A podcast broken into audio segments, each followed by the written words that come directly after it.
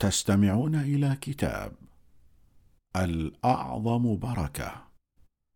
الإمام محمد الجواد عليه السلام. تأليف فوزي ال سيف. جميع الحقوق محفوظة. الطبعة الأولى عام 1443 عام 2022 خط الغلاف. الخطاط الأستاذ علي السواري. بسم الله الرحمن الرحيم. مقدمة. بعد الفراغ من كتاب عالم آل محمد الإمام علي بن موسى الرضا عليه السلام. وقد قضيت عمرة في مكة المكرمة في أول شهر جماد الثاني سنة 1443 للهجرة.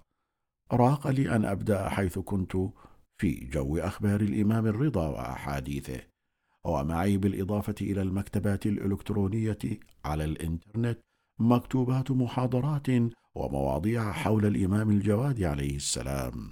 فكانت أول سطور هذا الكتاب في الطريق بين مكة المكرمة حيث بيت الله الحرام والمدينة المنورة في قطار الحرمين السريع قاصدين زيارة النبي الكريم والمعصومين من أهل بيته في المدينة المنورة صلوات الله عليهم أجمعين. ولعلي أتفاءل بأن تكون مسيرتنا في ذكر سيرتهم عليهم صلوات الله ما بين التوحيد والنبوة. واليوم هو السبت العاشر من شهر رجب الأصب عام 1443 للهجرة وهو المصادف ليوم ميلاد الإمام محمد الجواد عليه السلام بناء على ما سنقويه في الصفحات القادمة. يكتمل هذا الكتاب بإذن الله تعالى. وقد كان يمكن الاستمرار في الإبحار في محيط هذه الحياة والسيرة الرائعة للإمام عليه السلام. لولا أننا محكومون تقريبا بحجم معين ولغرض معين بأن يبقى الكتاب في هذا الحدود والا يتضخم بمقدار كبير وإلا فهناك عناوين كثيرة لم يتعرض لها. أو لم يتم بحثها بالمقدار الكافي والمستوعب. وقد اقترح علي بعض الأخوة المؤمنين والمؤمنات حيث طلبت رأيهم بأن يكون عنوانه باب المراد. ومن الواضح عند شيعة أهل البيت عليهم السلام مناسبة هذا اللقب للإمام الجواد فقد لا يوجد لقب بعد الجواد أشهر منه ولكني رأيت أن الاستفادة مما لقبه به والده الإمام الرضا عليه السلام ونسب إليه البركة العظمى وقال إنه لم يولد مولود أعظم بركة منه على شيعتنا. رايت أن هذا اللقب وإن لم يكن مشهورا إلا أنه لما كان صادرا عن عالم أهل محمد الإمام الرضا لا ريب أنه أشمل وأكمل من الآخر. الذي هو مما تعارف عليه شيعة أهل البيت عليهم السلام وعلماؤهم بحسب ما رأوا من تحقيقه صلوات الله عليه مراداتهم وحاجاتهم على أحد تفاسيره ومعانيه. سيتضح من خلال شرح هذه البركة كيف كان أثرها الإيجابي على تثبيت عقائد المؤمنين بل في تثبيت إمامة المعصومين بدءا من والده المكرم الإمام الرضا صلوات الله عليه ومرورا بأبنائه الأئمة الهادي والمهدي عليهم صلوات الله حيث سيمر المؤمنون في أيامهما بظروف شبيهة بما مر به المؤمنون في أيامه. وكان وجوده عليه السلام وسيرته وتجربته إن صح التعبير منارا ومصباحا للمؤمنين فيما بعد فامتدت بركاته إلى أيام إمامة حفيده المهدي عجل الله تعالى فرجه. وليس المقصود هنا أن بركته مثلا أعظم من بركة النبي المصطفى أو الوصي المرتضى وإنما عظمة بركته بالقياس إلى غيره إلا من استثني من النبي أو سيد الأوصياء أو السبطين. وهكذا المعصومين عليهم السلام. فهؤلاء من الواضح خروجهم واستثناؤهم من ذلك العموم. واقتصرنا في هذه الصفحات على ما نراه أكثر مخاطبة للجيل الشاب. وإذا ما أريد التفصيل فهناك من الكتب المفصلة بحمد الله ما يفي بهذا الغرض مثل موسوعة الإمام محمد الجواد عليه السلام وهكذا مسند الإمام الجواد وغيرهما مما ستراه في قائمة المصادر. أسأل الله سبحانه أن يوفق لإكمال هذه السلسلة التي خرج منها قبل هذا ستة كتب. الإمام المهدي عدالة منتظرة. إني فاطمة وأبي محمد. إنهما ناصران خديجة وأبو طالب. سيد الجنة الإمام الحسن بن علي. كاظم الغيظ. الإمام موسى بن جعفر وأخيرا عالم آل محمد الإمام علي بن موسى الرضا عليهم السلام جميعا. كما أسأل الله أن يشرك في ثواب هذا الكتاب والدي واسرتي وجميع من شارك فيه بنحو من الأنحاء وأن يحشرنا في شفاعة هذا الإمام العظيم والجواد الكريم إنه على كل شيء قدير. فوز بن المرحوم محمد تقي آل سيف. العاشر من رجب عام ألف وأربعمائة وثلاثة وأربعين للهجرة. تاروت القطيف. بصوت فاضل سعيد معتوق آل يعقوب. الهوية الشخصية للإمام الجواد. اسمه محمد بن علي بن موسى بن جعفر ابن محمد بن علي ابن الحسين ابن علي بن أبي طالب. لقبه الإمام الجواد. كنيته أبو جعفر. ولادته رجب سنة 195 للهجرة. والده علي بن موسى الرضا. والدته سبيكة أو الخيزران. شهادته ذو الحجة سنة 220 للهجرة. موقعه التاسع من أئمة أهل البيت عليهم السلام. الإمام الجواد من الميلاد إلى الاستشهاد. تباشير الولادة. واحد. سبق ولادة تاسع أئمة أهل البيت الإمام الجواد محمد بن علي بن موسى الرضا عليهما السلام. تباشير كثيرة بعضها يمتد إلى زمان رسول الله صلى الله عليه وآله. يعني قبل نحو قرنين من السنوات وبعضها لما دون ذلك. وميلاد فرد من أفراد الأسرة النبوية وإن كان له أهمية إلا أن هذا المقدار من الترقب الزائد والاحتفاء الكبير يشير إلى أن شيئا غير عادي سيترتب على ذلك الميلاد وهو ما حصل مع ولادة الإمام الجواد عليه السلام. لقد وصف في حديث روي عن رسول الله صلى الله عليه وآله بأنه سيتكون من نطفة مباركة طيبة زكية رضية مرضية وسماه محمد بن علي فهو شفيع شيعته ووارث علم جده له علامة بينة وحجة ظاهرة. وفي حديث الإمام موسى بن جعفر عليه السلام وصف بأنه سيولد للإمام الرضا غلام أمين مأمون مبارك. اثنان. من الثابت أن ميلاد المولود المبارك قد تأخر بالقياس إلى السن العادية للإنجاب فبالنظر إلى سن والده الإمام الرضا عليه السلام الذي كانت ولادته في سنه 148 للهجرة وولادة ابنه الإمام الجواد في سنة 195 للهجرة. يكون عمر الإمام الرضا حين ولد الجواد 47 عاما. وفي هذا دلالات متعددة. منها ما يناقض قول أصحاب الغلو الذين يزعمون أن الله سبحانه وتعالى قد فوض كل شيء للأئمة. من الرزق والعطاء والمنع وهم في ذلك مستقلون. فإن تأخر الإنجاب عند الإمام الرضا يدل على خلاف ذلك وأنهم صلوات الله عليهم مع كونهم أوصياء النبي وحجج الله على خلقه وادلاء على صراطه إلا أنهم لا يخرجون عن كونهم عبادا مكرمين مربوبين تجري عليهم أوامر الله التشريعية والتكوينية. ولا يضر ذلك بمكانتهم العليا عند الله تعالى بل يجري عليهم صروف البلاء والامتحان وهم يصبرون عليها ويتحملونها مهما عظمت لكي يكونوا قدوة لغيرهم من البشر.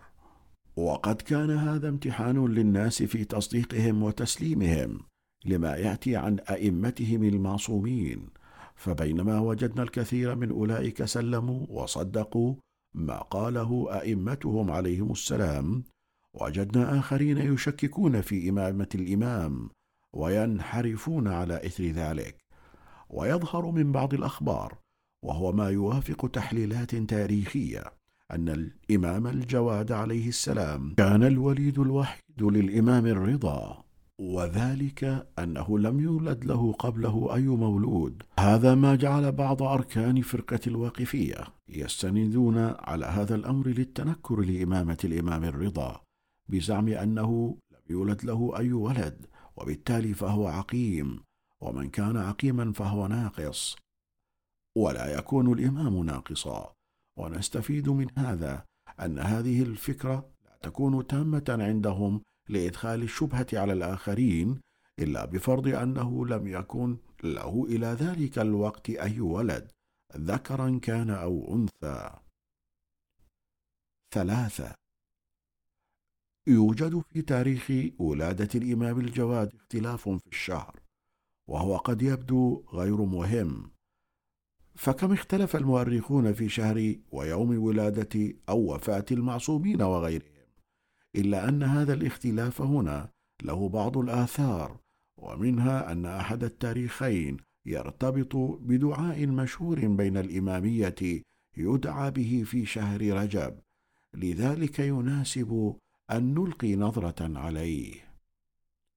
فقد ذهب جمع من الإمامية إلى أن ميلاده كان في شهر رمضان المبارك من سنة 195 للهجرة ومنهم الشيخ الكليني والشيخ المفيد والشيخ الطوسي والشيخ الطبري والطبرسي وتبعهم بعد ذلك غيرهم.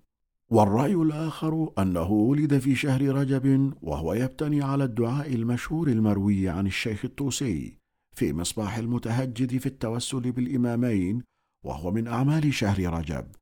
عن ابن عياش أنه خرج من الناحية المقدسة على يد الشيخ أبي القاسم الحسين بن روح. هذا الدعاء في أيام رجب. اللهم إني أسألك بالمولودين في رجب. محمد بن علي الثاني وابنه علي بن محمد المنتجب. وقد أشار الشيخ عبد النبي الكاظمي لهذا القول بالنحو التالي. وفي الكافي روي أنه أي الهادي عليه السلام ولد في رجب وهو الأصح لو ورد الدعاء المشهور المروي في كتب المصابيح منها الإقبال عن الشيخ في مصباح المتهجد عن ابن عياش أنه خرج من الناحية المقدسة على يد الشيخ أبي القاسم الحسين بن روح هذا الدعاء في أيام رجب. اللهم إني أسألك بالمولودين في رجب محمد بن علي الثاني وابنه علي بن محمد المنتجب إلى آخر الدعاء فيدل على أنهما ولدا في رجب وقد ذهب إليه بعض الأصحاب. ولعل الرواية التي أشار إليها الكليني والطبرسي في الإعلام وابن طاووس هي هذه. لكن بعد شهرة الدعاء بين الطائفة لا وجه للعدول عما اقتضاه من ولادتهما في رجب. قيل واجابوا عن هذا بأنه عليه السلام أراد التوسل بهما في هذا الشهر لا لكونهما ولدا فيه فيكون الظرف اعني في رجب متعلقا بقوله أسألك. وهذا الجواب مما لا يرضى به المجاب عنه. فإن مقتضى قولهم وفي رواية ابن عياش أنه ولد في رجب تسليم دلالة الدعاء على ذلك. وأيضا فإن هذا التأويل خلاف الظاهر وفيه الحجة ولم يرد ما يعارضه فإن الجماعة ذكروه فتوى منهم ولم يذكروا له مستندا فلا معارض له وإن لم يكن له معارض فلا يصح التأويل والأخذ بخلاف الظاهر فإن قيل إن الرواية لعلها لم يثبت صحتها عندهم. قلنا لا وجه لعدم الصحة بعد هذه الشهرة بين الأصحاب. قال الكفعمي إن في إبطال الرواية إبطال للدعاء. وقد أجمعت الفرقة المحقة على صحته. وخلاصة ما ذكر انفا ألف. أن ما اختاره الكليني وأصحاب القول الأول هو رأي وفتوى وليس رواية ويبقى بالتالي في دائرة الاجتهاد. باء في المقابل فإن القول الثاني معتمد على رواية نقلها نفس أصحاب القول الأول وهم وإن لم يعملوا بها إلا أن عدم عملهم بها لا يلزمنا. جيم إن هذه الرواية تساعدها الشهرة بل السيرة العملية المتشرعة في أنهم يواظبون على قراءة هذا الدعاء والتوسل بالإمامين الجواد والهادي. ونقل العلامة المجلسي في البحار كلام الشيخ الكفعمي المخالف لما جاء في الرواية ورد عليه بالنحو التالي ذكر الكفعمي في حاشية البلد الأمين بعد ذكر كلام الشيخ وبعض أصحابنا كأنهم لم يقفوا على هذه الرواية فاوردوا هنا سؤالا وأجابوا عنه وصفتها إن قلت إن الجواد والهادي عليهما السلام لم يولدا في شهر رجب فكيف يقول الإمام الحجة عليه السلام بالمولودين في رجب؟ قلت إنه أراد التوسل بهما في هذا الشهر لا لكونهما ولدا فيه قلت وما ذكروه غير صحيح هنا. أما اولا فلأنه إنما يتاتى قولهم على بطلان رواية ابن عياش وقد ذكرها الشيخ. وأما ثانيا فلأن تخصيص التوسل بهما في رجب ترجيح من غير مرجح لولا الولادة. وأما ثالثا فلأنه لو كان كما ذكره لقال عليه السلام الإمامين ولم يقل المولودين. انتهى ملخص كلامه رحمه الله. أقول في تعيين شهر ولادته عليه السلام مرسلتان. أحدهما عن العسكري عليه السلام بأنه في شهر رمضان وثانيهما ما بيد الشيخ أبي القاسم رحمه الله الظاهر في التوقيع عن الحجة عليه السلام. ولادته وولادة ابنه عليهما السلام في شهر رجب. إلا أن الكليني والمفيد والشهيد وغيرهم من المؤرخين قالوا بأن الأول وبعضهم كما ترى ذكر خبر ابن عياش رواية ولم يهجروها ولم يطعنوا فيها إلا من قال بأن لفظ محمد بن علي الثاني تحريف عن الأول فكان المراد به الباقر عليه السلام.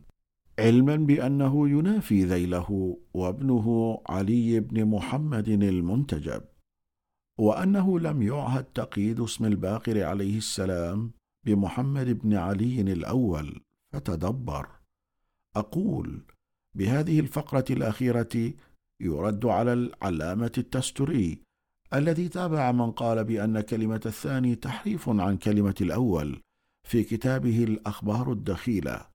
وجوابه هو ما تقدم من أنه لم يعهد تقييد اسم الإمام الباقر بمحمد بن علي الأول كما أنه ينافي ذيل الدعاء وابنه محمد بن علي المنتجب. كذلك لا يضر بالقول هذا ضعف الراوي ابن عياش وأنه خلط في آخر عمره فإن الدعاء المذكور من الشهرة العملية عند الطائفة ما لا يضر به تخليط الشخص خصوصا في آخر عمره. وفيما يبدو حكمة لصدور الدعاء عن الإمام المهدي عليه السلام في أنه للرد على الواقفية التي أصرت على حكم الإمام الرضا وأنكرت ولادة الإمام الجواد. كان هذا الدعاء خاصا بهما بالرغم من كون ميلاد أمير المؤمنين عليه السلام في شهر رجب ومع ذلك لم يذكر في الدعاء. وقد أشار إليه المرجع الديني المرحوم الشيخ التبريزي في صراط النجاة في الجزء العاشر صفحة 412 حيث قال في جواب سؤال عن سبب عدم ذكر مولد الإمام علي في الدعاء المذكور. قال ولادة أمير المؤمنين عليه السلام في اليوم الثالث عشر من رجب أمر معلوم عند أكثر المسلمين وعامة الشيعة ولعل التأكيد على ذكر ولادة الإمامين الجواد والهادي عليهما السلام مقابل فرق الواقفة والضالة التي أنكرت إمامتهما وأريد بالزيارة التأكيد على إمامتهما ولذلك نرى أن القول الثاني الذي يذهب إلى كون ولادته المباركة في شهر رجب هو الأرجح والأقرب. أربعة. إننا نلاحظ أنه تم توصيف مولد الإمام بالمولد المبارك وبأنه المولود الذي لم يولد أعظم بركة منه على الشيعة. فقد روى الشيخ المفيد في الإرشاد الجزء الثاني صفحة 279 ناقلا عنه بسنده إلى أبي يحيى الصنعاني قال كنت عند أبي الحسن الرضا فجيء بابنه أبي جعفر وهو صغير فقال عليه السلام هذا المولود الذي لم يولد مولود أعظم على شيعتنا بركة منه. والظاهر أن الإمام الجواد عليه السلام اشتهر بهذا الاسم أي أنه المولود المبارك ويشير إلى ذلك نفس كلام الإمام السابق حيث أشار إليه بأنه هذا المولود المبارك وكأنه بينه وبين مخاطبيه عهدا وكلاما على مولود مبارك وأنه هو هذا. ويزيدك بيانا ما جاء في روايات متعددة يرويها أشخاص متعددون وفي أماكن مختلفة مما يشير إلى أن الإمام عليه السلام كان يتعمد أن يخبر أصحابه في مختلف الأماكن. ومع تعدد الأشخاص بهذا المولود المبارك فمن ذلك ما رواه في بحار الأنوار في الجزء الخمسين صفحة 22 ناقلا عن الخرائج بسنده إلى علي بن أسباط وعباد بن إسماعيل. أنا لعند الرضا عليه السلام بمنى إذ جيء بأبي جعفر عليه السلام قلنا هذا المولود المبارك؟ قال عليه السلام نعم هذا المولود الذي لم يولد في الإسلام أعظم بركة منه. وروى في الكافي في الجزء السادس صفحة 361 عن عدة من أصحابنا عن سهل بن زياد عن علي بن أسباط عن يحيى الصنعاني. قال دخلت على أبي الحسن الرضا عليه السلام وهو بمكة وهو يقشر موزا ويطعمه أبا جعفر عليه السلام. فقلت له جعلت فداك هذا المولود المبارك؟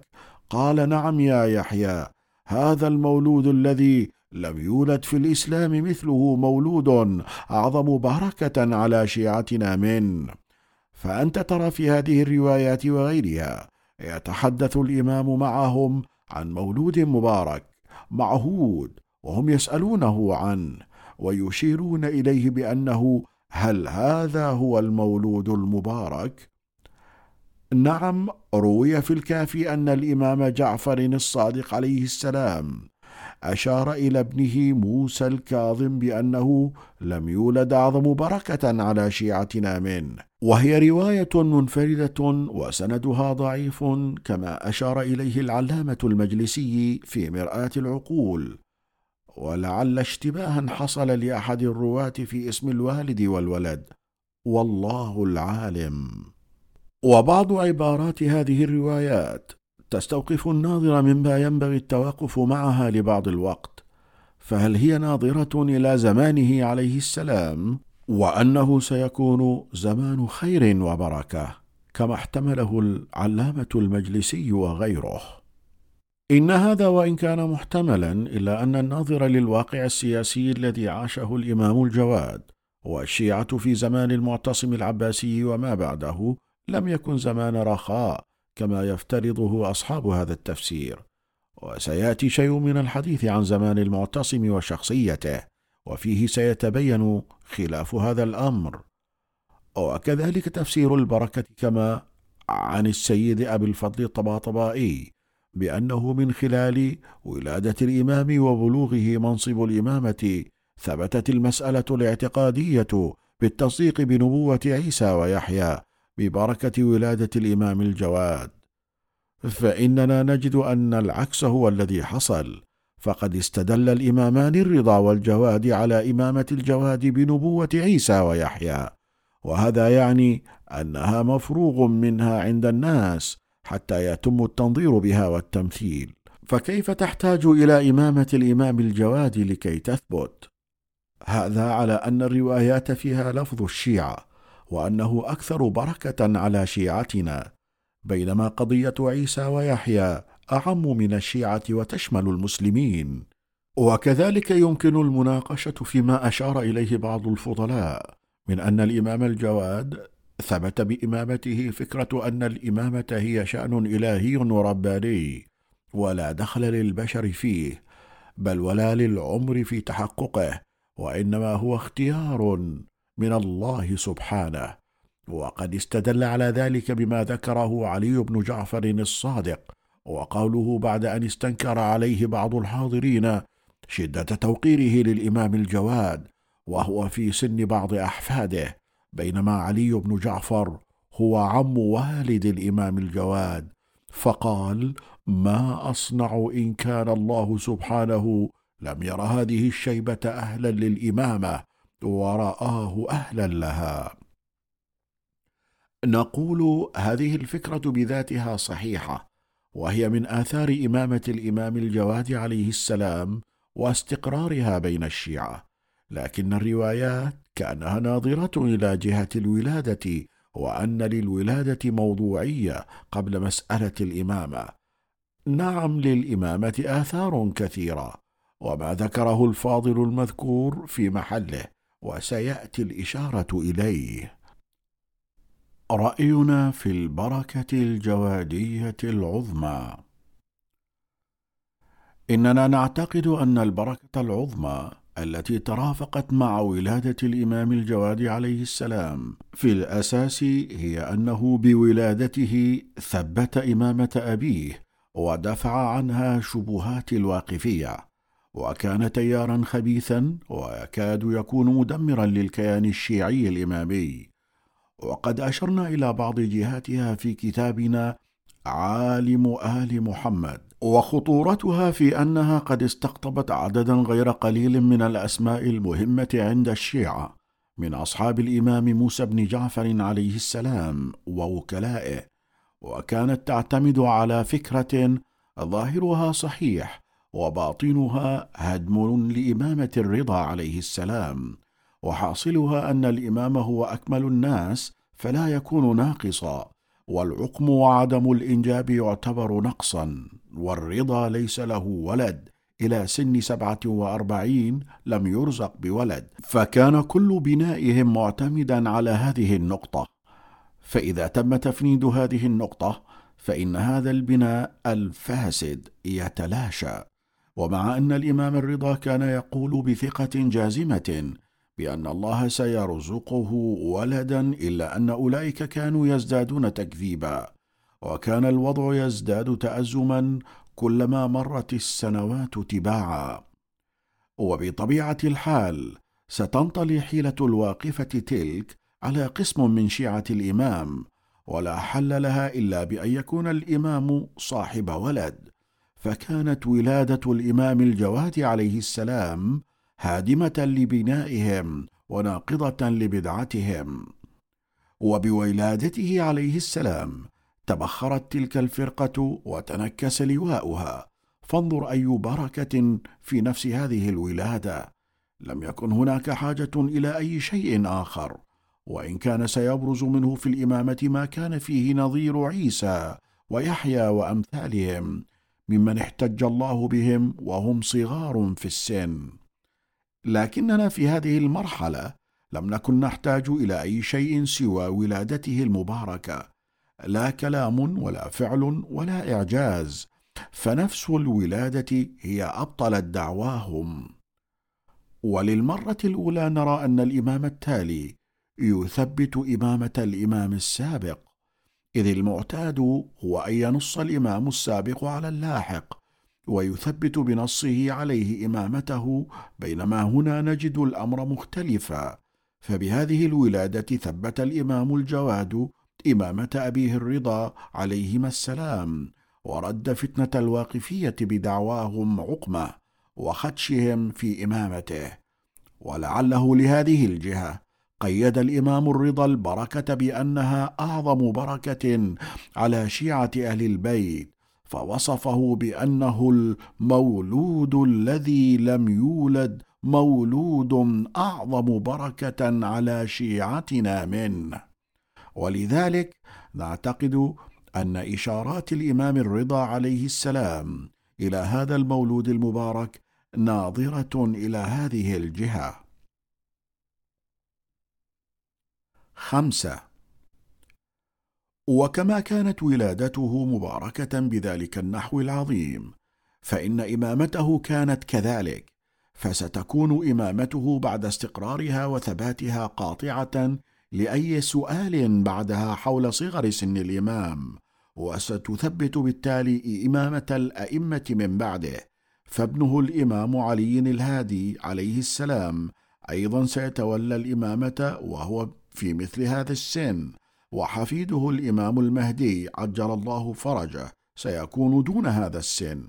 والملاحظ أنه لم تحصل إثارة بعد الإمام الجواد أو تشكيك في إمامة أي من الأئمة الذين تولوا الإمامة وهم صغار السن. فإذا كان في زمان الجواد فرقة الواقفية وشككت في إمامته أو غيرهم فإننا لا نجد نفس الأمر في زمان الإمام علي الهادي مثلا وهكذا الحال في زمان الإمام المهدي عليهما السلام. وهذا يشير إلى أن السؤال والاستغراب في تولي الإمامة إمامة الناس وهو صغير السن قد انطفأ وانتهى.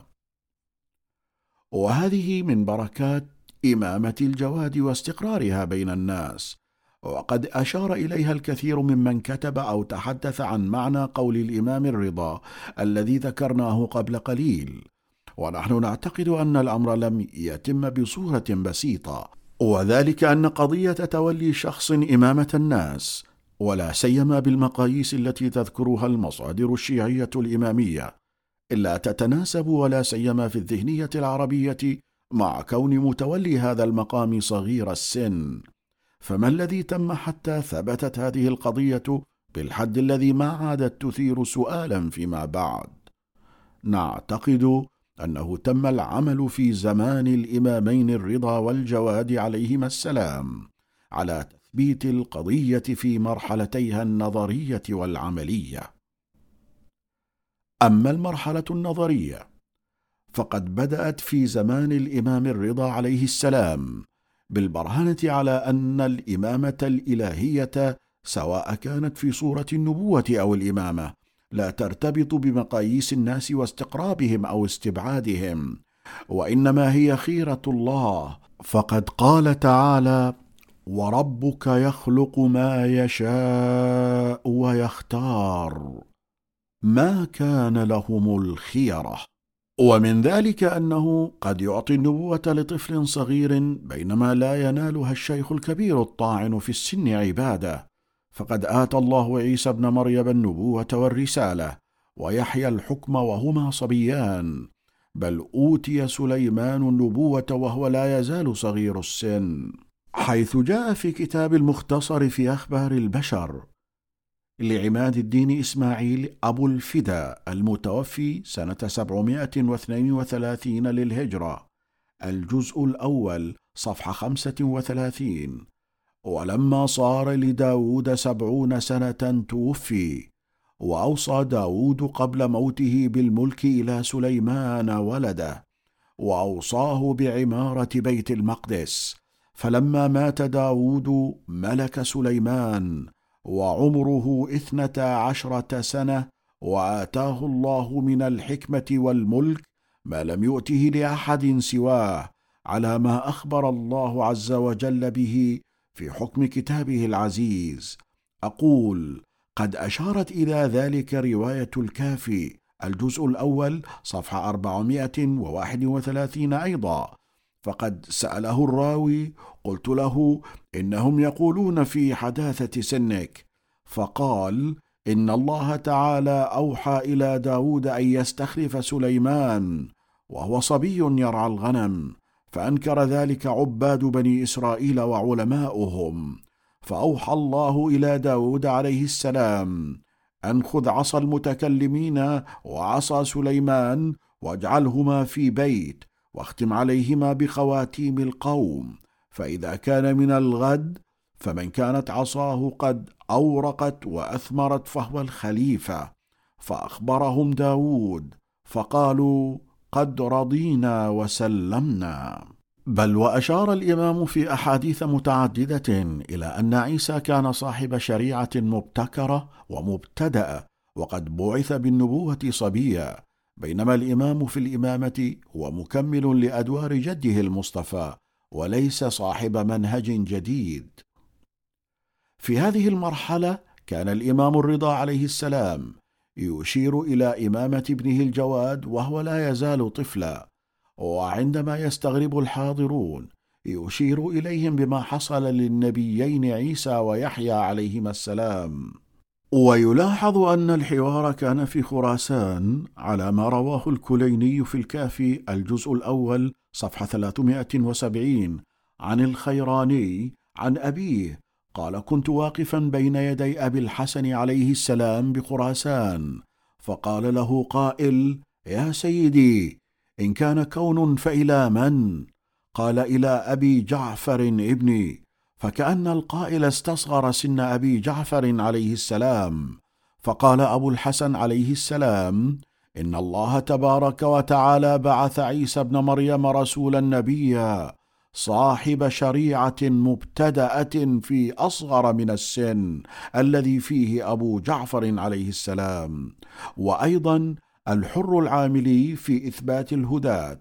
الجزء الرابع صفحة 384 عن أحمد بن محمد بن أبي نصر قال دخلت على أبي الحسن الرضا عليه السلام أنا وصفوان بن يحيى وأبو جعفر عليه السلام قائم قد أتى له ثلاث سنين فقلت له جعلت فداك إن أعوذ بالله وحدث حدث فمن يكون بعدك؟ قال ابني هذا وأومأ إليه. فقلنا وهو في هذا السن؟ فقال نعم وهو في هذا السن.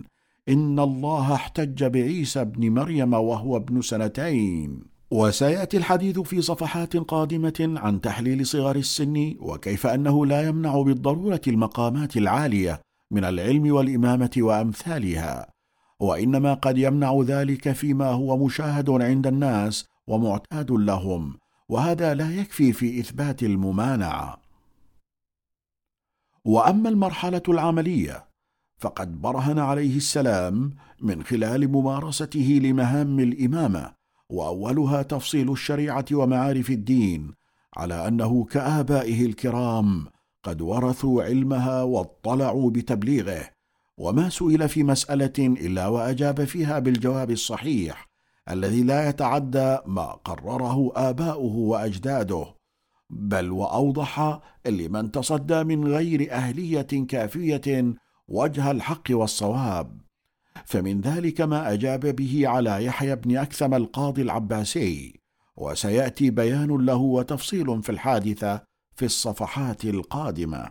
ومن ذلك ما أوضحه للحاضرين مصححا لما قاله عبد الله بن موسى الكاظم حيث جلس في صدر المجلس وتصدى للجواب عن الأسئلة. وفي ذلك معنى التصدي للإمامة بعد شهادة أخيه علي بن موسى الرضا عليه السلام على الرغم مما هو مرتكز في أذهان الشيعة الإمامية من أن الإمامة لا تكون في أخوين بعد الحسن والحسين. فما دام الرضا علي بن موسى إماما فلا يمكن أن يكون أخوه عبد الله بن موسى إماما بعده. هذا بالإضافة إلى أنه عندما أجاب على الأسئلة التي طرحت عليه أجاب بما هو مخالف لقواعد فقه الإمامية. وهو أقرب إلى فقه مدرسة الخلفاء في بعضه وفيه خلط وتعثر في البعض الآخر مما زاد حزن الشيعة في حينها إلى أن خرج الإمام محمد بن علي الجواد بن الرضا ليجيب على الأسئلة بشكل صحيح وليبين لعمه خطأ إجاباته ودليله في ذلك وسيأتي في بحث قضاياه العلمية ودوره المفصل في ذلك المجلس وتلك المسائل. هذا الاطلاع الواسع على علوم الشريعة جعل إمامته عند شيعة أهل البيت عليهم السلام. بل وغيرهم حتى وهو في هذا السن أمرا معجزا لغيره وأذعنوا له مقرين بها. حتى أولئك الذين كانوا في أول الأمر قد أخذتهم المفاجأة. إذ كانوا قد اعتادوا على إمامة الكبار والكهول ففاجأهم الأمر بأن يكون إمامهم الفعلي بهذا السن. ما لبثوا أن عاد إليهم اطمئنانهم وعلموا أنهم أمام ظاهرة إعجازية. سادسا إعداد الإمام الرضا عليه السلام ولده الجواد للإمامة. إشارته إليه أمام الخاص والعام بالفضيلة والمنزلة العالية. لم تقتصر على إزالة التعجب والاستغراب من السائلين عن إمامته وهو في تلك السن المبكرة بل تجاوزت هذا إلى طريقة تعامله معه وإشهار ذلك بين أصحابه حتى نقلوا جزءا منه فهذا محمد بن أبي عباد وكان يكتب للرضا عليه السلام يقول ما كان الرضا عليه السلام. يذكر محمدا الجواد إلا بكنيته. يقول كتب إلي أبو جعفر وكنت أكتب إلى أبي جعفر عليه السلام وهو صبي بالمدينة فيخاطبه بالتعظيم وترد كتب أبي جعفر في نهاية البلاغة والحسن. فسمعته يقول أبو جعفر وصيي وخليفتي من بعدي هذا مع أنه في ذلك الحين ربما كان عمره خمس أو ست سنوات وكان يكتب إليه في تفاصيل بعض المسائل ويبين له ما ينبغي أن يكون عليه من السخاء كسجية آبائه والا يستجيب لما يقوم به بعض المسؤولين والوكلاء من حجب خير المعصومين وبرهم عن الناس بدوافع مختلفة.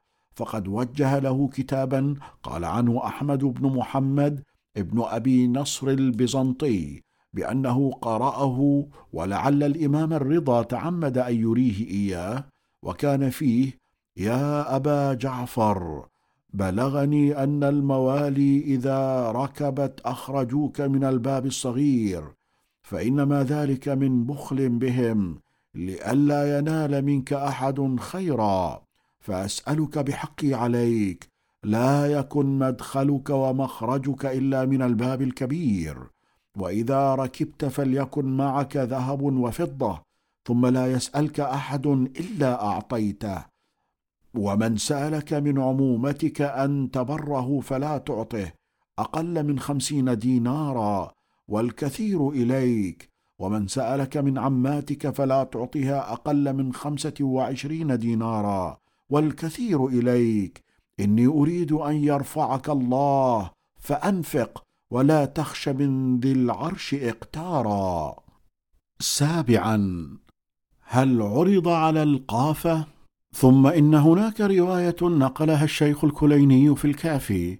تشير إلى أن الإمام الرضا عليه السلام واجه تشكيك بعض أقاربه الهاشميين في نسب ابنه محمد الجواد وبنوته له بأن لجأ إلى إثبات ذلك بالقيافة واستعان بشهادة القائف للبرهنة أمام المنكرين على أن الجواد ابنه. والقائف كما ورد في تاج العروس الجزء الثاني الصفحة الثالثة هو الذي يتتبع الآثار ويعرفها ويعرف شبه الرجل بأخيه وأبيه والقيافة هي المصدر من ذلك.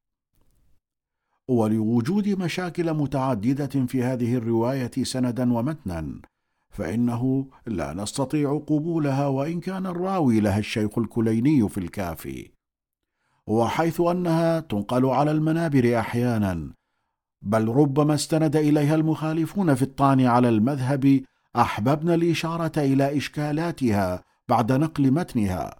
فقد قال الراوي سمعت علي بن جعفر يحدث الحسن بن الحسين ابن علي بن الحسين فقال والله لقد نصر الله أبا الحسن الرضا عليه السلام. فقال له الحسن إي والله جعلت فداك لقد بغى عليه إخوته. فقال علي بن جعفر إي والله ونحن عمومته بغينا عليه. فقال له الحسن جعلت فداك كيف صنعتم؟ فإني لم أحضركم. قال قال له إخوته ونحن أيضا ما كان فينا إمام قط حائل اللون أي أسمر أو أسود. فقال لهم الرضا عليه السلام هو ابني. قالوا فإن رسول الله صلى الله عليه وآله قد قضى بالقافة فبيننا وبينك القافة. قال ابعثوا أنتم إليهم. فأما أنا فلا ولا تعلموهم لما دعوتموهم ولتكونوا في بيوتكم. فلما جاءوا اقعدونا في البستان واصطف عمومته وإخوته وأخواته وأخذوا الرضا عليه السلام وألبسوه جبة صوف وقلنسوه منها ووضعوا على عنقه مسحاة وقالوا له ادخل البستان كأنك تعمل فيه. ثم جاءوا بأبي جعفر عليه السلام فقالوا الحقوا هذا الغلام بأبيه؟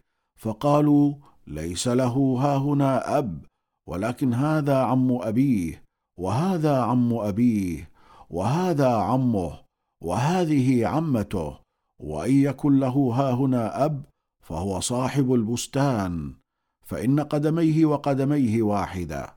فلما رجع أبو الحسن عليه السلام قالوا هذا أبوه. وملاحظاتنا عليها هي التالية. ألف. من حيث السند هذه الرواية تعتبر ضعيفة.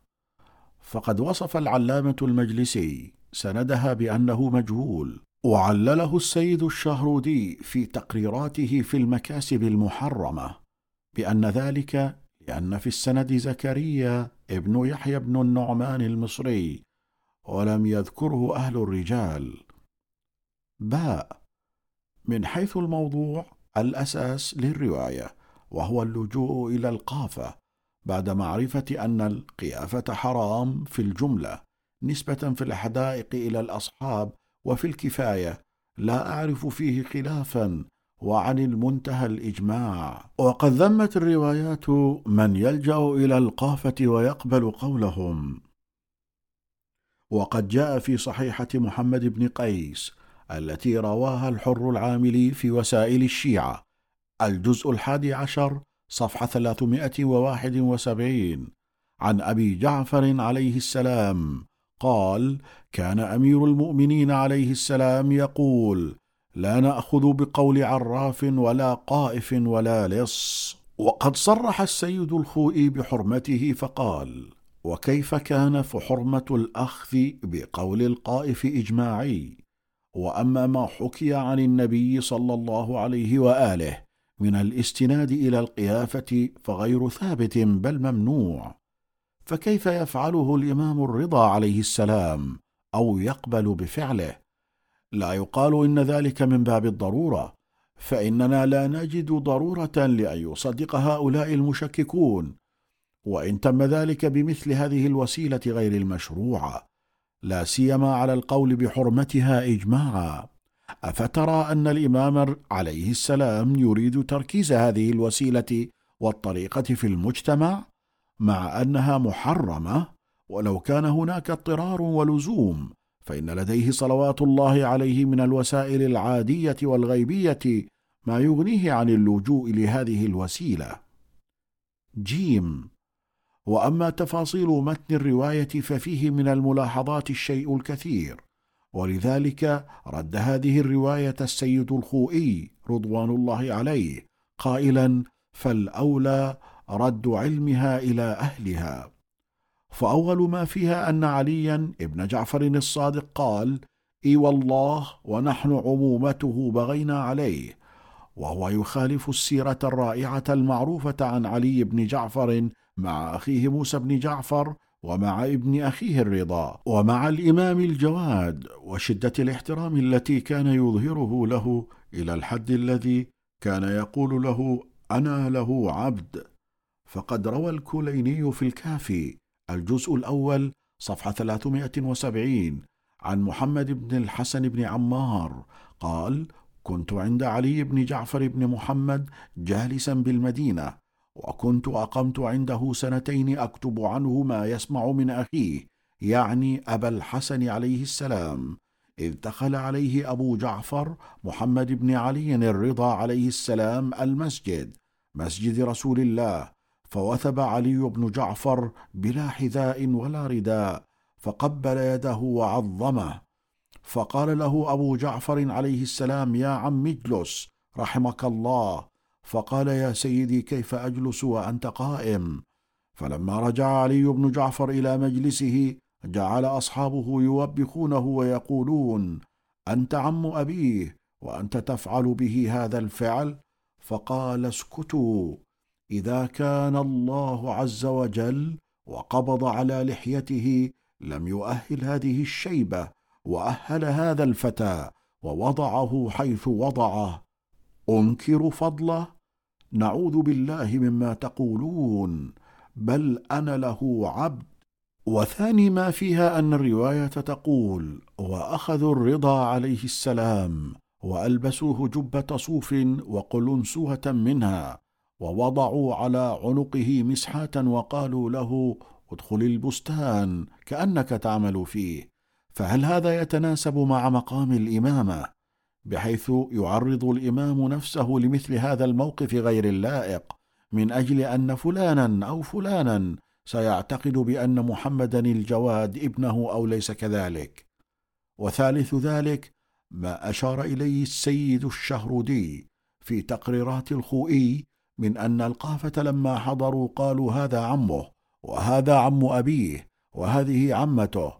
وظاهره كون العمه مكشوفة الوجه فتأمل ولا يليق ذلك بنساء أهل البيت عليهم السلام حتى على القول بجواز كشف الوجه أو الكفين. ورابع ما فيها أن أعمام الجواد عليه السلام أجل شأنا من أن يتوهموا ذلك فيواجه الإمام به فإن كانوا لا يرون الإمام إلا مجرد كونه عالما بالأحكام. بحيث يكون حاله كالفقيه العالم بها فلا يضر في هذا العلم سمرة اللون أو بياضه. وإن حسبوا الإمامة منصبا الهيا يختار الله تعالى زبدة العالم وصفوة الخلق بعد نبي الإسلام لا يدانيه أحد. في محاسن الأخلاق وجمال الخلقة فإنكارهم على أبي الحسن الرضا عليه السلام في ابنه الجواد عليه السلام رد للإمامة المجعولة من المولى سبحانه فكيف أنكروا عليه حتى رجعوا إلى القائف؟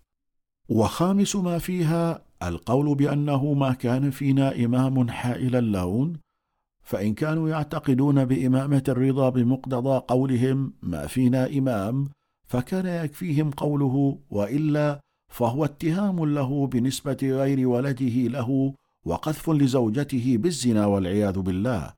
فكيف يكونون ممن يؤمنون بالإمام والأئمة؟ وإن كانوا لا يعتقدون بالإمامة فما يعني أن يقولوا ما كان فينا إمام إلى آخره؟ على أن هذه الفكرة ليست صحيحة من الناحية التاريخية.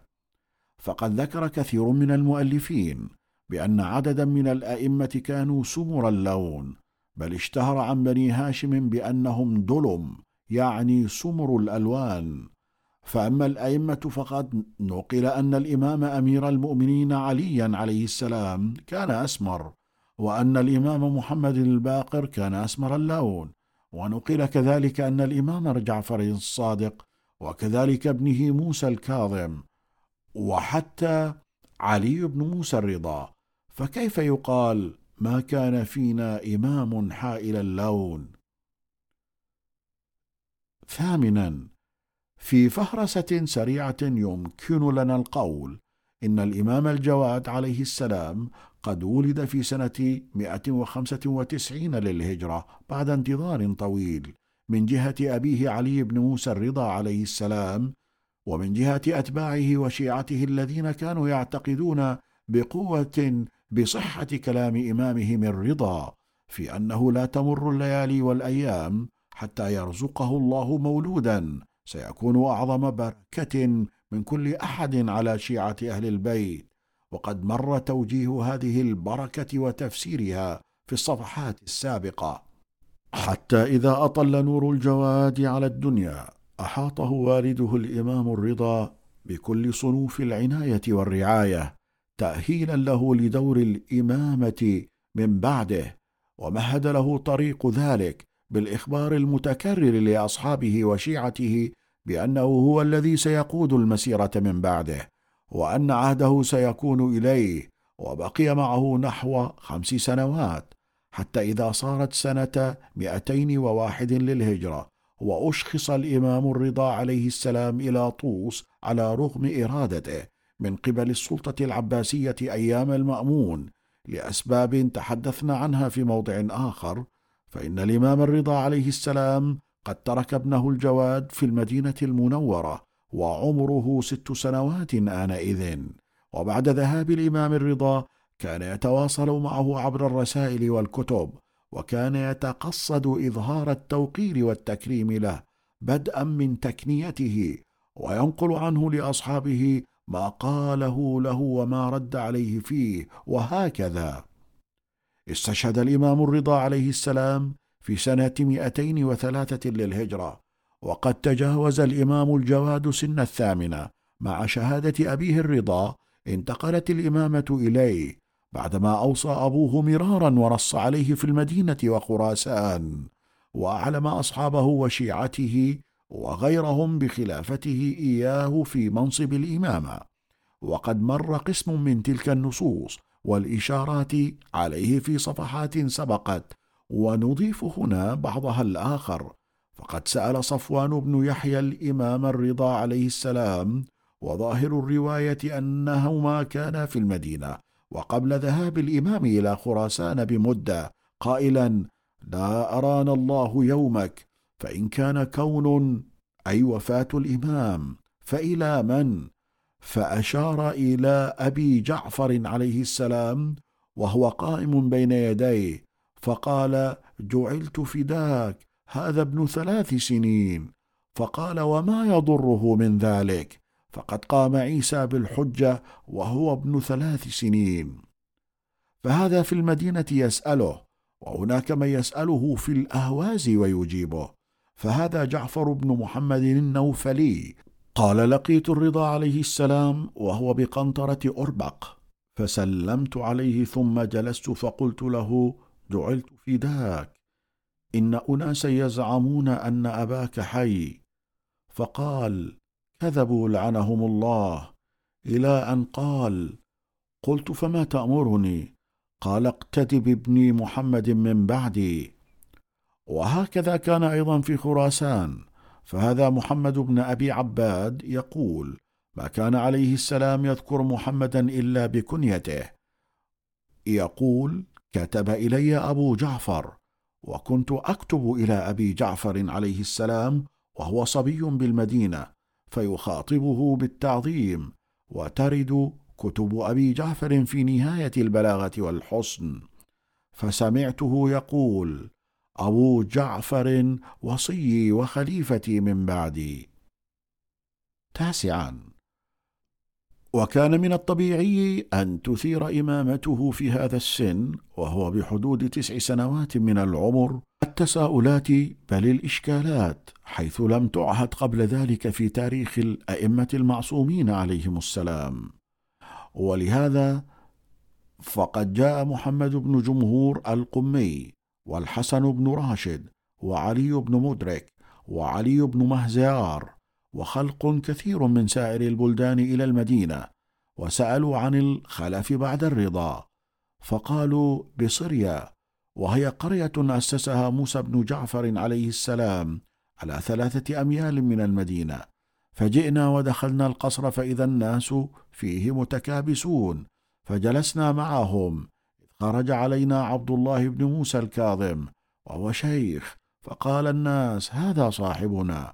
فقال الفقهاء قد روينا عن أبي جعفر وأبي عبد الله عليهما السلام أنه لا تجتمع الإمامة في أخوين بعد الحسن والحسين وليس هذا صاحبنا. وبعد أخذ ورد في هذا المجلس تبين للحاضرين أن معلومات عبد الله بن موسى عم الإمام الجواد والذي حاول أن يتصدى للإمامة هي هزيلة بل لا تنتمي إلى مدرسة أهل البيت وإنما ما أجاب به ابن الرضا محمد الجواد هو الذي سمعوه وعرفوه من آبائه. فكان ذلك ثاني براهين إمامته عندهم بعد وصايا أبيه وتصريحاته ونصوصه عليه. وسيأتي ذكر أجوبتهما في فصل دور الإمام العلمي.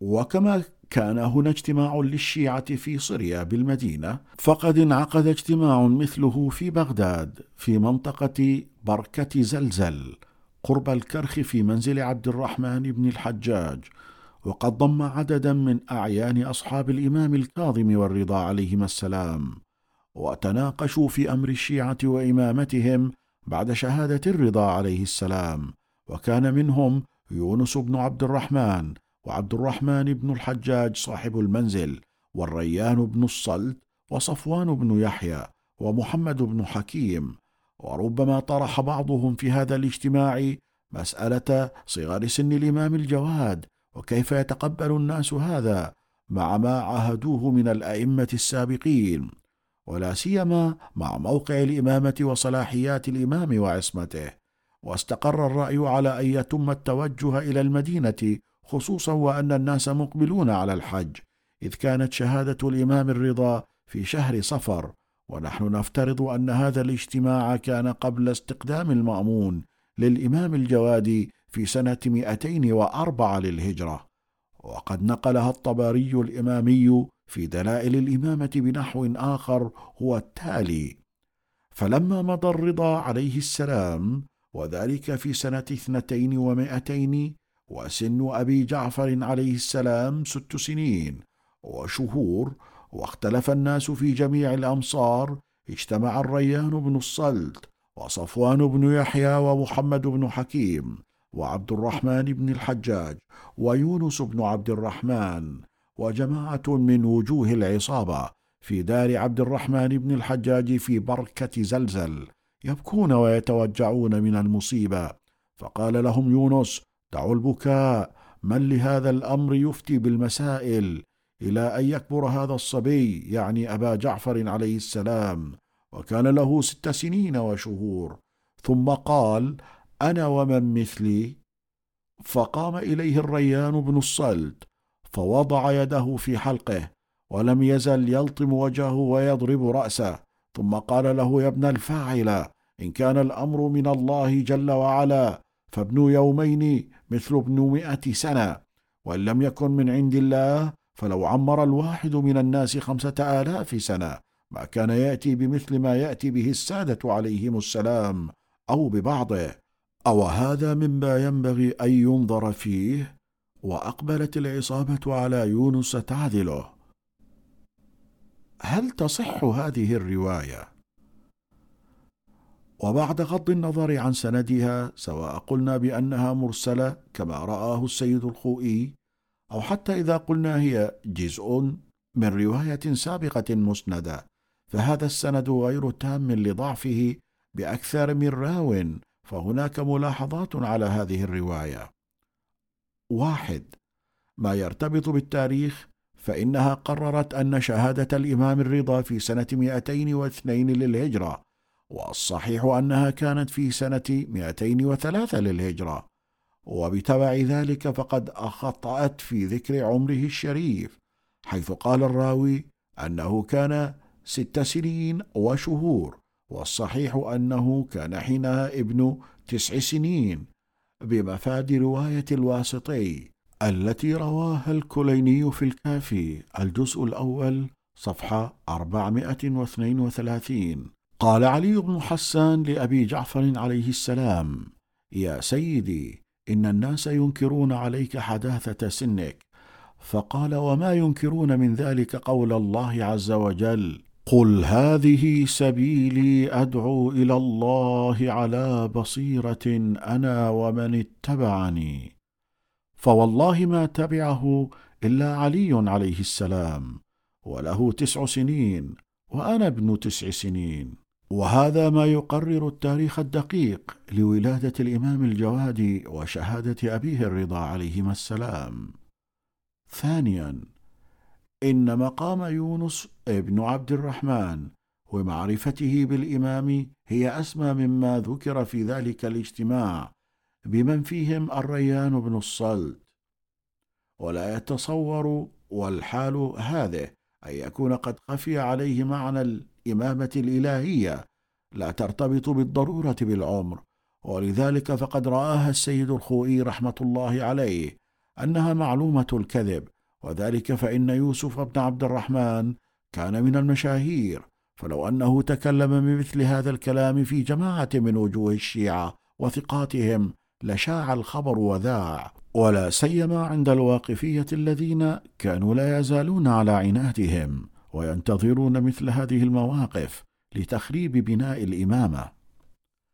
ثالثا كما أننا لا نفهم موقف الريان بن الصلت بناء على هذا النص في أنه يشتمه بأنه ابن الفاعله وهو قذف صريح يستوجب الحد ولا نعتقد أن مثل هذا الكلام يصدر منه مع جلالة شأنه في حق يونس الذي هو الآخر عظيم الشأن وعلى أي حال فقد تمهد أمر الإمامة للإمام الجواد وإن لم يكن بالسهولة التي تمت لأجداده.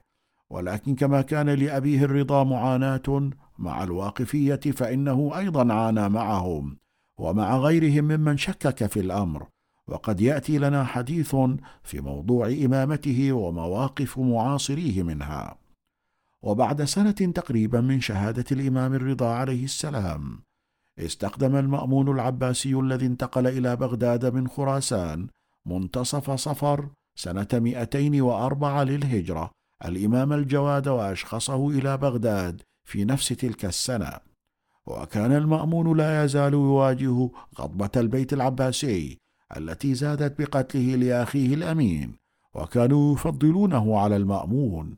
ولعب الصراع القومي دوره حيث كانت حاشية الأمين وأركان حكمه من العرب بعكس المأمون الذي أحاط به ونصره الفرس إضافة إلى أم الأمين العربية وأم المأمون الفارسية. وزاد غضبهم عندما أعلن عن تولية الإمام الرضا ولاية عهده في إشارة تهديد إلى أنهم ما لم يتراجعوا عن مواقفهم. فإنه سينقل الحكم إلى البيت العلوي الهاشمي منافسهم التاريخي. فلا يزال المأمون يلعب على هذا الوتر إذ بعدما تخلص من الإمام الرضا بالشكل الذي بيناه في موضعه رأى أن يستخدم الإمام الجواد وأن يقربه منه فيحقق أهدافا متعددة كما صنع بالنسبة للإمام الرضا وأشرنا إليها في الكتاب المذكور. يفترض أن الإمام الجواد عليه السلام قد استقدمه المأمون العباسي في نفس هذه السنة 204 للهجرة. بطبيعة الحال فإن البيت العباسي المناصر لأخيه الأمين كان ينتهز كل فرصة لمواجهة المأمون إما لإضعافه أو لإجباره على مزيد من التنازلات وكأنه يلوح بورقة إما أن تعطينا امتيازات كما كنا نتوقع من الأمين وإما أن نعرقل أمرك. فأشهر هؤلاء مرة أخرى مخالفتهم لتقريب الإمام الجواد بزعم أنهم ما صدقوا أن ينتهي أمر أبيه الرضا حتى ابتلاهم. بالابن محمد الجواد. كما جاء في الإرشاد للشيخ المفيد الجزء الثاني الصفحة 281 عن الريان بن شبيب وهو أخو باردة أم المعتصم زوجة هارون فهو شاهد عيان من داخل البيت العباسي وهو في نفس الوقت من أصحاب الإمام الرضا والجواد. قال لما أراد المأمون أن يزوج ابنته أم الفضل أبا جعفر محمد بن علي عليهما السلام بالغ ذلك العباسيين فغلظ عليهم واستكبروه وخافوا أن ينتهي الأمر معه إلى ما انتهى إليه مع الرضا عليه السلام. فخاضوا في ذلك واجتمع منهم أهل بيته الأدنون منه فقالوا ننشدك الله يا أمير المؤمنين أن تقيم على هذا الأمر الذي قد عزمت عليه من تزويج ابن الرضا فإنا نخاف أن تخرج به عنا امرا قد ملكناه الله وتنزع منا عزا قد ألبسناه فقد عرفت ما بيننا وبين هؤلاء القوم قديما وحديثا وما كان عليه الخلفاء الراشدون قبلك من تبعيدهم والتصغير بهم. وقد كنا في وهلة من عملك مع الرضا ما عملت حتى كفانا الله المهم من ذلك. فالله الله أن تردنا إلى غم قد انحسر عنا. واصرف رأيك عن ابن الرضا واعدل إلى من تراه من أهل بيتك يصلح لذلك دون غيره. وفي مقابل ذلك كان المأمون يستفيد من تقريبه الأئمة عليهم السلام. في الضغط على العباسيين المخالفين له وكأنه يقول لهم إن لم تستقيموا معي سأقرب أعداءكم وأمكنهم من الخلافة. وفي هذا المجال أقدم على تزويج الإمام الرضا من ابنته وعلى توليته عهده إلى أن قتله بالسم. وأيضا قام بنفس العمل عندما زوج ابنته أم الفضل زينب للإمام الجواد. وكان هذا في هذه السفرة حيث تم عقده عليها. وقد كان اعتراض العباسيين على المأمون في تقريبه الإمام محمد الجواد كاعتراضهم عليه في تولية أبيه الرضا العهد. لكنهم هنا زادوا سببا على التخوف من انتقال الخلافة إلى البيت الطالبي العلوي. وذلك السبب هو عدم أهلية ابن الرضا نظرا لصغر سنه كما قالوا بذلك. فإنه لما يصل العاشر من العمر عندما وصل إلى بغداد في سنة 204 للهجرة. ومثل هذه السن لا تؤهله إلا لما كان معهودا من الصبيان. فلينتظر في أحسن الأحوال به حتى يكبر ويتعلم ويدرس المعارف الدينية ثم يكون لكل حادث حديث. وليبرهنوا على عجزه وعدم قابليته فقد طلبوا من يحيى بن أكثم القاضي أن يمتحنه في مجلس حتى يتبين للمأمون ورجال الدولة سلامة موقفهم ويكون حجة لهم في طلب إبعاد الإمام عن الصدارة. وأعتقد أن المأمون كان على قناعة بإمكانيات الإمام الجواد العلمية كما كانت إمكانيات آبائه إذ لم يكن المأمون بعيدا عن المعرفة بهذا الجانب من أئمة أهل البيت بل إن كثيرا من الخلفاء العباسيين كانوا يقرون في دواخل أنفسهم بتميز آل محمد على غيرهم من الفقهاء. ومع ذلك أظن أن المأمون لم يكن يبالي على أيهما دارت الدائرة فهو مستفيد في الحالين. وسواء غلب يحيى بن أكثم أو غلب الإمام الجواد فهو رابح. وجرت المناظرة الأولى عندما سأل يحيى بن أكثم القاضي الإمام محمدا الجواد بقوله ما تقول في محرم قتل صيدا فأجابه الإمام بتشقيق السؤال إلى نحو عشرين فرعا. سوف نأتي على ذكرها وذكر أجوبتها في الفصل الخاص بدوره العلمي صلوات الله عليه. بعد هذه المناظرة تم عقد الإمام الجواد على ابنة المأمون زينب أم الفضل. وقد نقل المؤرخون خطبة العقد التي أنشأها الإمام عليه السلام. ثم إيجاب المأمون عقد النكاح له وتوليه تزويجه ابنته وموافقة الإمام عليه السلام على ذلك. ويحتمل أنه في هذه الفترة أيضا تم عقد مجلس المناظرة الثاني. والذي بين فيه الإمام بطلان ووضع قسم من الأحاديث التي صيغت على لسان رسول الله صلى الله عليه وآله في فضائل أعلام مدرسة الخلفاء ورموزهم وقد ناقشها الإمام عليه السلام بكل دقة وهدوء مع كونها بطبيعتها تثير التشنج والمشاكل وسنأتي على ذكرها في موضوع دوره العلمي. فقد سأله يحيى بن أكثم حضور كثير من العلماء عن هذه الأسئلة.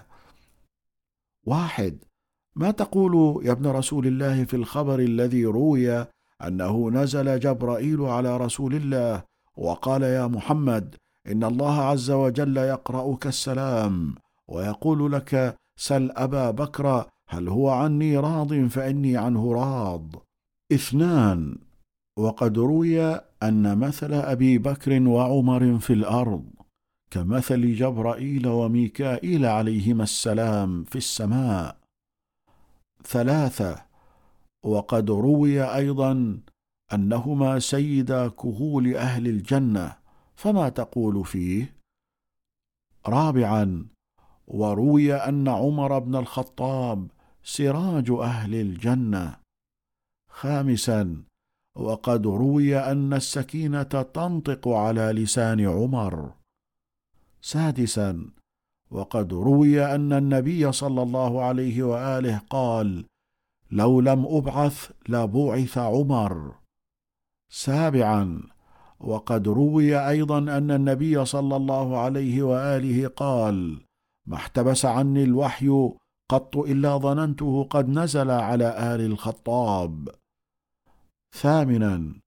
روي أن النبي صلى الله عليه وآله قال لو نزل العذاب لما نجا منه إلا عمر. ونحن لا نعلم هل كانت هذه الأسئلة باتفاق بين يحيى بن أكثم القاضي وبين المأمون العباسي أو ليست باتفاق بينهما.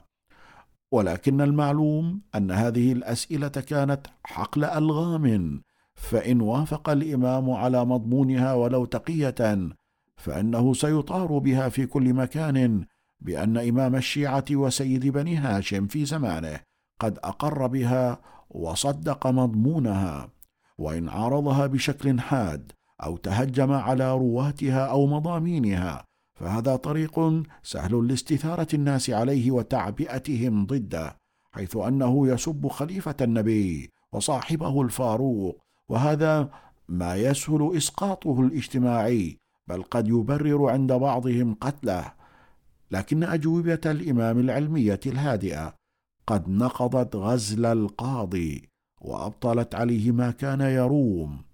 ولعلك عزيزي القارئ تتأمل بعمق في أجوبة الإمام التي سنأتي على ذكرها في موضعها حيث نفى فيها كل هذه الفضائل المزعومة بأدلة قرآنية وعقائدية متينة وبلغة راقية. وبعد هذه المحاورات وبعد أن عقد له المأمون على ابنته التي يظهر أن الإمام عليه السلام لم يدخل بها ويظهر أن زواجه بها لم يكن برغبته التامة وإنما استجاب لذلك لطلب المأمون ولكي لا تحسب عليه كمخالفة للخليفة ورغبة عن مصاهرته ولا نعلم إن كانت أم الفضل بنت المأمون قد رغبت في الإمام عليه السلام بداية الأمر أو لا. لكن نهايات أمرها لا تفيد هذا المعنى كما أن البيئة التي عاشت فيها وهي بيئة مترفة عابثة في الغالب لا تساعد على أن ترغب في مثل بيئة الإمام الجواد عليه السلام. عاشرا وعاد الإمام الجواد عليه السلام إلى المدينة المنورة بعدها، ولم يصطحب معه زوجته بنت المأمون، وسيتعين عليه أن تنتظر سنوات حتى تزف إليه في بغداد، ويأتي الحديث عن هذا ربما في فصل حياته الأسرية. من نهايات سنة 204 للهجرة أو ربما 205 للهجرة، وبعد رجوعه من بغداد إلى المدينة المنورة وإلى سنة 214 للهجرة ستكون المدينة المنورة محور نشاط الإمام العلمي والتبليغي وقد واجه الإمام الجواد عليه السلام مواقف متنكرة لإمامته وأخرى متسائلة تطلب الهداية وثالثة حائرة ولكن الإمام عليه السلام تعامل مع كل فريق بما يقتضيه حاله وهدفه. وسيأتي الحديث عن مواقف الناس تجاه إمامته في صفحات لاحقة. ونظرا لإقامته الدائمة في المدينة وكون التشيع لأهل البيت قد انتشر في البلاد الإسلامية المختلفة فكان لا بد من اعتماد طريقة المكاتبة في الإجابة على الأسئلة المختلفة التي ترده من خارج المدينة وكان يأتي بها في الغالب من يأتي للحج أو العمرة وزيارة قبر النبي صلى الله عليه وآله. وهذه الملاحظة وجدناها في حياة الإمام الرضا عليه السلام. ولمزيد من التفاصيل يمكن مراجعة كتاب موسوعة مكاتيب الأئمة وفي موسوعة الإمام الجواد حيث نقل أكثر من ستين كتابا ورسالة متنوعة منها إلى وكلائه ومنها إجابات لأشخاص ومنها رسائله لأبيه الرضا عليه السلام ورسالته إلى ابنه الهادي عليه السلام ومنها إلى أشخاص ذكرهم بأسمائهم. وبالرغم من أن بعض العلماء احتملوا عدم حجية المكاتبات لإمكان ابتنائها على التقية حيث أنها ستعتبر وثيقة بخط الإمام إلا أن الرأي المشهور والمنصور هو أن حال المكاتبات كحال المشافهات وأن حملها على التقية لابد له من قرائن ومبررات وهذه القرائن كما قد توجد في المكاتبات قد توجد في المشافهات. ولذلك يستدل بالمكاتبات مشهور العلماء من غير توقف بعد سلامة سندها. ما نستفيده بشكل عام من المكاتبات قد نستفيد من هذه المكاتبات إشارة إلى انتشار التشيع في المناطق المختلفة من العالم الإسلامي، بل ربما كان بعض أمراء وولاة الولايات أو المناصب شيعة لأهل البيت عليهم السلام، وربما لم يكن المعصومون قد وجهوهم إلى ذلك، كما كان الحال في مثل ابن يقطين ونظرائه، ومع ذلك كانوا يدينون بالولاء لآل محمد صلى الله عليه وآله، ففي الرواية التي نقلها الكليني حول رجل من أهل أفغانستان طلب من الإمام شفاعته في حق والي تلك المنطقة ما عليه. وفعل الإمام ذلك له. ونشير إلى ما أورده الشيخ عبد الله الصالحي النجفابادي في كتابه موسوعة مكاتيب الأئمة الجزء الأول الصفحة 314 وقد نقل عن كافي الكليني أن رجلا من بني حنيفة من أهل بست وسجستان في أفغانستان الحالية. قال: رافقت أبا جعفر عليه السلام في السنة التي حج فيها في أول خلافة المعتصم، فقلت له وأنا معه على المائدة، وهناك جماعة من أولياء السلطان، إن والينا جعلت في ذاك رجل يتولاكم أهل البيت ويحبكم وعلي في ديوانه خراج. فإن رأيت جعلني الله فداك أن تكتب إليه كتابا بالإحسان إلي. فقال لي لا أعرفه. فقلت جعلت فداك. إنه على ما قلت من محبيكم أهل البيت وكتابك ينفعني عنده.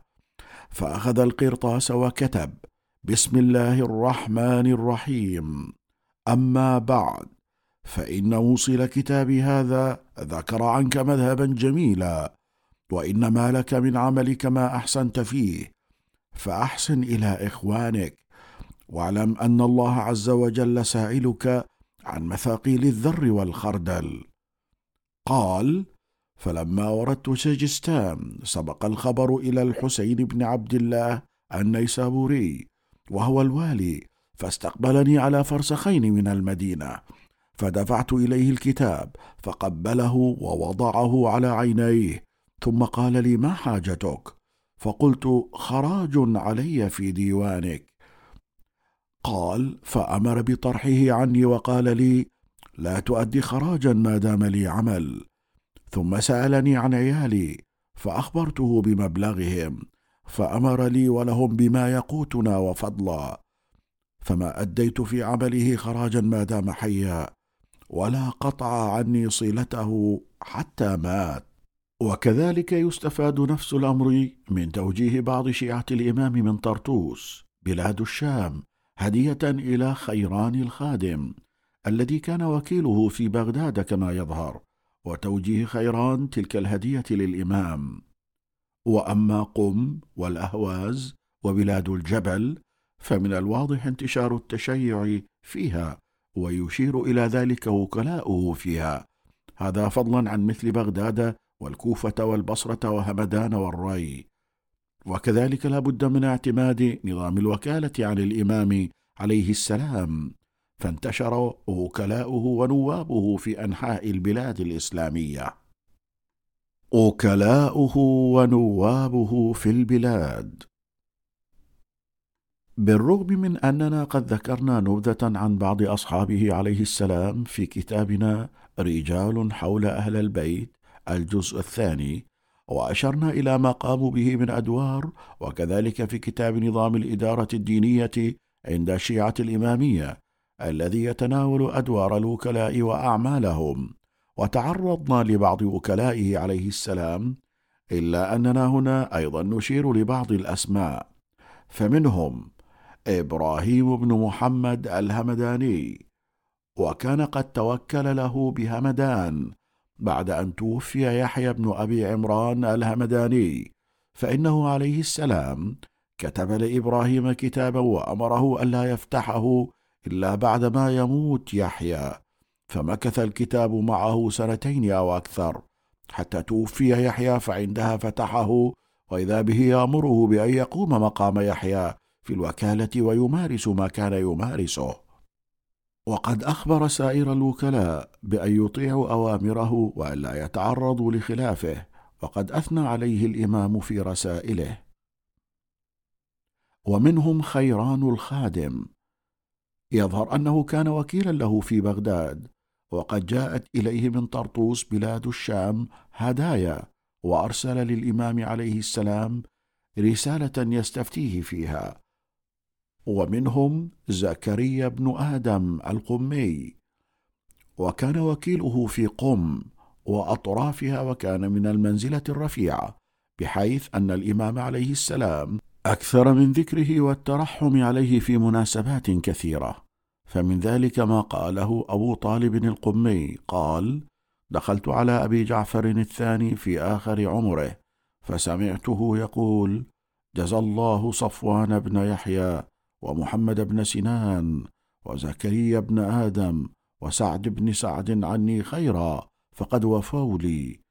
وكان زكريا بن آدم ممن تولاهم وخرج فيه عن أبي جعفر عليه السلام.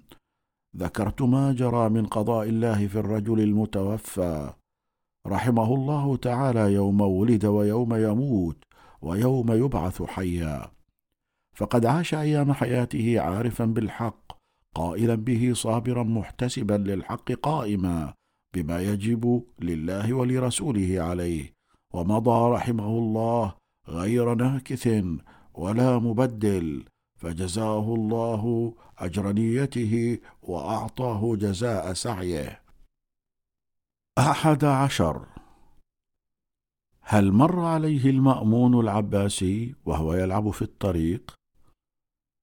نقل ابن شهرشوب المتوفي سنة 588 للهجرة في كتابه المناقب والظاهر أنه أول من نقلها حيث لم نعثر عليها في كتاب قبله ومن جاء بعده نسبها إليه واعتمد فيها عليه. رواية تشير إلى لقاء المأمون في بغداد كما هو ظاهر الرواية وأن الإمام الجواد كان بين صبيان في الطريق فهرب أولئك بينما بقي الإمام الجواد. حتى إذا عاد المأمون من الصيد وهم لا يزالون ومعهم الإمام سأله بعض الأسئلة وأجاب عنها الإمام بنحو أذهل المأمون. ونص ما نقله ابن شهرشوب هو التالي اجتاز المأمون بابن الرضا عليه السلام وهو بين صبيان فهربوا سواه فقال علي به فقال له ما لك ما هربت في جملة الصبيان؟ قال ما لي ذنب فأفر ولا الطريق ضيق فأوسعه عليك تمر من حيث شئت. فقال من تكون؟ قال أنا محمد بن علي بن موسى بن جعفر بن محمد بن علي بن الحسين بن علي بن أبي طالب عليهم السلام. فقال ما تعرف من العلوم؟ قال سلني عن أخبار السماوات. فودعه ومضى وعلى يده بأز أشهب يطلب به الصيد. فلما بعد عنه نهض عن يده الباز فنظر يمينه وشماله لم ير صيدا والباز يثب عن يده فأرسله وطار يطلب الأفق. حتى غاب عن ناظره ساعة ثم عاد إليه وقد صاد حية فوضع الحية في بيت الطعم. وقال لأصحابه قد دنا حتف ذلك الصبي في هذا اليوم على يدي ثم عاد وابن الرضا في جملة الصبيان فقال ما عندك من أخبار السماوات؟ فقال نعم يا أمير المؤمنين حدثني أبي عن آبائه عن النبي عن جبرائيل عن رب العالمين أنه قال بين السماء والهواء بحر عجاج يتلاطم به الأمواج فيه حيات خضر البطون. رقط الظهور ويصيدها الملوك بالبزاة الشهب يمتحن بها العلماء فقال صدقت وصدق آباؤك وصدق جدك وصدق ربك فأركبه ثم زوجه أم الفضل. وقد نقل هذه الحادثة ابن طلحة الشافعي المتوفي سنة 652 أي من بعد ابن شهرشوب بنحو 64 سنة. في كتاب مطالب السؤول مع تعديل فيها وتغيير وزيادة.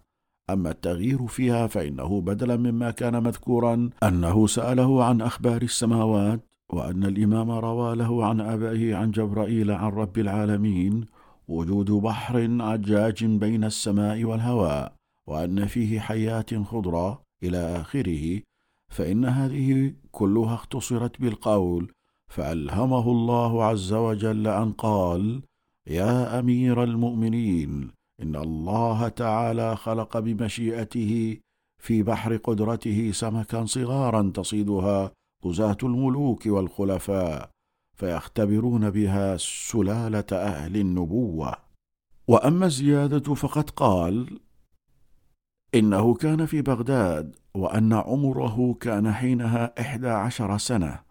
ونقلها عن ابن طلحة الشافعي ابن الصباغ المالكي في كتابه الفصول المهمة بنصها لكنه قال إن عمره حينها كان تسع سنوات.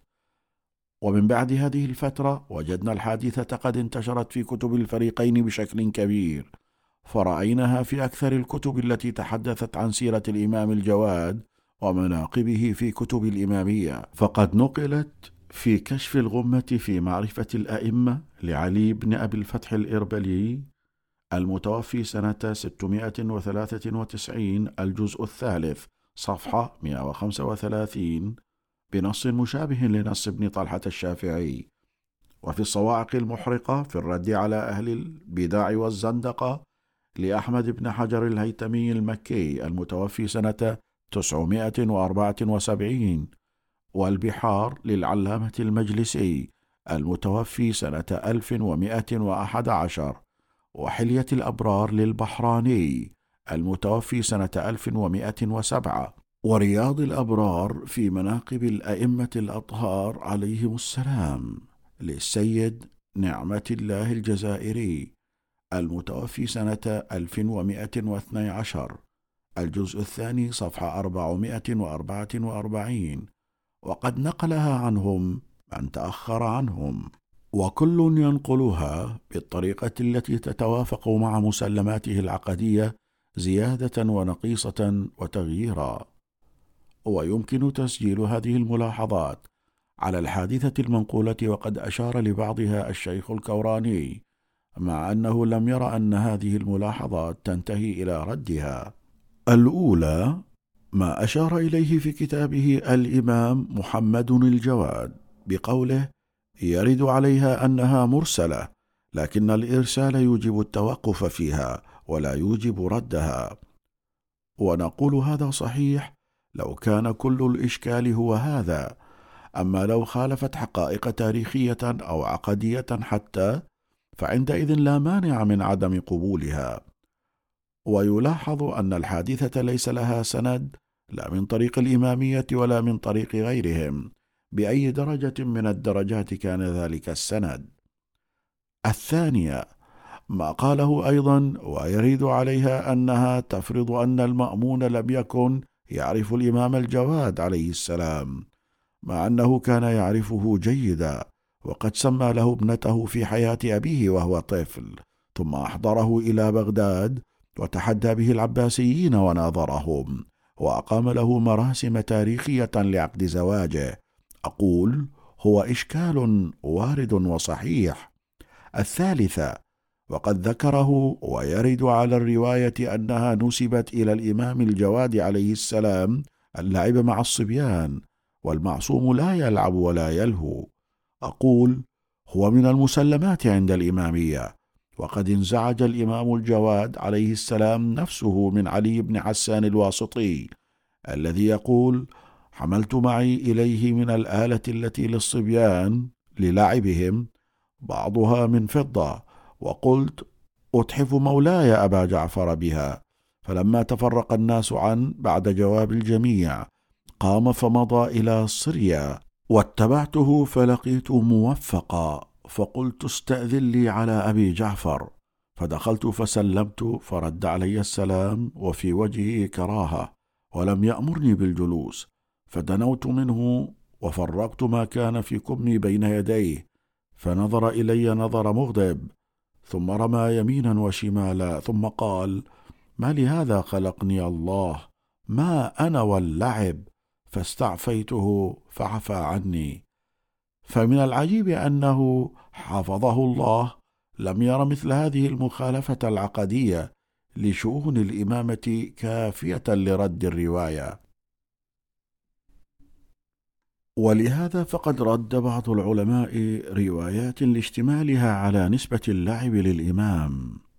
فلاحظ ما ذكره الشيخ محمد تقي تستري في الأخبار الدخيلة الجزء الأول صفحة 103 حيث قال في رد أحد الأخبار إنه تضمن لعب الحجة عليه السلام مع أن من علائم الإمام عليه السلام عدم لعبه.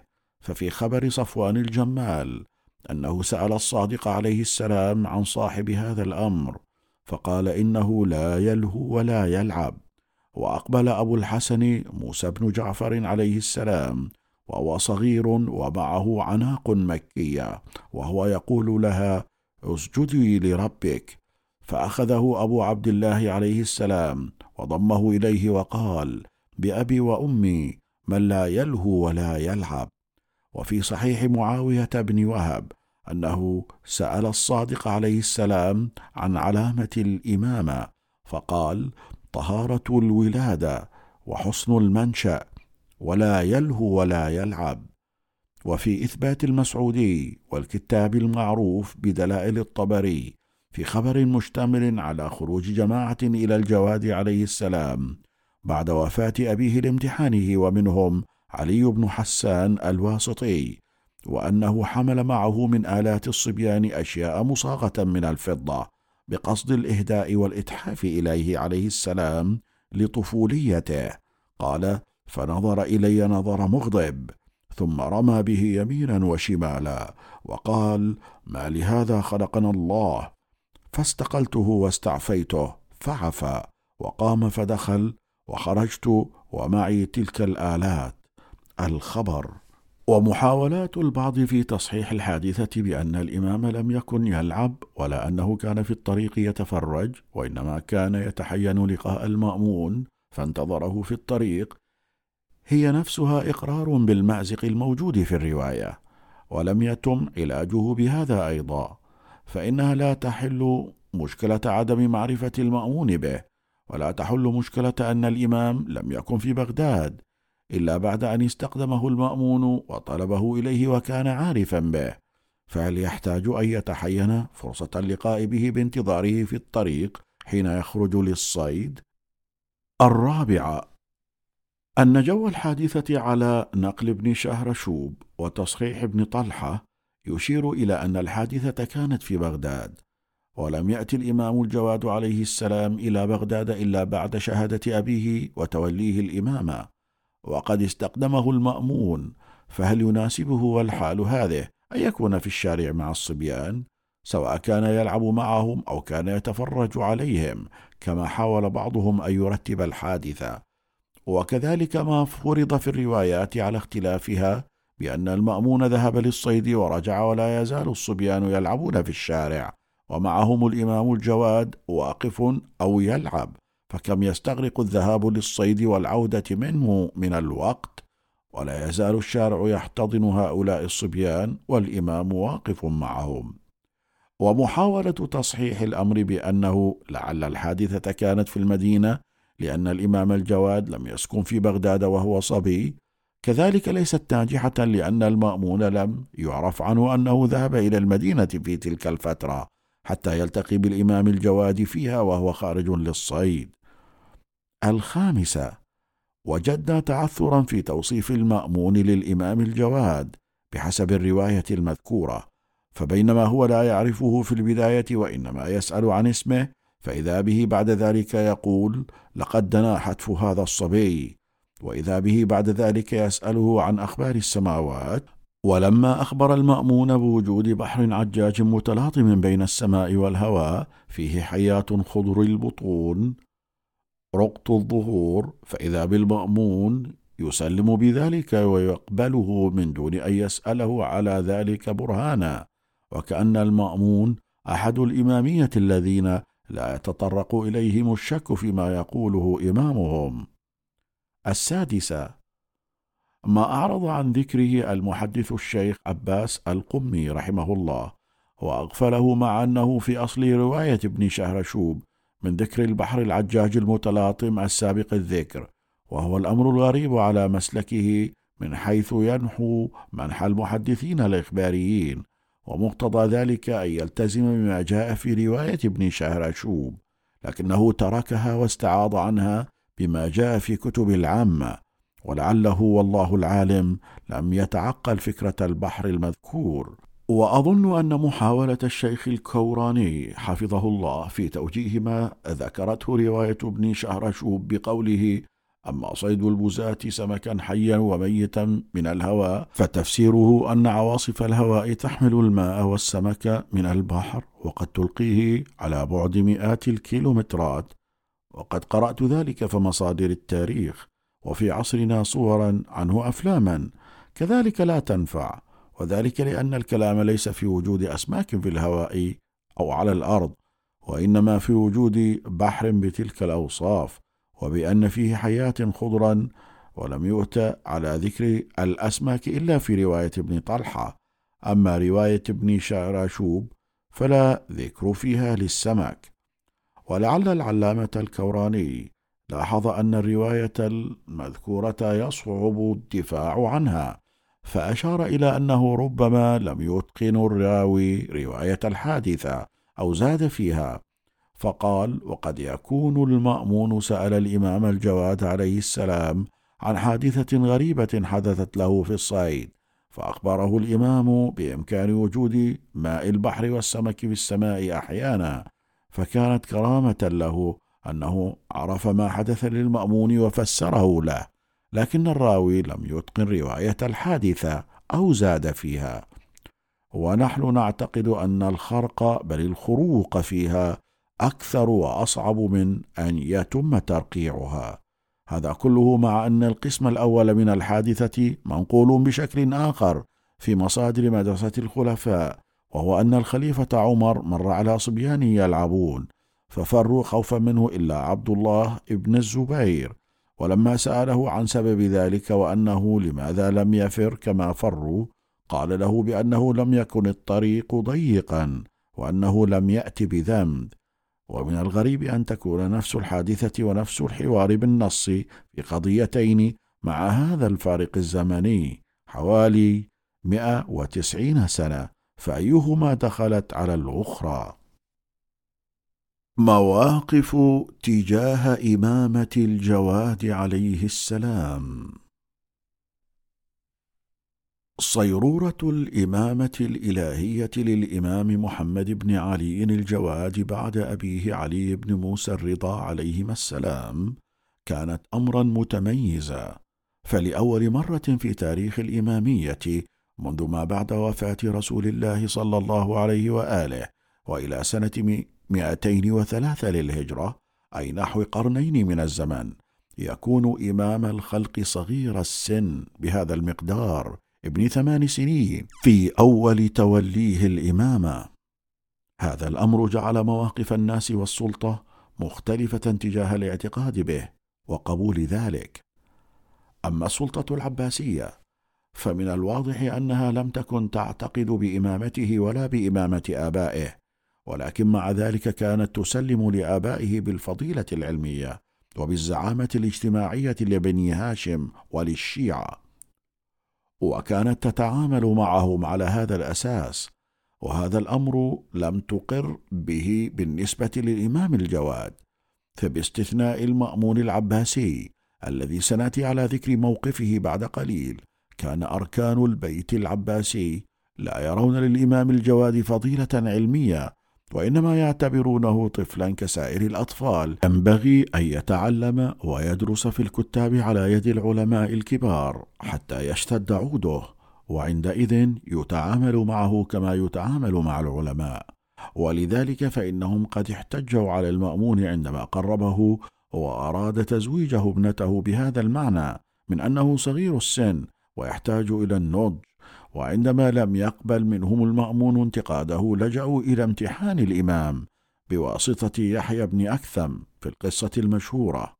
ومع أن الإمام عليه السلام قد فاق يحيى بن أكثم أمامهم وأجاب على أسئلته وأعجز يحيى أن يجيب على أسئلته إياه إلا أن ذلك وغيره لم يكن كافيا ليعترفوا للإمام كيف وهم لم يعترفوا لأبيه الإمام الرضا مع ظهور مناقبه ومعاجزه أمامهم ولمدة طويلة من الزمان. وسر ذلك لعله ما عبر عنه المأمون نفسه. لو صحت نسبة الكلام إليه من قوله لهم أنتم السبب فيه ولو أنصفتم القوم لكان أولى بكم. وأما ما كان يفعله من كان قبلي بهم فقد كان قاطعا للرحم. إلا أن المحير عند البعض هو موقف المأمون العباسي من الإمام فمن جهة ها هو يناظر علميا عن التشيع ويشيد بفضل أمير المؤمنين عليه السلام ويناظر علماء الاتجاه الرسمي في أن علي بن أبي طالب هو الأفضل بعد رسول الله صلى الله عليه وآله. بل ويعتقد ولو نظريا أن أهل البيت قد خصهم الله بخصائص لم توجد في غيرهم. وفي المقابل وجدناه يقتل الإمام الرضا عليه السلام بالسم وربما لولا أن الإمام عليا الرضا قد أخبره بأن موته المأمون وموت الجواد متزامنان ومتجاوران كإصبعيه ربما كان يقدم على اغتيال الإمام الجواد سريعا. وقد فسر الشيخ الكوراني في كتابه الإمام محمد الجواد الأمر بما يلي. ألف. إنه يدخل ضمن الصراع السياسي داخل الأسرة العباسية ويستخدمه المأمون كورقة ضغط عليهم بما يعني أنكم إن لم تلتفوا حولي ستذهب الخلافة منكم. باء. فيما يرتبط بالجانب الفكري يرى الشيخ الكوراني أن المأمون كان يسعى إلى نظام عباسي بمذهب شيعي علوي ورأى أنه قام بخطوات عملية في هذا فكتب منشورا في البراءة من معاوية ولكنه لم يعلنه خوفا من الاتجاه العام وبقي هذا المنشور إلى أن أخرجه المعتضد العباسي. جيم. وفي نهاية الأمر يلخص موقف المأمون بأنه كان شيعيا من الناحية النظرية وعدوا لأئمة العترة وشيعتهم عمليا. وأما أسوأ المواقف فهو موقف المعتصم العباسي الذي خلف أخاه المأمون في الخلافة والحكم فإنه بطبيعته المبنية على الجهل وكره المعارف العلمية كما سيأتي أثناء الحديث عن سيرة الإمام علي الهادي حيث عاصره الفترة الأكثر. فلم يكن تفوق الإمام الجواد العلمي يعني شيئا بالنسبة له بالإضافة إلى ما تطبع عليه من نشأة عسكرية كما يذكر المؤرخون. فلم يكن يمارس أي نوع من المداراة والتعامل الحسن مع الإمام الجواد خاصة وأنه كان يصنفه على أنه من أعدائه ومنافسي حكمه وعائلته. فكان أن اتخذ مواقف متشددة من الإمام عليه السلام. انتهت باغتيال الإمام كما سيأتي. وكان وزراء الدولة ومؤسساتها تتجه باتجاه بوصلة الحاكم والخليفة من التراخي النسبي أو التشدد الكثير. وأما بالنسبة لعامة المسلمين من غير شيعة أهل البيت عليهم السلام فإننا لا نلحظ اهتماما استثنائيا بقضية الإمام الجواد وتصديه للإمامة في ذلك العمر. لو استثنينا بعض العلماء والفقهاء المرتبطين بالدولة والذين هم في مشروعها فمن الطبيعي أن تكون مواقفهم العلنية على الأقل متأثرة بوظائفهم. ولذلك كان بعضهم يدخل برغبة أو بدونها في محاولات لإحراج الإمام بالأسئلة الصعبة فيما يظن. أما عامة الناس فقد تم فصلهم عن هذا الموضوع في وقت مبكر بعدما اختار مذهب مدرسة الخلفاء أن الإمام وولي الأمر هو الحاكم السياسي المسيطر بغض النظر عن قابلياته وأهليته الذاتية. وهذا الأمر قد تم تطبيع عامة الناس عليه من أيام الأمويين. فالإمام هو الذي يملك الصولجان وولي الأمر هو السلطان بل حتى لو اختلف أكثر من واحد فالخليفة وولي الأمر هو القوي المنتصر الذي يحسم المعركة ويخطب الجمعة وبالتالي فهم لا يفتشون عن علامات الإمام أو مواصفاته أو قابلياته لا سيما وإن كان بالإمكان صناعة كل ذلك من خلال الإعلام وخطب الجمعة وهكذا. ولذلك والله العالم كان أفراد العامة هؤلاء لا يرون أنفسهم معنيين كثيرا بالبحث عن الإمام الحق وعن علاماته فإمامهم معروف وهو الذي يحكم. وأما شيعة أهل البيت عليهم السلام فيمكن لنا أن نلاحظ هذه المواقف. اولا موقف المسلمين المؤمنين بإمامة الجواد عليه السلام ويعتمد تسليمهم هذا على أساس أن الإمامة الإلهية كما هي النبوة ليست خاضعة للمقاييس البشرية بالضرورة. فكما يجوز أن يبعث الله نبيا بل أنبياء وهم صغار السن كذلك لا مانع أن يجعل أئمة في نفس هذا العمر. وما هو مستبعد بادئ النظر فإنما هو لأجل عدم الاعتياد عليه لا لأنه مستحيل في نفسه أو يلزم منه محذور. وعدم الاعتياد هذا يمكن أن يكون مع أول نبي أو أول إمام فإذا تكرر زال الاستيحاش والاستبعاد وخصوصا مع تأكيد الإمام السابق بل السابقين على أنه سيحدث. هذا وسيكون امتحانا للناس. ويمثل هذا الموقف بشكل متميز علي بن جعفر الصادق عليه السلام فإنه مع جلالة قدره علما وعلو نسبه شرفا وموقعه بين الشيعة. كان يظهر ويعلن اعترافه بإمامة الإمام الجواد وتسليمه له. مع كون الإمام الجواد أصغر منه بنحو سبعة وأربعين سنة وكونه عما لأبيه علي الرضا عليه السلام. فعن محمد بن الحسن بن عمار قال كنت عند علي بن جعفر بن محمد جالسا بالمدينة وكنت أقمت عنده سنتين أكتب عنه ما يسمع عن أخيه الكاظم عليه السلام إذ دخل عليه أبو جعفر محمد بن علي الرضا عليه السلام المسجد مسجد رسول الله صلى الله عليه وآله فوثب علي بن جعفر بلا حذاء ولا رداء فقبل يده وعظمه فقال له أبو جعفر يا عم اجلس رحمك الله. فقال يا سيدي كيف أجلس وأنت قائم؟ فلما رجع علي بن جعفر إلى مجلسه جعل أصحابه يوبخونه ويقولون أنت عم أبيه وأنت تفعل به هذا الفعل؟ قال اسكتوا إذا كان الله عز وجل وقبض على لحيته لم يؤهل هذه الشيبة وأهل هذا الفتى ووضعه حيث وضعه انكر فضله نعوذ بالله مما تقولون. بل أنا له عبد ولم يكن هذا هو الموقف الوحيد منه بل تكرر مع آخرين. وبالفعل فقد كان الأمر ملفتا أن يكون شخص في نحو الخامسة والخمسين مع ما هو عليه من الفضل والمنزلة يقبل يد فتى صغير عمره تسع سنوات ويسوي له حذاءه كما في روايات أخر.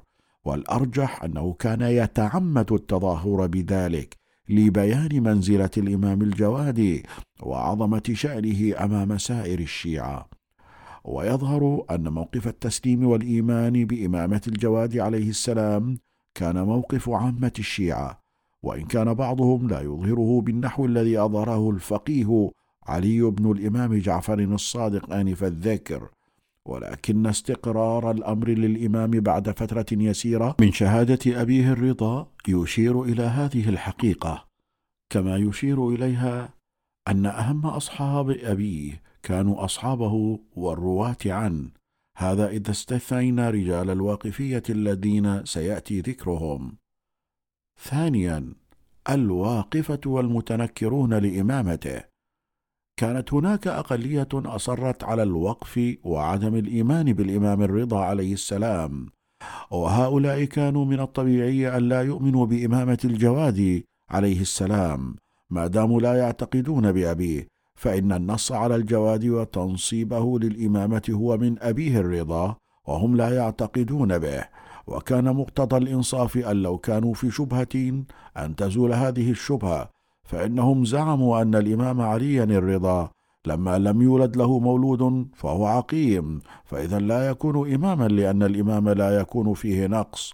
مقتضى الإنصاف أن يتراجعوا عن هذا بولادة الإمام الجواد وأن يتوبوا عن مقالتهم ولكنهم جعلوا أصابعهم في آذانهم واستغشوا ثيابهم وأصروا واستكبروا استكبارا.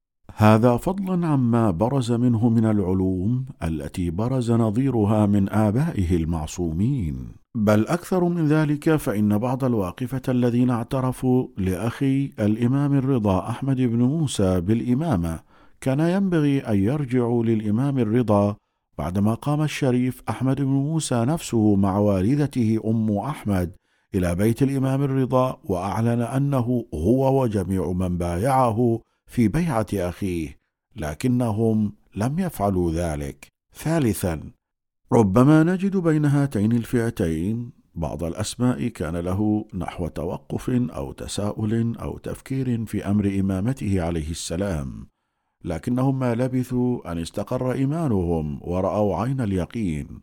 وقد يلتمس العذر لمثلهم فإن بعض المقدمات التي يستبعدها بادئ النظر والرأي مثل أنه كيف يعطي الله الإمامة لصبي أو كيف يحيط هذا الصبي بالعلم الإلهي أو غير ذلك من شأنها أن تجعل بعض الأشخاص يتوقفون عن المسارعة للإيمان به ولكنهم مع شيء من التفكير والتروي ومشاهدة الإحاطة العلمية له والكرامات العملية سيعلمون أنه الحق من ربك فيؤمنوا به فتخبت له قلوبهم.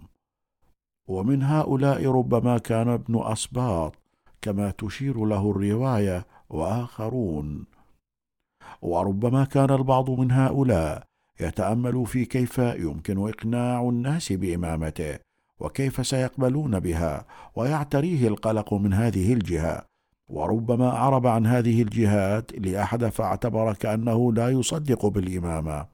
ونعتقد أن الرواية التي نقلت عن اجتماع في بركة زلزل في بغداد بين بعض أصحاب الإمام الرضا وما نقل فيها من كلام منسوب ليونس بن عبد الرحمن مما ظاهره التشكيك في الإمامة الفعلية للإمام الجواد هو في هذا الإطار لو كان لأصل الخبر نقل صحيح وقد سبق أن شككنا في هذه الرواية سندا ومتنا. الإمام الجواد في عصر المعتصم العباسي. مع موت عبد الله بن هارون المعروف بالمأمون العباسي في سنة 218 للهجرة وهو في طريقه إلى طرسوس في شمال الشام بسبب مرض الحمى كما قيل وتولي أخيه محمد بن الهارون المعروف بالمعتصم العباسي. بدأت مرحلة جديدة من الشدة والقسوة على شيعة أهل البيت عليهم السلام وعلى الإمام الجواد عليه السلام بوجه خاص. وذلك أن المأمون مع حرصه على ملكه وتنحيته كل من يقف في طريقه حتى لو أدى ذلك إلى القتل كما فعل بالنسبة لأخيه الأمين بل وكما فعل بالنسبة للإمام الرضا عليه السلام لأسباب قدمنا ذكرها في كتابنا عالم آل محمد إلا أنه يعتبر بالقياس إلى أخيه المعتصم كدرة لفحمة. فقد كان معروفا بذكائه وحبه للعلم وقدرته على المناظرات والمناقشات وتقييم الأشخاص بحسب مقامهم العلمي. وكان من الناحية النظرية عارفا أن الحق مع آل محمد. ولكنه من الناحية العملية كان الملك عنده والحكم فوق كل شيء ولم يتجاوز إعجابه النظري بعلم أئمة الهدى وقدراتهم إلى التطبيق العملي إلا في حدود الاحترام والتوقير. وأما المعتصم فقد اجتمعت فيه صفات سيئة كثيرة ولننظر لما قاله المؤرخون عنه. فقد ذكرنا في صفحات سابقة كيف كان يكره الحضور في الكتاب والدرس إلى درجة أنه كان يغبط زميله الذي مات وصار مستريحا من الحضور. وحتى عندما استمرت الدولة على المنهج الاعتزالي الذي بدأه المأمون عن قناعة به وفهم له لما جاء المعتصم كانت حواراته بالسياط والسجن والقتل حتى لمن يخالفه في اعتقاداته. مع أنه هو نفسه ربما لم يكن يفهم معاني تلك الاختلافات خصوصا وقد غلب عليه بعض الفقهاء المتشنجين ومنهم أحمد بن أبي داود. وبينما طالت معاصرة الإمام الجواد مع المأمون نحو خمسة عشر سنة مع وجود تحريض للمأمون على الإمام من قبل البيت العباسي وبشكل خاص من ابنته أم الفضل كما يتضح ذلك في علاقتها غير المنسجمة مع زوجها الإمام الجواد ومع ذلك لم يتخذ موقفا قاسيا من الإمام إلا أننا نجد هذا المعتصم ذا التنشئة العسكرية الجافة والذي أحاط نفسه بميليشيا تركية خاصة لحمايته لم يصبر على وجود الإمام حتى سنتين فبينما تولى المعتصم الخلافة في سنة 218 للهجرة أقدم على تسميم الإمام في سنة 220 للهجرة بالتعاون مع ابنة أخيه أم الفضل. فاستشهد الإمام عليه السلام وهو في نضارة العمر وأوج القوة والشباب وهو ابن خمسة وعشرين سنة. الإمام الجواد وتجلي علم الله سبحانه وتعالى. كان أصعب الأمور تعقلا على الناس. كيف يتولى صبي في الثامنة من العمر الإمامة مع ما تحتاج إليه من إمكانات علمية هائلة. ولا سيما على ما يراه الإمامية حيث أن الإمام عندهم له مواصفات خاصة علمية وعملية. لا يصل إليها شخص مهما علا إلا إذا كان منتخبا من الباري سبحانه. ومثل ما هو اليوم مستغرب عند بعض الناس فقد كان كذلك في حينها بل ربما كان بنحو أشد. ولتوضيح الأمر نقول مرجع هذا كله إلى الاستغراب والاستبعاد وليس راجعا إلى استحالة عقلية أو عدم إمكان وقوعي وإنما لأن الناس لم يروا ولم يشاهدوا قبل هذه الحادثة أن صبيا يؤتيه الله العلم والحكمة وإنما اعتادوا على أن العالم إنما يكون كذلك إذا ضرب من العمر وطعن في السن فستزداد مداركه ومعارفه. وأما الصبي فلا يحصل له ذلك.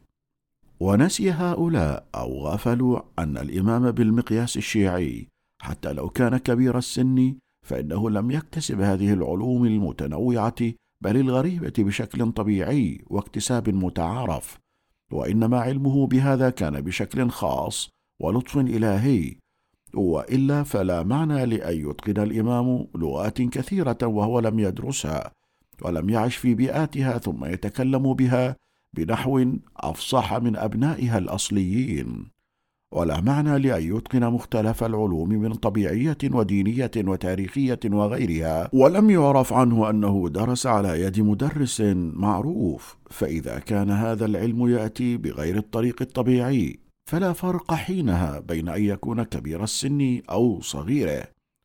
ويمكن أن يتم رفع الاستغراب والاستبعاد هذا بطرق. الأولى التأكيد على قدرة الله سبحانه على إعطاء هذا المقدار من العلم والإمكانات فإنه على كل شيء قدير.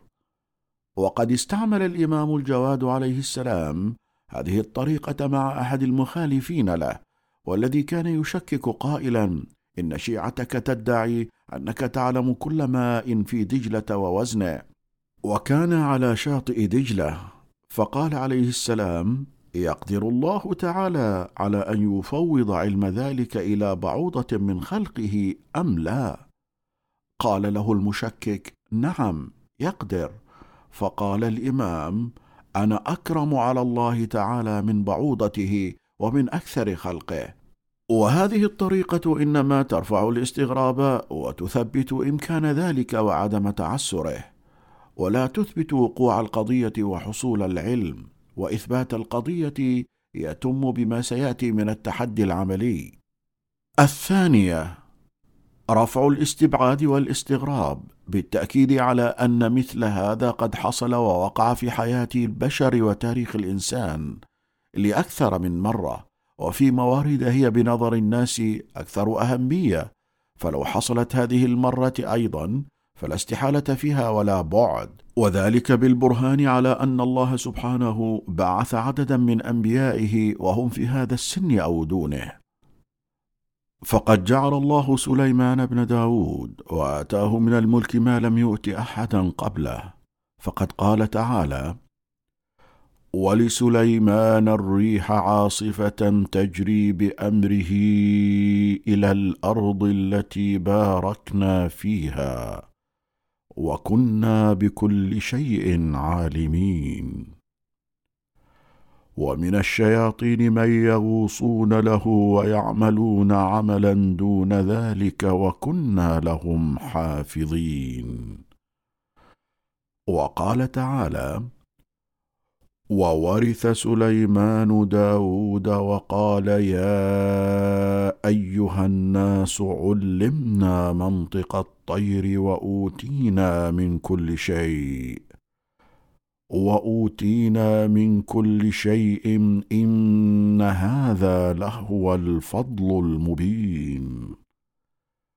وحشر لسليمان جنوده من الجن والإنس والطير فهم يوزعون.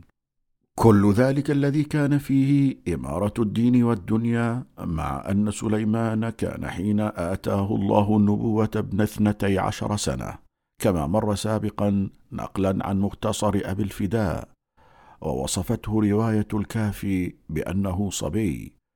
فإن عظمة النبي سليمان وسعة ملكه وعلمه في نفوس الناس وفي نفس الوقت توليه كل ذلك وهو بعمر اثنتي عشر سنة مما ينبغي معه أن يرفع الاستغراب عندما يقال لهم تولى الإمام الجواد الإمامة وعمره ثمان سنين أو تسع. وهكذا الحال في شأن النبيين العظيمين عيسى بن مريم ويحيى بن زكريا. فإن الأول هو من أنبياء أولي العزم الذين كانت لهم رسالة عالمية شاملة ومع ذلك يتحدث عنه القرآن قائلا فأشارت إليه قالوا كيف نكلم من كان في المهد صبيا؟ قال إني عبد الله آتاني الكتاب وجعلني نبيا. وجعلني مباركا أينما كنت وأوصاني بالصلاة والزكاة ما دمت حيا. وكذلك الحال في يحيى بن زكريا النبي حيث خاطبه ربه يا يحيى خذ الكتاب بقوة وآتيناه الحكم صبيا. وحنانا من لدنا وزكاة وكان تقيا. فهؤلاء أنبياء ثلاثة أحدهم سيطر على الدنيا وملكها بما لم يحصل لأحد قبله بالإضافة إلى سيطرته على الدين والشريعة وقد أوتي النبوة صبيا صغير السن والآخر كان من أولي العزم أصحاب الرسالة العالمية وبجانبه يحيى النبي وقد أوتي الكتاب والحكم صبيين. فإذا كان قد حصل في نفس الإطار الديني الذي يتحدث الإمامية عن حصوله للإمام الجواد وهو من بعده سيحصل للإمام الهادي وللإمام المهدي عليهما السلام. فما هي الغرابة في ذلك؟ ولماذا عندما يحصل للأنبياء يكون الأمر طبيعيا؟ بينما عندما يحصل للأئمة يكون غير طبيعي. الثالثه رفع الاستغراب من خلال حصول نوابغ بشرية لم تكن لهم صفة إلهية ولا كان ينتظر منهم دور رباني حصل لهم من العلم الاستثنائي والمعارف المحيرة للعقول وهم أطفال أو صبيان. وقد سجلت حالاتهم في العصر الحديث. كما نقلت حالات أخر في العصور السابقة. فإذا كان هؤلاء لهم هذه الكفاءات الاستثنائية من العلم والذكاء والمعرفة وهم لم يعدوا لدور إلهي أو استثنائي فما الذي يمنع منه بالنسبة لإمام أو أئمة قد أعدوا للقيام بأدوار إلهية ومهام ربانية وهي هداية الخلق؟ وقد أشرنا في كتابنا الإمام المهدي عدالة منتظرة ومسؤولية حاضرة. إلى هذه الفكرة في الرد على استبعاد توليه عليه السلام الإمامة وهو صغير السن. وننقل خلاصة ما ذكرناه هناك. فقد قلنا إنه يوجد للإنسان عمران عمر تكويني وآخر عقلي.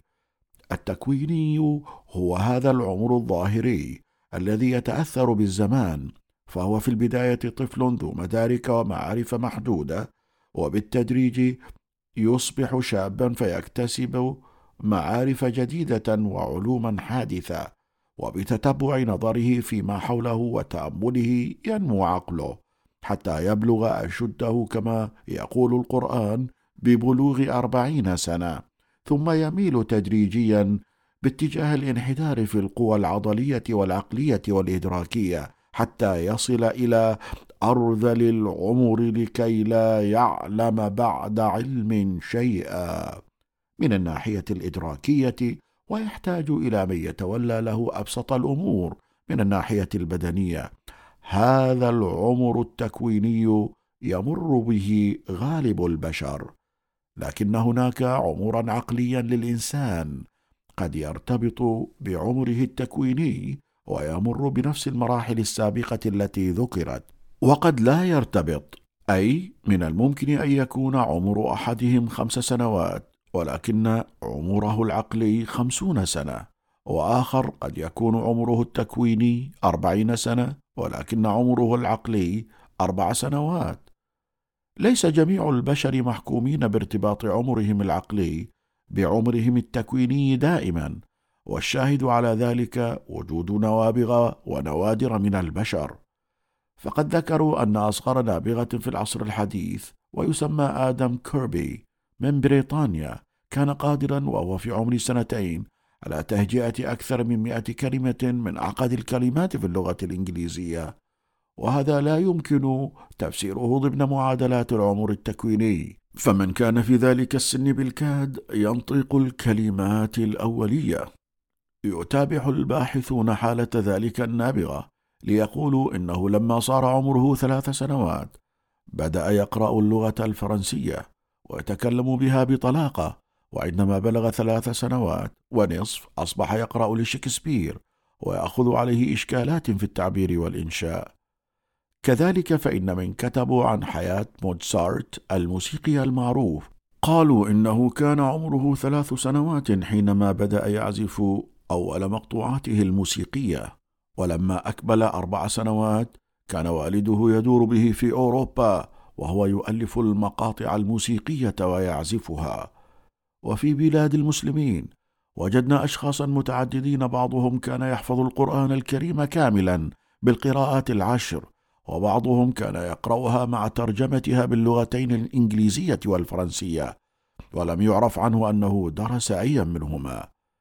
إن هذه النماذج ما هي إلا تقريب لتجلي الله في قدرته ووضعه شيئا من عظمته في بعض عباده ليتجاوز المألوف والطبيعي بين الناس ويثبت لهم عيانا. لتعلموا أن الله على كل شيء قدير. وإذا كان هذا النبوغ يحصل لشخص عادي بل لمن سيسخره في الموسيقى فهل يمتنع ذلك على النبي والإمام اللذين أعدهما ربهما لهداية البشر إلى منهاجه؟ هل سيقبل الناس بمعلم نابغة سابق لعمره بعشرات السنين ولكنه صغير السن ابن عشر سنوات في تدريسه في الجامعة. أو أنهم سيرفضونه بدعوى أنه ليس كبير السن ولا عظيم الجسم.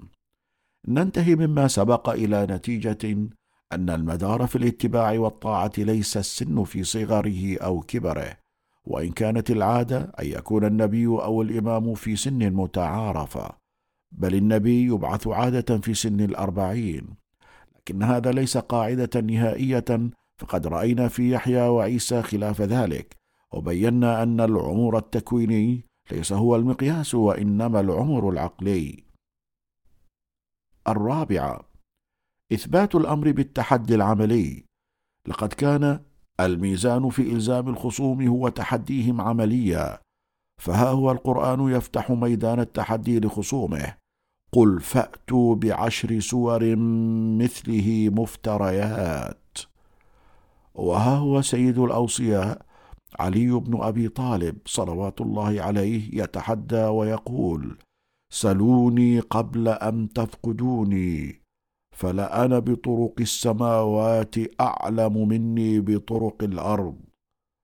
وها هم أئمة الهدى عليهم السلام يتحدون غيرهم فلا يثبت الغير أمامهم في الميدان ويتحداهم غيرهم فيغرقونه في شبر ماء. فلقد جرب الخلفاء العباسيون بدءا من أبي جعفر المنصور مع الإمام الصادق عليه السلام مستعينا تارة بأبي حنيفة وأخرى بغيره تحدي الإمام جعفر الصادق ومحاولة إحراجه بالمسائل الصعبة الشديدة. فإذا به يلقي أمامهم من علومه ما يجعل أبا حنيفة يقول للمنصور إن أعلم الناس أعلمهم باختلاف الناس.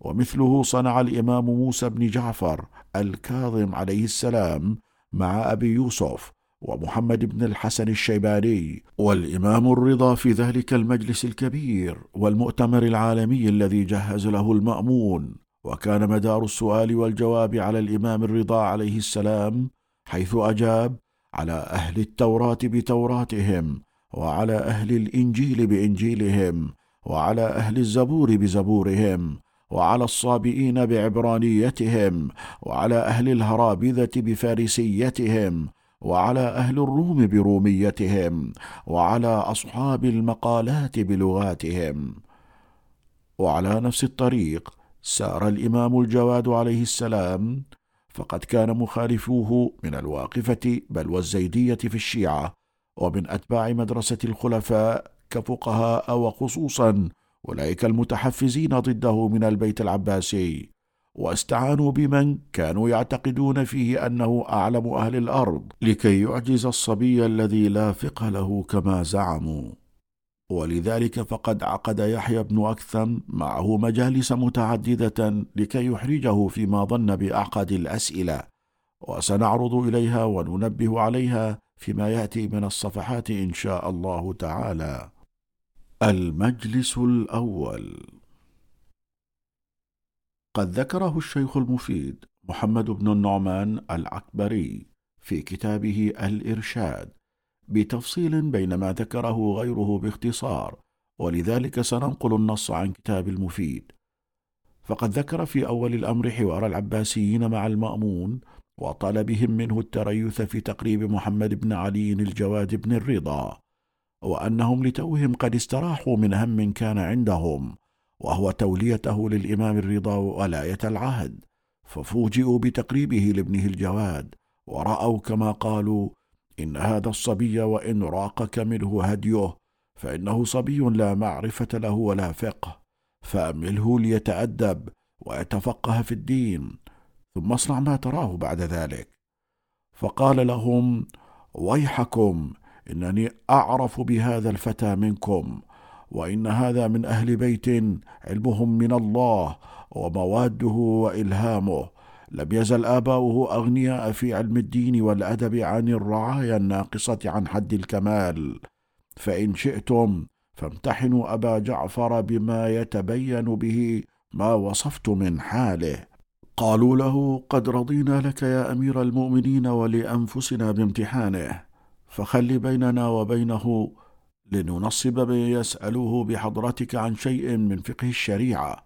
فإن أصاب في الجواب عنه لم يكن لنا اعتراض في أمره وظهر للخاصة والعامة سديد رأي أمير المؤمنين. وإن عجز عن ذلك فقد كفينا الخطب في معناه. فقال لهم المأمون شأنكم وذاك متى أردتم؟ فخرجوا من عنده وأجمع رأيهم على مسألة يحيى بن أكثم. وهو يومئذ قاضي القضاة على أن يسأله مسألة لا يعرف الجواب فيها ووعدوه بأموال نفيسة على ذلك. وعادوا إلى المأمون فسألوه أن يختار لهم يوما للاجتماع فأجابهم إلى ذلك. واجتمعوا في اليوم الذي اتفقوا عليه وحضر معهم يحيى بن أكثم وأمر المأمون أن يفرش لأبي جعفر عليه السلام داس وتجعل له فيه مسورتان أي وسادتان ففعل ذلك. وخرج أبو جعفر عليه السلام وهو يومئذ ابن تسع سنين وأشهر. فجلس بين المسورتين وجلس يحيى بن أكثم بين يديه وقام الناس في مراتبهم والمأمون جالس في دست متصل بدست أبي جعفر عليه السلام. فقال يحيى بن أكثم للمأمون يأذن لي أمير المؤمنين أن أسأل أبا جعفر؟ فقال له المأمون استأذنه في ذلك. فأقبل عليه يحيى بن أكثم فقال أتأذن لي؟ جعلت فداك في مسألة. فقال له أبو جعفر عليه السلام سل إن شئت. قال يحيى ما تقول جعلت فداك في محرم قتل صيدا. فقال له أبو جعفر عليه السلام قتله في حل أو حرم عالما كان المحرم أو جاهلا قتله عمدا أو خطأ. حرا كان المحرم أم عبدا صغيرا كان أم كبيرا مبتدئا بالقتل أم معيدا. من ذوات الطير كان الصيد أم من غيرها من صغار الصيد كان أم من كبارها مصرا على ما فعل أو نادما. في الليل كان قتله للصيد أم نهارا. محرما كان بالعمرة إذ قتله أو بالحج كان محرما. فتحير يحيى بن أكثم وبان في وجهه العجز والانقطاع ولجلج حتى عرف جماعة أهل المجلس أمره. فقال المأمون الحمد لله على هذه النعمة والتوفيق لي في الرأي. ثم نظر إلى أهل بيته وقال لهم عرفتم الآن ما كنتم تنكرونه؟ ثم إنه بعدما تم عقد الإمام الجواد على ابنة المأمون وتفرق الناس وبقي من الخاصة من بقي قال المأمون لأبي جعفر إن رأيت جعلت فداك أن تذكر الفقه فيما فصلته من وجوه قتل المحرم الصيد لنعلمه ونستفيده. فقال أبو جعفر عليه السلام نعم. إن المحرم إذا قتل صيدا في الحل وكان الصيد من ذوات الطير وكان من كبارها فعليه شاة. فإن كان أصابه في الحرم فعليه الجزاء مضاعفا. وإن قتل فرخا في الحل فعليه حمل قد فطم من اللبن. وإذا قتله في الحرم فعليه الحمل وقيمة الفرخ. وإن كان من الوحش وكان حمار وحش فعليه بقرة. وإن كان نعامة فعليه بدنه وإن كان ظبيا فعليه شاه فإن قتل شيئا من ذلك في الحرم فعليه الجزاء مضاعفا هديا بالغ الكعبه وإذا أصاب المحرم ما يجب عليه الهدي فيه وكان إحرامه للحج نحره بمنى وإن كان إحرامه للعمرة نحره بمكة. وجزاء الصيد على العالم والجاهل سواء وفي العمد له المأثم وهو موضوع عنه في الخطأ والكفارة على الحر في نفسه وعلى السيد في عبده والصغير لا كفارة عليه وهي على الكبير واجبة والنادم يسقط بندمه عنه عقاب الآخرة والبصر يجب عليه العقاب في الآخرة. فقال له المأمون أحسنت أبا جعفر أحسن الله إليك فإن رأيت أن تسأل يحيى عن مسألة كما سألك. فقال أبو جعفر عليه السلام ليحيى أسألك؟ قال له يحيى ذلك إليك جعلت فداك فإن عرفت جواب ما تسألني عنه وإلا استفدته منك.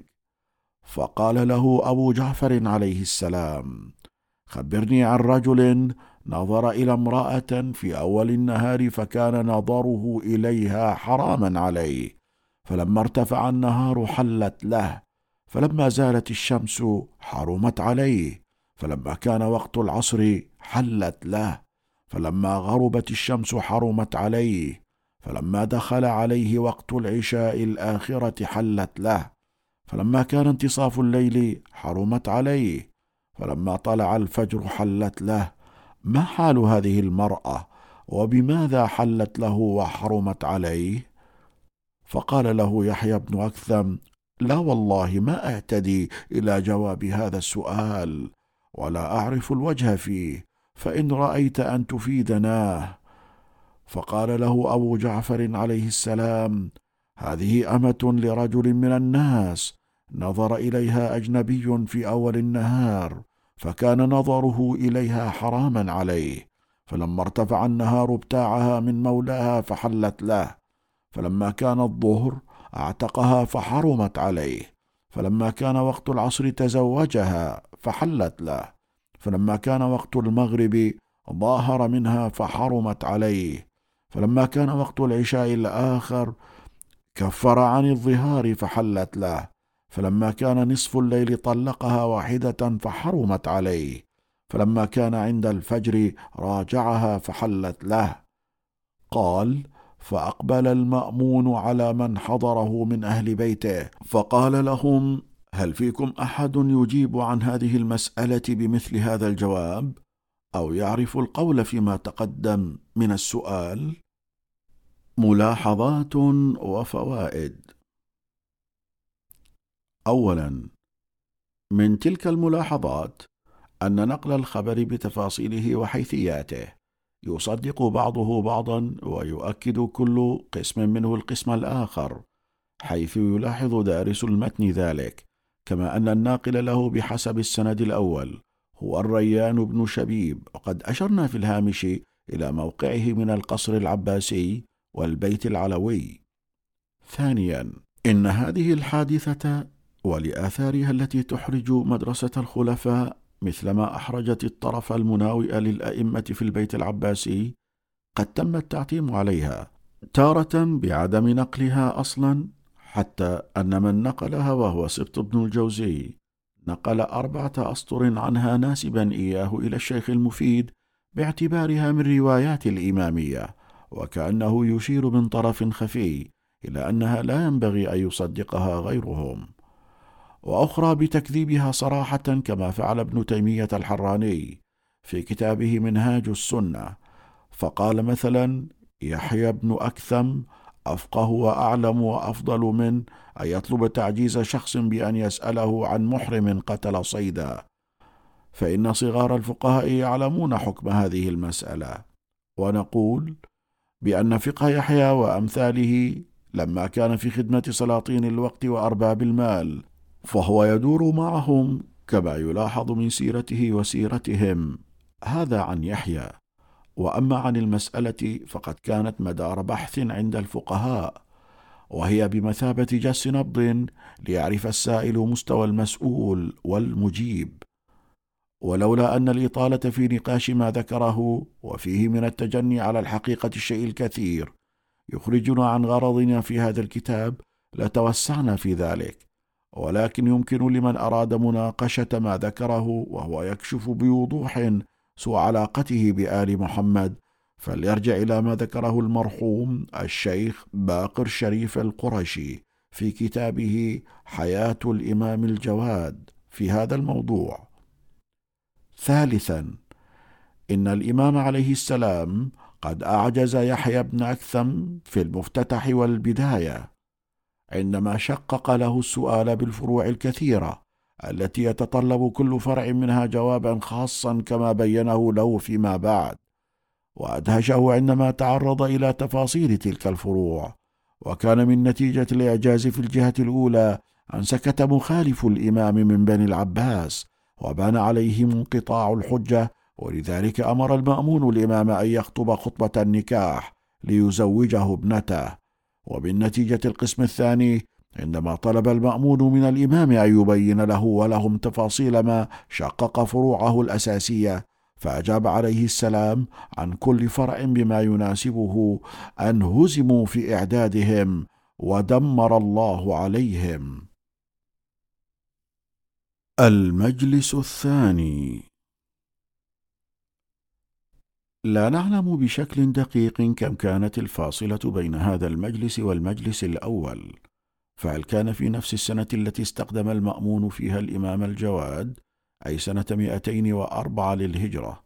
يحتمل أن يكون الأمر كذلك فإنه من الظاهر أن الإمام بعد مغادرته بغداد بعد عقده على أم الفضل بنت المأمون لم يرجع إليها إلا بعد حوالي أربعة عشر سنة. قريبا من وفاة المأمون وعندها يبدو أن الحاجة إلى إحراج الإمام بالأسئلة قد انتفت لا سيما وقد أصبح عمره نحو ثلاثة وعشرين سنة. فقد نقل الطبرسي في كتاب الاحتجاج أن المأمون بعدما زوج ابنته أم الفضل أبا جعفر عليه السلام كان في مجلس وعنده أبو جعفر ويحيى بن أكثم وجماعة كثيرة. فقال له يحيى بن أكثم ما تقول يا ابن رسول الله في الخبر الذي روي أنه نزل جبرائيل عليه السلام على رسول الله صلى الله عليه وآله وقال يا محمد إن الله عز وجل يقرأك السلام ويقول لك سل أبا بكر هل هو عني راض؟ فإني عنه راض. فقال أبو جعفر عليه السلام لست بمنكر فضل أبي بكر ولكن يجب على صاحب هذا الخبر أن يأخذ مثال الخبر الذي قاله رسول الله صلى الله عليه وآله في حجة الوداع. قد كثرت علي الكذابة وستكثر بعدي فمن كذب علي متعمدا فليتبوأ مقعده من النار. فإذا أتاكم الحديث عني فاعرضوه على كتاب الله وسنتي. فما وافق كتاب الله وسنتي فخذوا به وما خالف كتاب الله وسنتي فلا تأخذوا به. وليس يوافق هذا الخبر كتاب الله. قال الله تعالى ولقد خلقنا الإنسان ونعلم ما توسوس به نفسه ونحن أقرب إليه من حبل الوريد. فإن الله عز وجل خفي عليه رضاء أبي بكر من سخطه حتى سأل عن مكنون سره هذا مستحيل في العقول. ثم قال يحيى بن أكثم وقد روي إن مثل أبي بكر وعمر في الأرض كمثل جبرائيل وميكائيل في السماء. فقال أبو جعفر وهذا أيضا يجب أن ينظر فيه لأن جبرائيل وميكائيل ملكان لله مقربان لم يعصي الله قط ولم يفارقا طاعته لحظة واحدة.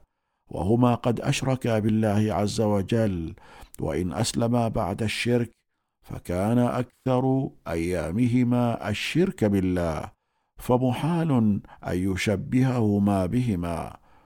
قال يحيى وقد روي أيضا أنهما سيدا كهول أهل الجنة فما تقول فيه؟ فقال عليه السلام وهذا الخبر محال أيضا لأن أهل الجنة كلهم يكونون شبانا ولا يكون فيهم كهل وهذا الخبر وضعه بنو أمية لمضادة الخبر الذي قال رسول الله صلى الله عليه وآله في الحسن والحسين عليهما السلام بأنهما سيدا شباب أهل الجنة. فقال يحيى بن أكثم وروي أن عمر بن الخطاب سراج أهل الجنة فقال عليه السلام وهذا أيضا محال لأن في الجنة ملائكة الله المقربين وآدم ومحمدا وجميع الأنبياء والمرسلين. لا تضيء الجنة بأنوارهم حتى تضيء بنور عمر. فقال يحيى وقد روي أن السكينة تنطق على لسان عمر. فقال عليه السلام لست بمنكر فضل عمر ولكن أبا بكر أفضل من عمر. فقال على رأس المنبر إن لي شيطانا يعتريني فإذا ملت فسددوني. فقال يحيى قد روي إن النبي صلى الله عليه وآله قال لو لم أبعث لبعث عمر. فقال عليه السلام كتاب الله أصدق من هذا الحديث. يقول الله في كتابه واذ اخذنا من النبيين ميثاقهم ومنك ومن نوح فقد اخذ الله ميثاق النبيين فكيف يمكن ان يبدل ميثاقه؟ وكل الانبياء عليهم السلام لم يشركوا بالله طرفه عين فكيف يبعث بالنبوة من أشرك وكان أكثر أيامه مع الشرك بالله؟ وقال رسول الله صلى الله عليه وآله نبئت وآدم بين الروح والجسد. فقال يحيى بن أكثم وقد روي أيضا أن النبي صلى الله عليه وآله قال ما احتبس عني الوحي قط إلا ظننته قد نزل على آل الخطاب. فقال عليه السلام وهذا محال أيضا لأنه لا يجوز أن يشك النبي صلى الله عليه وآله في نبوته. قال الله تعالى الله يصطفي من الملائكة رسلا فكيف يمكن أن ينتقل النبوة ممن اصطفاه الله تعالى إلى من أشرك به؟ قال يحيى روي أن النبي صلى الله عليه وآله قال لو نزل العذاب لما نجا منه إلا عمر. فقال عليه السلام وهذا محال أيضا لأن الله تعالى يقول وما كان الله ليعذبهم وأنت فيهم وما كان الله معذبهم وهم يستغفرون. فأخبر سبحانه أنه لا يعذب أحدا ما دام فيهم رسول الله صلى الله عليه وآله وما داموا يستغفرون. ملاحظات وفوائد. اولا أول ما نلاحظه على هذا المجلس هو أن الأسئلة فيه هو من نوع المفخخات والألغام فإن السائل وهو يحيى بن أكثم مع أننا لا نعتقد أنه كان حريصا جدا على فضائل الخليفة عمر وإنما كان يحيى كما هو معروف من سيرته يبيع بالعملة الرائجة في كل مكان. فهنا أراد إحراج الإمام الجواد عليه السلام في مسألة حساسة فإن شخصية الخليفة عمر لها حساسية خاصة فهو عند مدرسة الخلفاء الشخصية الأولى موقعا وتاثيرا. وإن كانت الثانية بحسب الترتيب الظاهري وهي في نفس الوقت عند الإمامية في الطرف المقابل. فإن أجاب الإمام بتصديق أحاديث الفضائل هذه أخذ كلامه كإقرار واعتراف من أئمة أهل البيت بها وطار بها أتباع تلك المدرسة كل مطار. وإن ردها وكذبها أثار عليه المتحمسون من أتباع المدرسة تلك. بل ربما أوذي على إثر ذلك فهي أسئلة ملغومة لا تفتش عن الحقيقة من السائل ولا ترتب اثرا على الجواب بمعنى أنه عندما يتبين له خطأها سيترك الاعتقاد بها وإنما الغرض منها تفجير المسؤول المجيب من خلال جوابه. ثانيا كانت إجابات الإمام الجواد عليه السلام مدهشة في علميتها وأدبها فهو في نفس الوقت الذي أشار بشكل غير مباشر إلى أنها موضوعة ومكذوبة على رسول الله صلى الله عليه وآله بالتأمل فيما قاله رسول الله من أنه ستكثر عليه الكذابة. وأن من كذب عليه متعمدا فليتبوأ مقعده من النار. أضاف إلى ذلك ردا علميا عليها وبين عوارها وخطأها من خلال عرضها على القرآن والسنة النبوية. فعلم الحاضرين ومن سيصل لهم الحوار والنقاش منهجا في التعامل مع أحاديث الفضائل المنحولة. ثالثا إن الإجابات كانت تركز على نقطتين أساسيتين. الأولى أن هذه الأحاديث المزعومة مخالفة لآيات القرآن الكريم وكأن واضعها لا يعرف تفسير القرآن وآياته فوقع في هذا المطب. وهكذا ما تواتر وعلم من سنة النبي صلى الله عليه وآله. والثانية أنه لا يمكن أن تكون هذه الفضائل لمن قضى أكثر عمره في الشرك بالله عز وجل. رابعا إننا نلاحظ أن طريقة الإمام الجواد هنا هي نفس طريقة أبيه الرضا عليه السلام مع أبي قرة المحدث بل طريقة آبائه مع محاوريهم.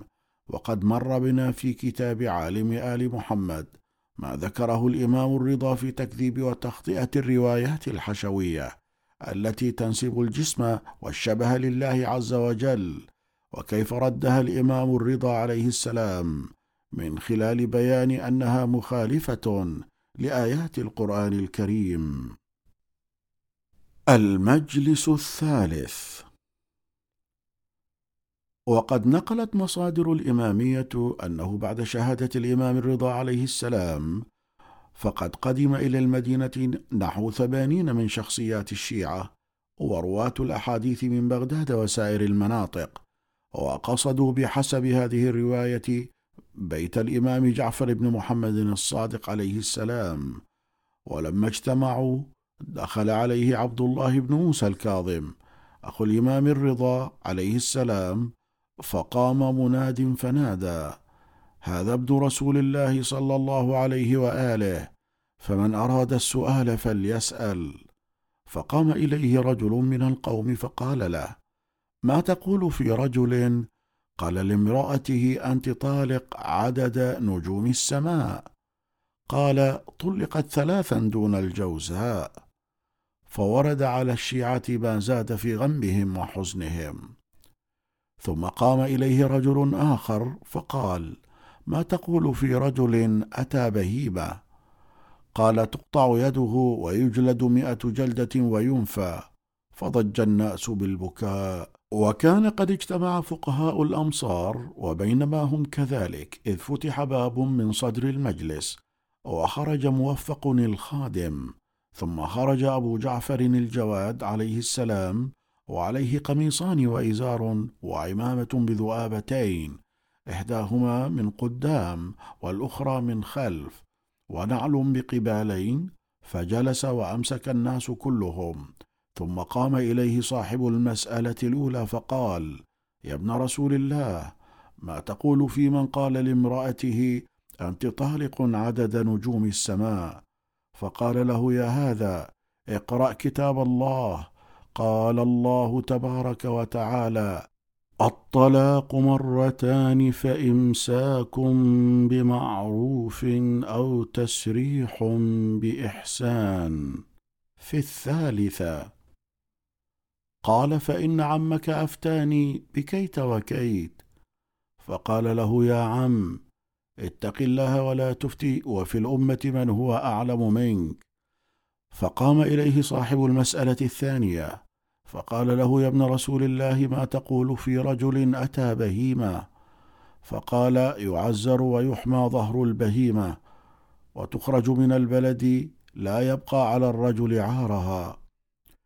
فقال إن عمك أفتاني بكيت وكيت فالتفت وقال باعلى صوته لا إله إلا الله يا عبد الله إنه عظيم عند الله أن تقف غدا بين يدي الله فيقول لك لم أفتيت عبادي بما لا تعلم وفي الأمة من هو أعلم منك؟ فقال له عبد الله بن موسى رأيت أخي الرضا عليه السلام وقد أجاب في هذه المسألة بهذا الجواب.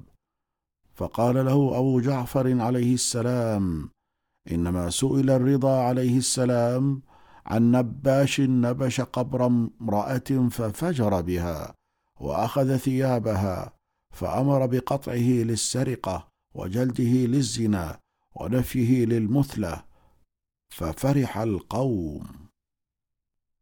ملاحظات وفوائد. اولا إن الإمامية في ذلك الوقت بل قبله قد نضجت عندهم ثقافة الإمامة وما يرتبط بصفات الإمام وكان من ذلك أن علم الشخص بأحكام الدين وآيات القرآن بعد النص عليه هو المقياس الأساس في إمامته لا أنه ابن فلان أو أخو فلان أو بيده السلطة أو غير ذلك. بل كانوا يعتقدون بأن الإمامة بالإضافة إلى أنها نص من الله تعالى فإنها لا تجتمع في أخوين بعد الحسنين كما وردت به الروايات.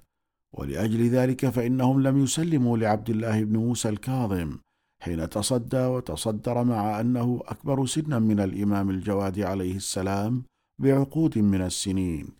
إلا أن ذلك وحده لم يكن ليقنعهم بأن هذا هو الإمام. وحين أجاب بأجوبة هي على خلاف المقاييس التي يعرفها أصحاب الأئمة وتلاميذهم فإنهم حزنوا كثيرا لتصديه لموقع ليس له وهو ما عبرت عنه الرواية بأنهم ضجوا بالبكاء. ثانيا إن أبناء الأئمة عليهم السلام لم يكونوا على مستوى واحد. فمنهم ظالم لنفسه ومنهم مقتصد ومنهم سابق بالخيرات بإذن الله. فكما وجدنا السابق بالخيرات بإذن الله ممثلا في الأئمة المعصومين المنصوص عليهم فقد وجدنا أيضا بينهم المقتصد الهادف والعامل بما عرف من آبائه الكرام كأحمد بن موسى بن جعفر الذي كان على جلالة شأنه وعلو معارفه الدينية مسلما طائعا لأخيه علي بن موسى الرضا ونظيره في الفضل والطاعة وعلو المنزلة علي بن جعفر الصادق الذي سلم بالإمامة والبيعة لابن ابن أخيه محمد الجواد وكان يقول بل أنا له عبد. كذلك وجدنا من يظلم نفسه بادعاء ما ليس له من المنصب بحق فيقدم نفسه على أنه الإمام وهو ليس كذلك لا من جهة التأهيل الشخصي ولا النص الإلهي. ولعل هذه الرواية تشير إلى أن عبد الله بن موسى تصدى لهذا الموقع من غير أن يكون من أهله. وربما يكون تراجع فيما بعد عن هذا ولم يستمر في التصدي ومزاحمة الإمام الشرعي حيث لا نعثر على مواقف تفيد هذا المعنى. المجلس الرابع. وقد حصل هذا المجلس في وقت متأخر من حياة الإمام الجواد عليه السلام وهو في السنتين الأخيرتين من استقدامه وجلبه من المدينة سنة 218 للهجرة بأمر المعتصم العباسي حتى استشهد في سنة 220 للهجرة. وفي هذه الفترة يفترض أن هذا المجلس قد تم عقده وجرى فيه ما جرى وكان من مقدمات اغتيال الإمام عليه السلام بالسم بتحريض ابن أبي داود وتخطيط المعتصم وتنفيذ ابنة أخي المعتصم وهي زوجة الإمام أم الفضل. روى الشيخ محمد بن مسعود العياشي في تفسيره في ذيل الآية المباركة. والسارق والسارقة فاقطعوا أيديهما جزاء بما كسبا نكالا من الله. عن زرقان لعله الزيات محمد بن عبد الله بن سفيان توفي سنة 283 للهجرة وهو صاحب ابن أبي داود قاضي المعتصم والواثق. والمتوفي سنة 240 للهجرة. قال رجع ابن أبي داود ذات يوم من عند المعتصم وهو مغتم. فقلت له في ذلك فقال وددت اليوم أني قد مت منذ عشرين سنة. قال قلت له ولم ذاك؟ قال لما كان من هذا الأسود أبا جعفر محمد بن علي بن موسى اليوم. بين يدي أمير المؤمنين المعتصم. قال قلت له وكيف كان ذلك؟ قال إن سارقا أقر على نفسه بالسرقة وسأل الخليفة تطهيره بإقامة الحد عليه. فجمع لذلك الفقهاء في مجلسه وقد أحضر محمد بن علي فسألنا عن القطع في أي موضع يجب أن يقطع. قال فقلت من الكرسوع. قال وما الحجة في ذلك؟ قال قلت له لأن اليد هي الأصابع والكف إلى الكرسوع لقول الله في التيمم فامسحوا بوجوهكم وأيديكم. واتفق معي على ذلك القوم. وقال آخرون بل يجب القطع من المرفق. قال وما الدليل على ذلك؟ قالوا لأن الله لما قال وأيديكم إلى المرافق في الغسل دل ذلك على أن حد اليد هو المرفق. قال فالتفت إلى محمد بن علي فقال ما تقول في هذا يا أبا جعفر؟ فقال قد تكلم القوم فيه يا أمير المؤمنين. قال دعني مما تكلموا به أي شيء عندك؟ قال اعفني عن هذا يا أمير المؤمنين. قال أقسمت عليك بالله لما أخبرت بما عندك فيه. فقال أما إذا أقسمت علي بالله إني أقول إنهم أخطأوا فيه السنة فإن القطع يجب أن يكون من مفصل أصول الأصابع فيترك الكف. قال وما الحجة في ذلك؟ قال قول رسول الله صلى الله عليه وآله السجود على سبعة أعضاء. الوجه واليدين والركبتين والرجلين فإذا قطعت يده من الكرسوع أو المرفق لم يبق له يد يسجد عليها. وقال الله تعالى وأن المساجد لله يعني بهذه الأعضاء السبعة التي يسجد عليها فلا تدعوا مع الله أحدا. وما كان لله لم يقطع. قال فأعجب المعتصم بذلك وأمر بقطع يد السارق من مفصل الأصابع دون الكاف. قال ابن أبي داود قامت قيامتي وتمنيت أني لم أك حيا. قال زرقان إن أبي داود قال صرت إلى المعتصم بعد ثلاثة أيام فقلت إن نصيحة أمير المؤمنين علي واجبة وأنا أكلمه بما أعلم أني أدخل به النار. قال وما هو؟ قلت إذا جمع أمير المؤمنين من مجلسه فقهاء رعيته وعلمائهم لأمر واقع من أمور الدين فسألهم عن الحكم فيه فأخبروه بما عندهم من الحكم في ذلك وقد حضر المجلس أهل بيته وقواده ووزراؤه وكتابه وقد تسامع الناس بذلك من وراء بابه ثم يترك أقاويلهم كلهم لقول رجل يقول شطر هذه الأمة بإمامته ويدعون أنه أولى منه بمقامه ثم يحكم بحكمه دون حكم الفقهاء.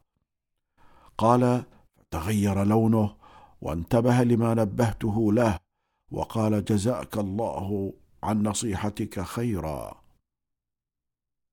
فوائد وملاحظات. اولا تجسد الرواية السابقة أصدق تجسيد شخصية علماء السلاطين وفقهاء البلاط. فلو أردنا صورة تفصيلية كاملة لهم لما وجدنا أفضل منها. حيث يتمادى الإنسان في حب الدنيا وعبادة الطاغوت ويكون كشارب ماء البحر. كلما ازداد منه زاد عطشا حتى يرد الهاوية. ولهذا حذر أئمة الهدى عليهم السلام العلماء والفقهاء من اللجوء إلى سلاطين الدنيا فهم بالإضافة إلى تحاقدهم فيما بينهم وتآمر بعضهم على البعض الآخر وقفز تاليهم على كتف أولهم وهكذا ويا ليت أن الأمر يتحدد بهذا المقدار. بل يضيع هؤلاء البوصلة والاتجاه حتى يصلوا إلى التعدي على عباد الله بل أولياء الله من أجل أن يبقوا في مناصبهم. وهم يعلمون أن عملهم هذا نتيجته النار وسوء القرار. ولكن لا يمتلكون بعدما أدمنوا الدنيا إرادة العودة والتوبة. فترى هذا القاضي يصرح بأنه يعلم بأن سعيه ذاك وتحريضه المعتصم على الإمام الجواد يدخله النار ولكنه مع ذلك يسير فيه.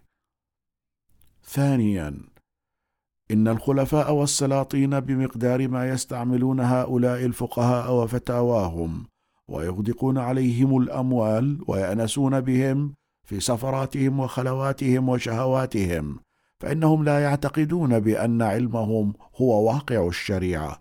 ولذلك فإن مثل المعتصم عندما سمع الإمام يقول له بأن القوم قد تكلموا في الموضوع أجابه دعني مما تكلموا به أي شيء عندك.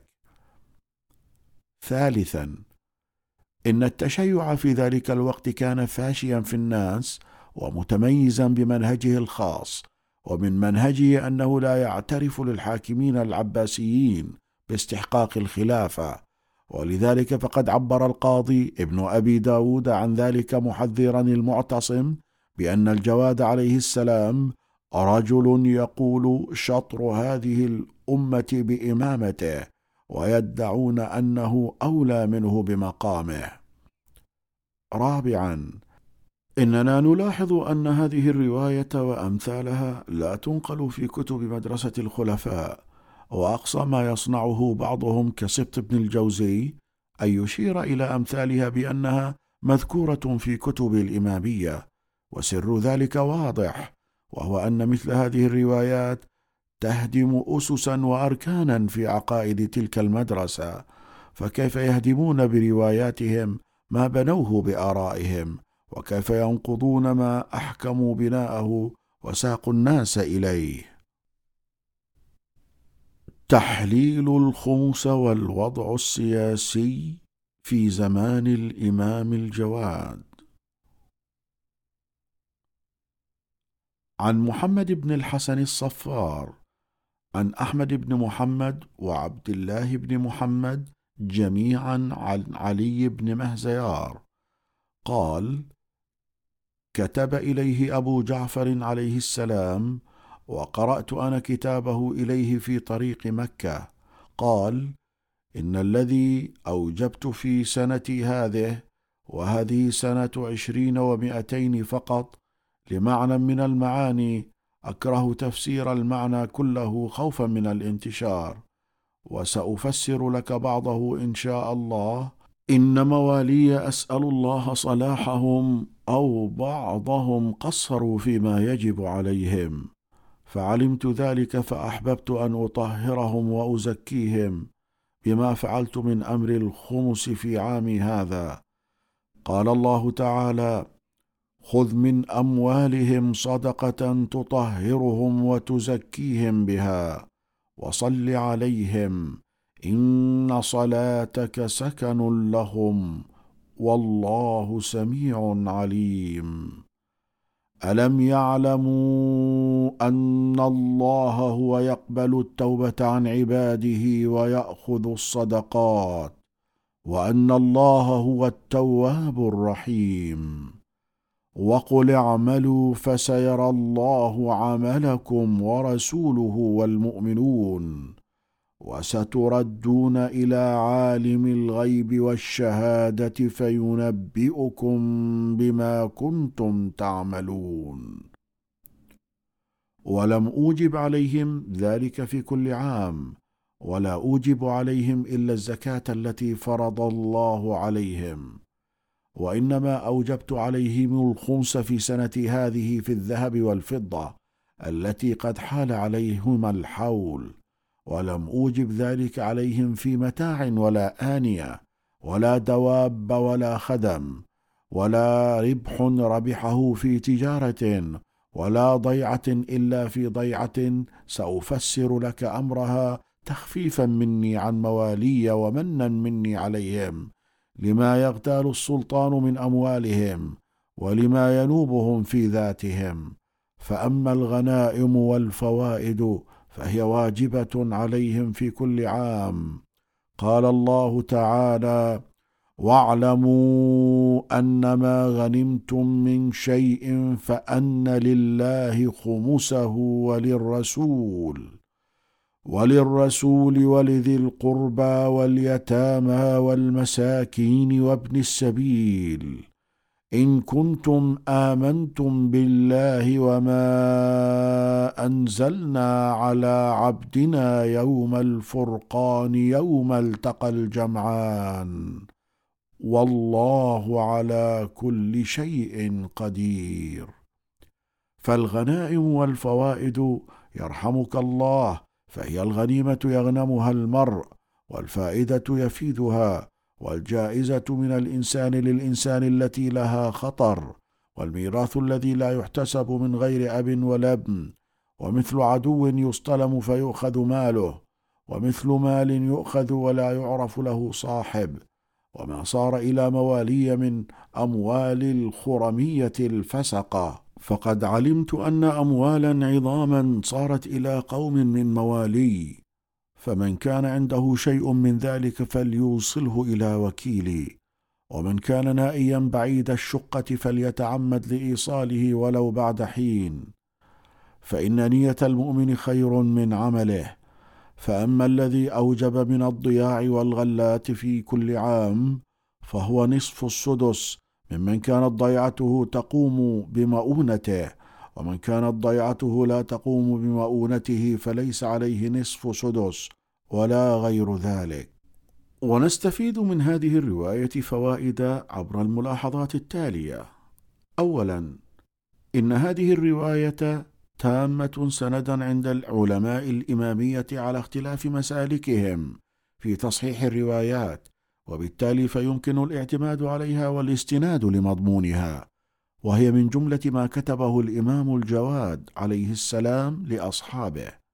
ثانيا إن تاريخ الرسالة يتوافق مع آخر سنة في حياة الإمام الجواد عليه السلام وهي سنة 220 للهجرة وفيها التخفيف على شيعته وإعفاؤهم من دفع الخمس الواجب عليهم في كل ما كسبوه عدا ما يرتبط بالذهب والفضة وكان ذلك كما قال تخفيفا مني عن موالي ومنا مني عليهم لما يغتال السلطان من أموالهم ولما ينوبهم في ذاتهم. فالإمام عليه السلام وهو يستشعر حاجة الناس وضيق ذات يدهم الناتج من تسلط الحاكمين فيخفف عليهم في تلك السنة وهي التي ستكون آخر سنوات حياته.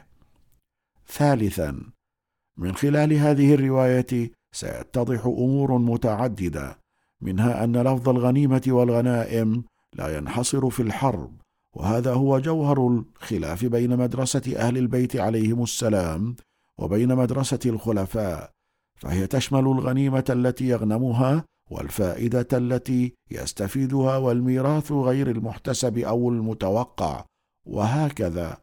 وقد قرن الغنائم والفوائد في جملة واحدة واستدل عليهما بآية واعلموا أن ما غنمتم من شيء فأن لله خمسة ومنها سيثبت أيضا أن الخمس في أرباح المكاسب كان سيرة جارية بين الشيعة الذين يؤدونه إلى أئمتهم بشكل مستمر وللإمام الجواد منذ إمامته قبل نحو ستة عشر عاما حتى إذا جاءت هذه السنة 220 للهجرة خفف عليهم فلم يأمرهم بأدائه إليه. ومعنى هذا التخفيف والتوقف بالتالي كونه سيرة مستمرة سابقة. ومنه يكتشف أن ما يقال من أن الأئمة لم يكونوا يقبضون الخمس أو يطلبونه ليس صحيحا بل إنه يؤكد في هذا على أن من كان عنده شيء من ذلك فليوصله إلى وكيله ومن كان نائيا بعيد الشقة فليتعمد لإيصاله ولو بعد حين. ولينوي إيصاله ويخطط له فإن نية المؤمن خير من عمله. وبمناسبة الحديث عن ضيق وضع الشيعة في زمان الإمام الجواد سنعرض إلى نقل صورة مختصرة عن وضع الإمام السياسي وشيعته في زمانه في نقاط. الأولى أن الإمام الجواد عندما آلت إليه الإمامة كان في زمان المأمون العباسي الذي تولى الحكم سنة 198 إلى 218 للهجرة. وقد مارس المأمون دورا مزدوجا شديد التعقيد مما جعل حقيقة شخصيته خافية على الكثير. وقد ذكرنا جانبا من ذلك في كتابنا عن الإمام الرضا عليه السلام.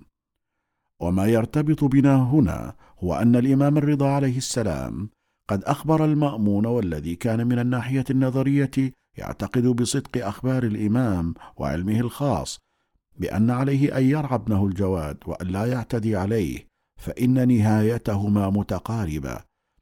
ومتى ما انتهى عمر الجواد سينتهي عمر المأمون. وبالتالي فإذا كان يريد البقاء على قيد الحياة ويستمر فيها فليحذر إنهاء حياة الإمام الجواد. ولا ريب أن المأمون وأمثاله من الحاكمين يهمهم جدا طول عمرهم واستمرار بقائهم. ومن جهة أخرى فإنه لما تبين له من صدق معارف الإمام الرضا عليه السلام كان يعتقد أو لا أقل يظن بصدقه. ونحتمل أن هذا كان دافعا له لكي لا يقوم بقتل الإمام الجواد أو أنه اكتفى بقتل أبيه الرضا عليه السلام. فمرت الأمور هادئة في زمان المأمون لا سيما وأنه قد ظهر له وعلى الملأ فضل الإمام الجواد. في مناظراته المختلفة ومناقشاته العلمية وكان المأمون بواسطتها يكسر من غلواء الخط العباسي المعادي له شخصيا والذي كان يناصر أخاه الأمين سابقا. بل عقد له على ابنته زينب أم الفضل في المجلس الأول المشهور الذي مر ذكره في صفحات سابقة بعدما أفحم يحيى بن أكثم القاضي ومن وراءه. وإن كنا نعتقد أن الإمام عليه السلام قبل بذلك مجاراة له وربما نتعرض لبعض ذلك في الحياة الأسرية له. ساعد على ذلك أن المأمون كان مقتنعا بالتوجهات العقلية في الإسلام ويحسب على التيار المعتزلي في آرائه وقد أحاط نفسه بعدد من العلماء الذين عرف عنهم الفكر الاعتزالي. ولا شك أن الجوامع المشتركة بين المدرسة العقدية لأهل البيت والأخرى الاعتزالية كثيرة لو استثنينا موضوع الإمامة وما يتصل به فكان كل نصر يتحقق للإمامية في هذا يمكن للمأمون أن يضمه إلى حسابه سواء في مباحث التوحيد والعدل أو حتى في الفضائل وقضايا الآخرة. الثانية يضاف إلى ذلك أن الإمام الجواد عليه السلام رجع سريعا إلى المدينة المنورة وبقي فيها من حوالي سنة 205 للهجرة إلى عشر سنوات تلتها فلم يأتي إلى بغداد وبالتالي كان في خارج دائرة الضوء ومنطقة الصراع السياسي في بغداد وهذا مكنه من ممارسة أدواره التبليغية والإرشادية ونشر علوم آبائه وتربية تلاميذه وتلاميذ أبيه الرضا. ولعل من الملفت للنظر أننا نجد أن الرواة عن الإمام والتلامذة له بلغ عددهم مئة وثلاثة وتسعين راويا كما عدهم الشبستري. ولمعرفة الجهد العلمي الذي بذله الإمام الجواد عليه السلام في المدينة المنورة يكفي مراجعة كتاب مسند الإمام الجواد للشيخ العطاردي. وقد انتهت هذه المرحلة بموت عبد الله المأمون العباسي سنة 218 للهجرة لتبدأ بعدها مرحلة شديدة زمان أخيه محمد المعتصم العباسي بن هارون الذي تولى الحكم من سنة 218 إلى 227 للهجرة. وهي متأثرة إلى حد كبير بشخصية المعتصم نفسه. الذي كان كما مر في صفحات سابقة لا يحب العلم ولا يقدر أصحابه. وبالتالي فإن الإمام الجواد بالنسبة له لا يمثل شخصا مهما بل إنه يصنف على أعدائه لما كان يعيشه العباسيون من هاجس المنافسة بينهم وبين الطالبيين. الأمر الذي كان يؤججه حصول ثورات من أحفاد آل أبي طالب حسنيين وحسينيين. وهو لا يرى الإمام الجواد إلا ضمن هذا الإطار وزاد الطين بلة وجود قضاة وعلماء سيئين لديه يحرضونه على الإمام وشيعته كأحمد بن أبي داود فبالرغم من سوء يحيى بن أكثم ونظرائه من القضاة إلا أن سوءه لم يبلغ مرحلة تحريض الحاكم على عالم من علماء أهل البيت فأقصى ما كان يقوم به مثل يحيى هو محاولة إحراج الإمام بأسئلة صعبة في رأيه. لكن هذا الوافد الجديد إلى بلاط المعتصم وهو أحمد بن أبي داود الأيادي والذي سبقت ترجمته تجاوز هذا المقدار ليحرض المعتصم على الإمام الجواد مشيرا عليه كذبا بأن لديه القوة الكافية والنية للانقلاب عليه. كما زعم حيث أنه يقول بإمامته شطر الأمة ونصفها. الثالثة إننا نلحظ أن المعتصم العباسي لم يصبر على وجود الإمام وبقائه في المدينة فاستجلبه إلى بغداد في نفس السنة التي تولى فيها الحكم في التاسع عشر من رجب سنة 218 للهجرة ثم لم يصبر على بقاء الإمام فقام باغتياله بالسم في نهاية سنة 220 للهجرة وبقرينة أن الإمام عليه السلام قد حج في تلك السنة فنحن نحتمل أن قدومه إلى بغداد مكرها كان في بدايات سنة 200 وتسعة عشر للهجرة باعتبار أن المعتصم العباسي قد تولى الحكم بعد موت المأمون في رجب سنة 218 للهجرة. هذا بناء على أن إخراج الإمام من المدينة إلى بغداد كان مرة واحدة غير أن هناك رواية ينقلها الكليني في الكافي تفيد بأنه عليه السلام استجلب مرتين إلى بغداد وأنه أخبر بعض أصحابه بأن الخروج الأول لا خوف عليه وإنما الاستجلاب الثاني هو الذي يخاف عليه منه. وقد أرخت السفرة الثانية بأنه قد وصل بغداد في الثامن والعشرين من محرم سنة 220 للهجرة وأبقي فيها إلى أن سمه المعتصم بالتعاون مع زوجته أم الفضل بنت المأمون بنت أخي المعتصم. وتنقل بعض الحوادث بشكل غير مرتب في هاتين السفرتين ولكنها تشير إلى طبيعة المعتصم العباسي وعلاقته التآمرية المتشنجة مع الإمام الجواد وأنه كان سينتهي في هذه المسيرة إلى التخلص من الإمام. وقد نقل ابن حمزة الطوسي في ثاقب المناقب عن ابن أرومة قال إن المعتصم دعا جماعة من وزرائه وقال اشهدوا لي على محمد بن علي بن موسى الرضا زورا واكتبوا بأنه أراد أن يخرج. ثم دعاه فقال إنك أردت أن تخرج علي. فقال الإمام والله ما فعلت شيئا من ذلك. قال إن فلانا وفلانا شهدوا عليك وأحضروا فقالوا نعم هذه الكتب أخذناها من بعض غلمانك. قال وكان جالسا في باهو فرفع أبو جعفر عليه السلام يده وقال اللهم إنهم كانوا كذبوا علي فخذهم. قال فنظرنا إلى ذلك الباهو يرجف ويذهب ويجيء وكلما قام واحد وقع. فقال المعتصم يا ابن رسول الله تبت مما قلت فادع ربك أن يسكنه. فقال اللهم سكن وإنك تعلم بأنهم أعداؤك وأعدائي. وبالرغم من أن هذه الرواية وأمثالها تنقل في باب الكرامات والمعاجز ان مقدمتها تشير إلى ما نحن بصدده من تآمر المعتصم العباسي ووزرائه على الإمام عليه السلام وترتيب المبررات من أجل القضاء عليه.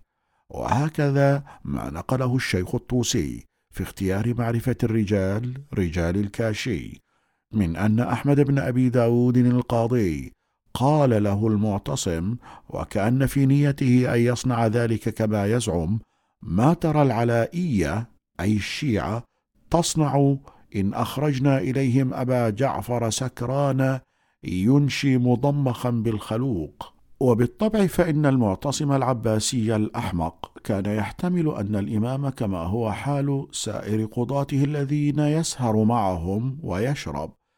فهذا يلبس عمة وذاك يلبسها وهذا ما يشير إلى جهله الذي سبق أن أشرنا إليه.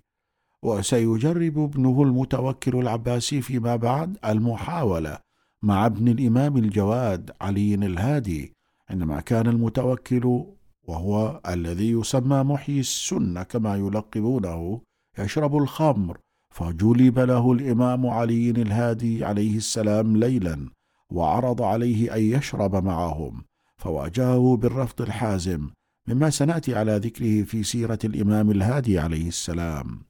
إن دين هؤلاء من خليفة ظالم وقاض مرتزق. هو هكذا للاستهلاك العام. أما الالتزام بأحكام الدين والفضيلة فليس إلا شعارات لخطب الجمعة والأعياد. ولعل ما ينسب إلى دعبل بن علي الخزاعي في ذم المعتصم يشير إلى موقف كثير من شيعة أهل البيت عليهم السلام من في قوله عن ملوك بني العباس في الكتب سبعة ولم يأتنا عن ثامن لهم كتب. كذلك أهل الكهف في الكهف سبعة كرام. إذا عدوا وثامنهم كلب وإني وإني لأعلي كلبهم عنك رفعة لأنك ذو ذنب وليس له ذنب. فإذا كان موقف المعتصم من دعبل الخزاعي هكذا وأنه أمر بقتله لكن دعبلا هرب واختفى مدة من الزمان وموقفه من الإمام هو بتلك الصورة فمن الطبيعي أن يكون تجاه عامة الشيعة سيئا وعدوانيا ولعل هذا ما يشير إليه الإمام الجواد في كتابه الذي رواه علي بن مهزيار. وأنه قد خفف الإمام عنهم موضوع الخمس في سنة 220 للهجرة. وفيه إشارة إلى ما ينوبهم من جهة السلطان وهو في أحد معانيه يحتمل أن يكون هناك تعديات مالية ومصادرات بغير حق للأملاك من جهة السلطة الفاسدة. فكان أن خفف الإمام عليهم الأعباء المالية ودفع الخمس. ونحن إلى الآن نرى أن موقف السلطات في كثير من الأماكن من دفع المؤمنين الخمس للمرجعية الدينية مشوب بالشك والممانعة بل ربما يجر إلى العقوبة والمصادرة. هذا مع أن المرجعيات الدينية ووكلاءها لا يحسبون أنفسهم بديلا أو منافسا للحاكمين ولا الحاكمون يرون ذلك. فكيف كان الأمر في زمان الإمام عليه السلام؟ حيث كان الحاكمون يعيشون القلق والترقب من حصول أو تنامي قوة الإمام وشيعته. كانت مواقف المعتصم العباسي تمهيدا لاغتيال الإمام محمد الجواد عليه السلام بالسم وسيأتي شيء من ذلك عند الحديث عن حياته الأسرية عليه السلام. ومما تقدم يعلم أن ما قاله الذهبي من أنه قد وفد على المعتصم فأكرمه وأجله بعيد عن الحقيقة بعد المشرق عن المغرب. فإنه عليه السلام لم يفد. وإنما أشخص واستجلب كرها من مدينة جده عليه السلام وهو على غير رغبته. وقد أخبر بعض أصحابه أنه يخشى عليه في هذه السفرة الثانية بخلاف الأولى. وأما إكرامه وإجلاله فشاهده ما صنع معه من ترتيب شهود كذبة على أنه يخطط لانقلاب عليه. ولولا أنه استعان بقدرة الله لكشف كذبهم وظهور الكرامة على يديه لأعلن على الملأ أنه متآمر على الخليفة أمير المؤمنين. وأين الإكرام؟ وهو يفكر لو كان له فكر بأن يجعل الإمام عليه السلام وحاشاه من ذلك. يشرب حتى يسكر وينتشي ثم يخرج مطمخا بالخلوق والزعفران كما يفعل الخليفة وندماؤه. وهكذا في قوله إنه توفي شابا طريا له خمس وعشرون سنة. توفي هكذا مع ذكر الكثير عنه أنه سم بواسطة جهاز الخلافة العباسية. نعم هي شنشنة نعرفها من أخزم. وهل كان ينتظر من الذهبي غير ذلك؟ الحياة الأسرية للإمام الجواد عليه السلام. بالرغم مما يكتنف الحياة الأسرية للأئمة بل لعامة الناس من غموض أو عدم إمكانية الاطلاع على التفاصيل وهذا ما تقتضيه طبيعة هذه الحياة. إلا أننا سوف نحاول الدخول إلى هذا الحريم الطاهر لنستوضح بعض الأمور. مثل زواجه بجارية مغربية يقال لها السيدة سمانة ويعبر عنها في الكتب بأنها أم ولد فقد يتم التساؤل عن سبب ذلك. وكذلك قد يتساءل المرء عن سبب زواجه بأم الفضل بنت المأمون التي دست له السم في سنة 220 للهجرة. فلماذا يتزوج من هي هكذا؟ وكذلك سيتم الحديث عن أولاده ذكورا وإناثا. أما بالنسبة إلى زواجه من السيدة سمانة المغربية فالرواية من طريق الإمامية تقول إن أبا جعفر الجواد عليه السلام قد دعا أحد أصحابه وأخبره أن قافلة فيها رقيق قد قدمت وأن فيها جارية بكذا من الأوصاف وأعطاه ثمنها ليشتريها وهي التي ستكون أم أولاده علي الهادي وموسى المبرقع وبناته وهي التي وصفها الإمام الهادي عليه السلام بقوله أمي عارفة بحقي وهي من أهل الجنة ما يقربها شيطان مريد ولا ينالها كيد جبار عنيد وهي مكلوءة بعين الله التي لا تنام. ولا تتخلف عن أمهات الصديقين والصالحين. وقد ذكرنا في أكثر من موضع فلسفة نكاح المعصومين بالجواري بل لاحظنا أن أكثر الأئمة عليهم السلام بدءا من الإمام جعفر الصادق وانتهاء بالإمام الحسن العسكري كانت زوجاتهم جواري وأمهات أولاد وبالتالي كانت أمهات الأئمة من هذا الصنف. فأم الإمام موسى الكاظم أم ولد اسمها حميدة وأم الإمام علي الرضا أم ولد اسمها تكتم وأم الإمام محمد الجواد أم ولد اسمها سبيكة وأم الإمام علي الهادي أم ولد اسمها سمانة وأم الإمام الحسن العسكري أم ولد اسمها سوسن وأم الإمام المهدي أم ولد اسمها نرجس.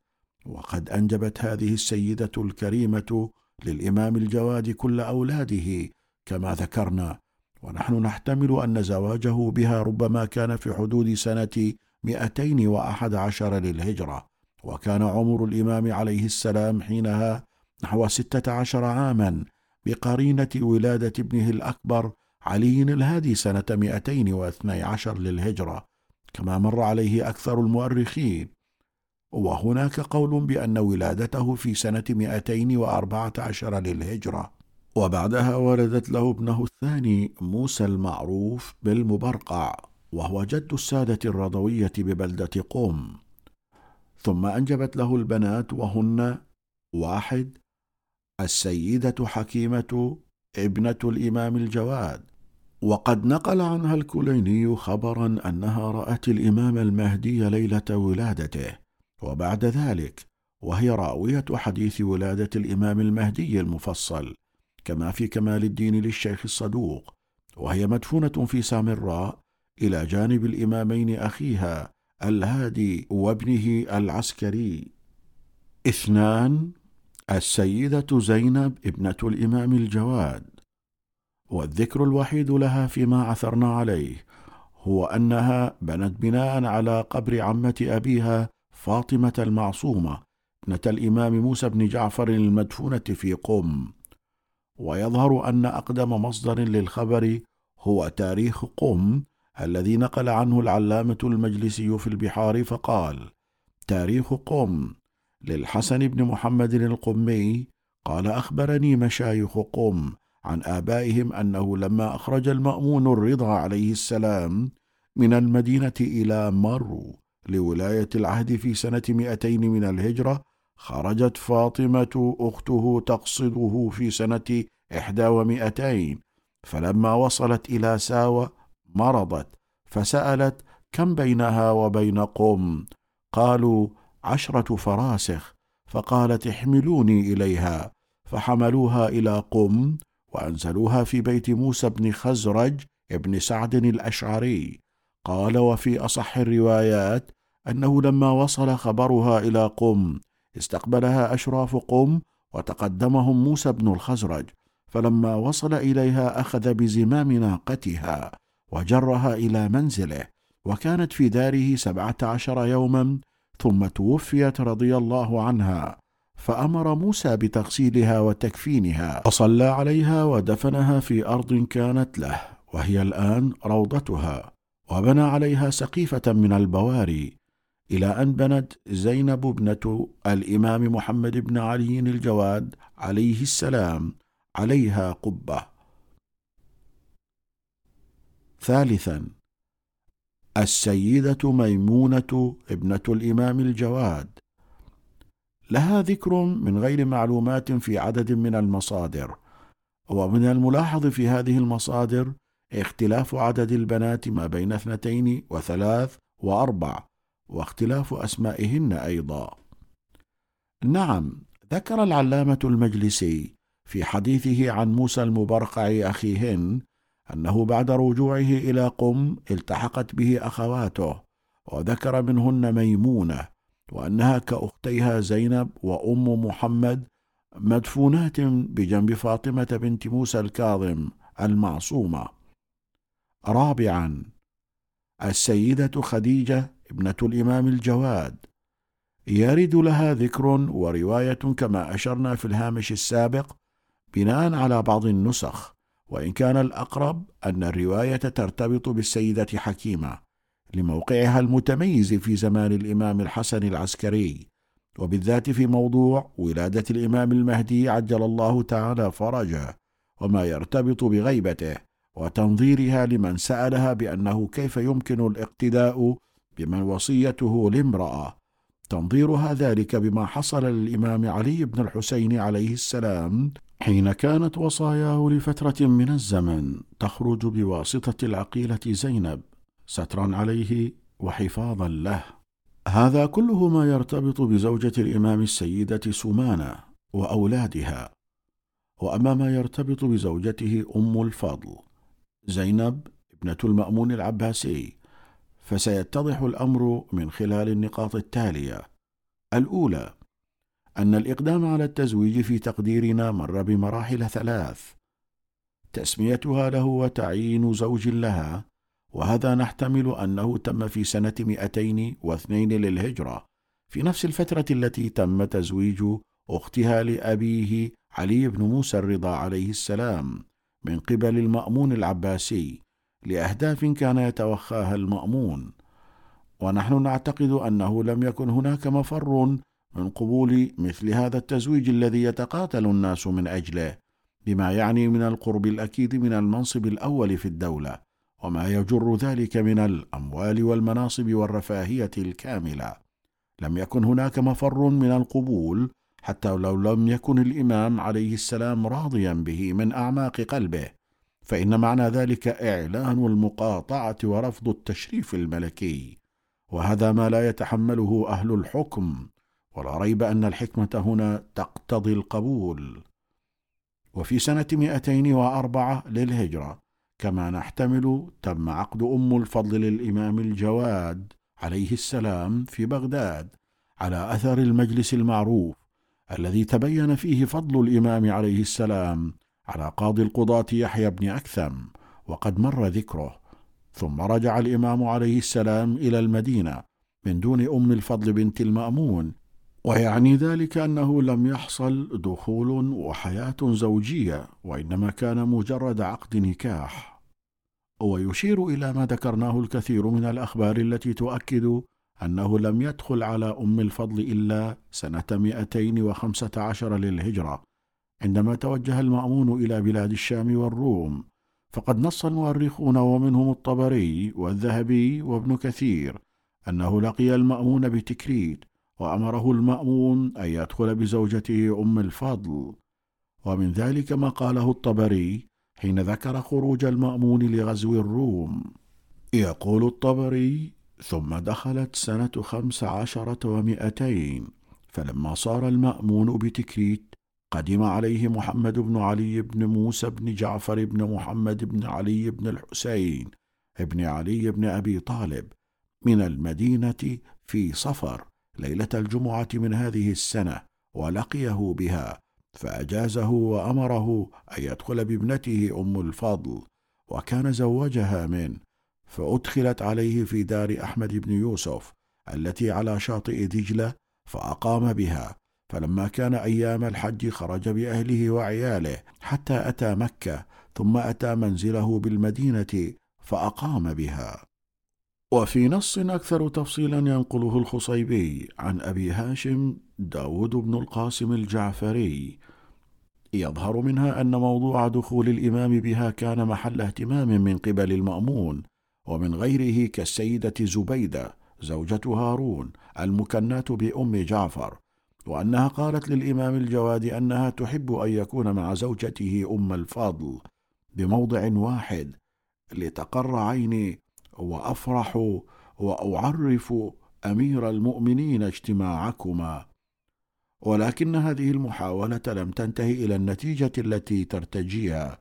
حيث يظهر أن أم الفضل طرقتها الدورة الشهرية في الوقت الذي كان مقررا أن يجتمع إليها الإمام عليه السلام. وبعد قضاء مدة في بغداد رجع الإمام الجواد بأم الفضل إلى المدينة وكان الإمام خلال هذه المدة كما نقلنا آنفا قد تزوج منذ أكثر من أربع سنوات بسمانة وأنجب منها على الأقل ولديه الإمام الهادي وموسى المبرقع. وكان من الطبيعي بالنسبة إلى مثل أم الفضل ألا ترتاح إلى الحياة العادية الأقرب إلى الزهد والهدوء وهي التي عاشت حياة الترف والضجيج في القصور الملكية في بغداد. فكانت دائمة التشكي من هذه الحياة وكانت تراسل أباها بأن الإمام يتسرع عليها ويغيظها. هذا بالرغم من أنه لم يعهد في حياة الإمام الجواد عليه السلام. كثرة الجواري أو ما شابه ونحتمل أن هذا المبرر كانت تسوقه أم الفضل لكي يأذن لها أبوها بالرجوع إلى بغداد. لا سيما أن شعورها ذلك كان من الطبيعي أن ينعكس على تعاملها مع الإمام عليه السلام. وشتان بين ما كانت عليه هذه من الصفات وبين سمانة التي تقدم ذكرها وذكر ما وصفت به. ورفض أبوها المأمون مبرراتها المعلنة تلك بالقول إنه لم نزوجك به لنحرم عليه الحلال وبقي الحال هكذا إلى أن توفي أبوها. ومن الملفت للنظر وهو مشابه لحال الكثيرات ممن كان زواجهن بالأئمة عليهم السلام من خارج الدائرة الملتزمة والمتفانية أنهن لم ينجبن من الأئمة أي مولود. فهذا الإمام الجواد عليه السلام يفترض بقاؤه في بغداد من نهايات محرم سنة 215 للهجرة إلى قبيل وقت الحج ولنفترض أنهم يتجهزون له قبل شهرين يعني أنه كان معها مدة تسعة أشهر وكلاهما شابان ولا مانع يمنع من الحمل سوى إرادة الله سبحانه وتعالى. فلم يحصل لا في هذه الفترة ولا في الفترة التالية التي ستكون فيها في المدينة معه إلى حوالي سنة 218 للهجرة حين استدعاهما المعتصم إلى بغداد. هناك تفسير لهذا الأمر؟ مع أنه أنجب خلال هذه الفترة بعد الولدين علي وموسى. عددا من البنات تقدم ذكرهن من مملوكته الفاضلة سمانة. الثانية أن ما ذكره بعضهم من أن الإمام عليا الهادي أمه أم الفضل خاطئ جزما وكذلك ما ذكره آخرون من أنه يحتمل أو يقال فلا سبيل لقبوله بعد ملاحظة ما قدمناه من الكلمات ومنها أن دخول الإمام الجواد بها وزفافها إليه كان بعد سنة 215 للهجرة. بينما ولادة الإمام الهادي عليه السلام كانت في سنة 212 للهجرة على الصحيح بل حتى على القول الآخر من أن ولادته كانت في سنة 214 للهجرة. اغتيال الإمام الجواد في خلافة المعتصم العباسي. بينما يقوم مؤرخ ومحدث الاتجاه الرسمي والسلطوي في المسلمين بالتعمية على عملية الاغتيال بالسم التي تعرض لها الإمام عليه السلام في خلافة المعتصم العباسي فإنهم لا يقدمون ولا يستطيعون تقديم مبرر معقول لموت شاب طري كما يقول عنه الذهبي في ذلك العمر المبكر وهو خمس وعشرون سنة. ولم يكن الإمام الجواد من الشخصيات التي يمكن المرور عنها بتجاهل تام بل لا بد من ذكره في كتب الرجال والتاريخ والحديث. فماذا يصنع هؤلاء؟ يتحدثون عنه على أنه توفي أو قضى. وإذا أراد أحدهم الا يخذل ضميره أضاف إلى ذلك قوله ويقال أنه سم إلا أن مصادر الإمامية وبعض مصادر مدرسة الخلفاء تشير إلى أن وفاته لم تكن طبيعية وإنما بفعل فاعل. وأسهل طريقة كانت متبعة لدى العباسيين وأخفاها هي التسميم. وقد تحدثنا في كتابنا كاظم الغيظ كيف أن هذه الطريقة والوسيلة استخدمها العباسيون لاغتيال خصومهم بل أحيانا منافسيهم في نفس العائلة. من رجال ونساء. ولم نطلع تاريخيا أيام العباسيين على حالة تم فيها الفحص على المتوفى وكشف سبب وفاته. وإنما كانت تطوى القضية وتسجل على أنها وفاة طبيعية إلا ما نقل في شأن الإمام موسى بن جعفر عليه السلام. وهذا لم يكن من طرف السلطة وإنما هو بطلب من أحد أصحاب الإمام عليه السلام. وأما غير هذه الحالة فلم نعثر على إجراء ولو شكلي بأن يكلف طبيب أو أطباء لكشف سبب الموت. ولا سيما بالنسبة للإمام الجواد عليه السلام حيث قضي عليه وهو في عنفوان شبابه ابن خمس وعشرين سنة. وهو إلى ذلك صهر الخليفة السابق المأمون فتكتسب القضية زخما إضافيا لكن كل ذلك لم يكن نافعا ما دام المتهم هو من داخل الجهاز الحاكم. ونعتقد أن هناك أربعة أشخاص على الأقل تشاركوا في مؤامرة الاغتيال للإمام بدرجات متفاوتة من حيث التحريض والتخطيط والتنفيذ. الأول القاضي أحمد بن أبي داود الأيادي وقد مر الكلام عنه فيما مضى من الصفحات وكيف أشار على المعتصم مدفوعا بحسده للإمام واستكباره عن أن يشار إليه بأنه أخطأ الحكم الشرعي الصحيح فكان هذا دافعا له لتحريض المعتصم الذي كان بدوره يريد التخلص من الإمام وجاء هذا التحريض ليوفر له المبرر والدافع. الثاني أم الفضل زوجة الإمام عليه السلام. التي نحتمل أنها ما كانت راغبة في هذه الزيجة أو منسجمة معها كما ذكرنا ذلك في فصل الحياة الأسرية. وقد علل بعض المؤلفين تآمرها عليه بحسدها لسمانة التي كانت مقربة من الإمام ومنجبة له جميع أولاده وغيرتها منها فانتقبت بهذه الطريقة. ونحن وإن لم نقبل هذا التعليل إلا بكون واحدا من الأسباب الشخصية. لكننا نقبل ما نقلوه من دور لها في عملية التسميم والاغتيال. وقد حدث مثله كثيرا في التاريخ ويستغل بعض المغامرين الزوجة المنحرفة عن زوجها أو صاحبة المشاكل معه لتنفذ لهم ما لا يستطيعونه. أو قد تلتقي الرغبتان رغبة من الزوجة تنشأ من مشاكل شخصية وحسد وأحقاد مع رغبة سياسية من حاكم سيوفر للزوجة ما تتصوره من الحماية وأنها لن تطالها العقوبة فتقوم بذلك العمل. الثالث جعفر بن المأمون وهو الذي كان ينتظر الخلافة بعد أبيه المأمون لكن أباه عدل بها عنه إلى عمه المعتصم كما قالوا لأن هذا الأخير ضمن شخصيته العسكرية كان أنسب للخلافة التي كانت تواجه حركة بابك الخرمي المهددة لبقاء الدولة من الداخل وهجمات الروم من الخارج. وأظن أن نظرة خاطفة لما نقل عن حياته العابثة تكفي ليصرف أبوه النظر عن استخلافه. ومع ذلك فمن الطبيعي أن هذا يبقى طامحا لأن يكون وليا للعهد وبالتالي خليفة بعد عمه المعتصم. فحاول الانسجام التام معه في خططه لكي يثق به ويوليه.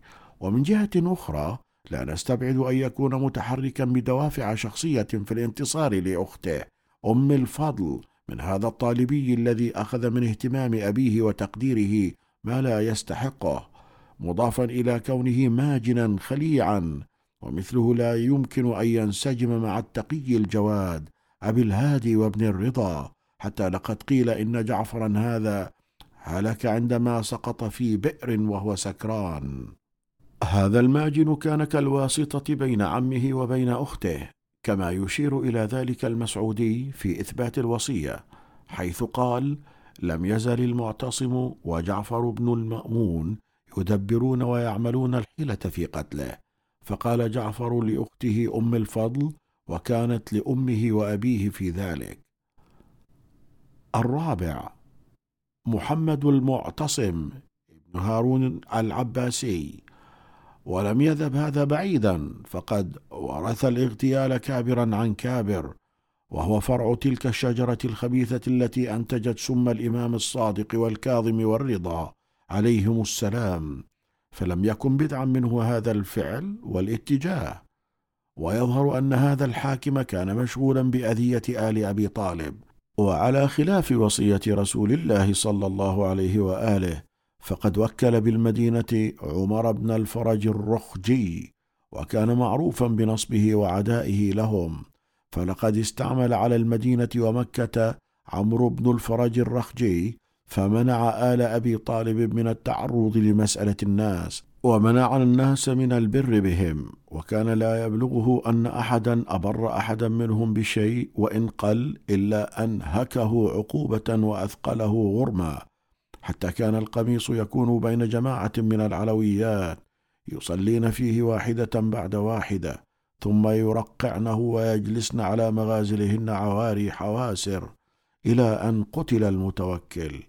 ونعتقد أنه هو الذي أشار عليه أيضا بتسميم الإمام الجواد عليه السلام في محاولة فشلت في تحقيق هدفه. فقد روى ابن حمزة في الثاقب عنه رواية أخفى هو بعض تفاصيلها ولكنها تفضح هذا الوالي وخليفته فيما يرتبط بمحاولة اغتيال الإمام. فقال الرقجي هذا سمعت من أبي جعفر شيئا لو رآه محمد أخي لكفر. فقلت وما هو أصلحك الله؟ قال إني كنت معه يوما بالمدينة إذ قرب الطعام. فقال أمسكوا. فقلت فداك أبي قد جاءكم الغيب. فقال علي بالخباز. فجيء به فعاتبه وقال من أمرك أن تسمني في هذا الطعام؟ فقال له جعلت فداك فلان. ثم أمر بالطعام فرفع وأتي بغيره. لكن هذه المحاولة الفاشلة لم توقف مسلسل المحاولات الأخرى ونعتقد أن وجود عدة روايات في كيفية التسميم ناظر إلى تعدد المحاولات فكل رواية تنقل محاولة من المحاولات فإحداها كانت بمباشرة من المعتصم نفسه عندما أرسل إليه شراب حماض مسموم. وأخرى بواسطة زوجته أم الفضل حين سمته في عنب رازقي. فالأولى ما رواها ابن شهرشوب من أن المعتصم بعد أن استجلب الإمام الجواد من المدينة المنورة ثم أنفذ إليه شراب حماض الإترج تحت ختمه على يدي أشناس معاون المعتصم العسكري وغلامه التركي. فقال إن أمير المؤمنين ذاقه قبل أحمد بن أبي داود وسعد بن الخصيب وجماعة من المعروفين ويأمرك أن تشرب منه بماء الثلج وصنع في الحال. فقال أشربها بالليل؟ قال إنه ينفع باردا وقد ذاب الثلج وأصر على ذلك فشربها. ونعتقد أن الرواية الثانية هي الأحرى بالقبول لتعرضها إلى أكثر من جانب فهي تنسب الأمر إلى اجتماع الثلاثة المعتصم وابن أخيه جعفر وابنة أخيه أم الفضل وهي الأكثر تفصيلا. وتذكر نهايتها أن الإمام عليه السلام أكل من ذلك العنب المسموم وتشير إلى دعاء الإمام عليها ببلاء لا ينستر. والمعتاد أن يلجأ إلى أكثر الطرق سرية وكلما كان الأمر بين الزوجين فهو أدعى للسر بخلاف ما إذا كان من خلال البلاط حيث يمر الأمر بأشخاص متعددين من حضور وموظفين يتناقلون بينهم الكلام كما أن مضمونها قد ورد في دلائل الإمامة للطبري وعيون المعجزات. ونص الرواية هكذا لم يزل المعتصم وجعفر بن المأمون يدبرون ويعملون الحيلة في قتله. فقال جعفر لأخته أم الفضل وكانت لأمه وأبيه في ذلك لأنه وقف على انحرافها عنه وغيرتها عليه لتفضيله أم أبي الحسن ابنه عليها مع شدة محبتها له ولأنها لم ترزق منه ولدا. فأجابت أخاها جعفرا وجعلوا سما في شيء من عنب رازقي وكان يعجبه العنب الرازقي فلما أكل منه ندمت وجعلت تبكي قال لها ما بكاؤك؟ والله ليضربنك الله بفقر لا ينجبر وبلاء لا ينستر. فبليت بعلة في أغمض المواضع من جوارحها. صارت ناسورا ينتقض عليها في كل وقت. فأنفقت مالها وجميع ملكها على تلك العلة حتى احتاجت إلى رفد الناس. ويروى أن الناسور كان في فرجها. وتردى جعفر بن المأمون في بئر فأخرج ميتا وكان سكرانا.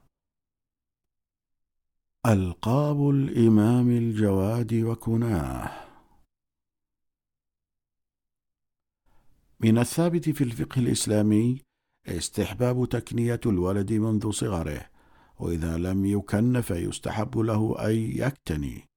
والكنية هي ما بدأ بأب أو أم فيقال أبو عبد الله مثلا وللأنثى أم الحسين وهكذا. ويستحب مناداته بكنيته إذا كان حاضرا ويعد نوعا من التوقير والاحترام. ويحقق فائدة أنه لا يلحقهم النبز والكلمات غير الحسنة.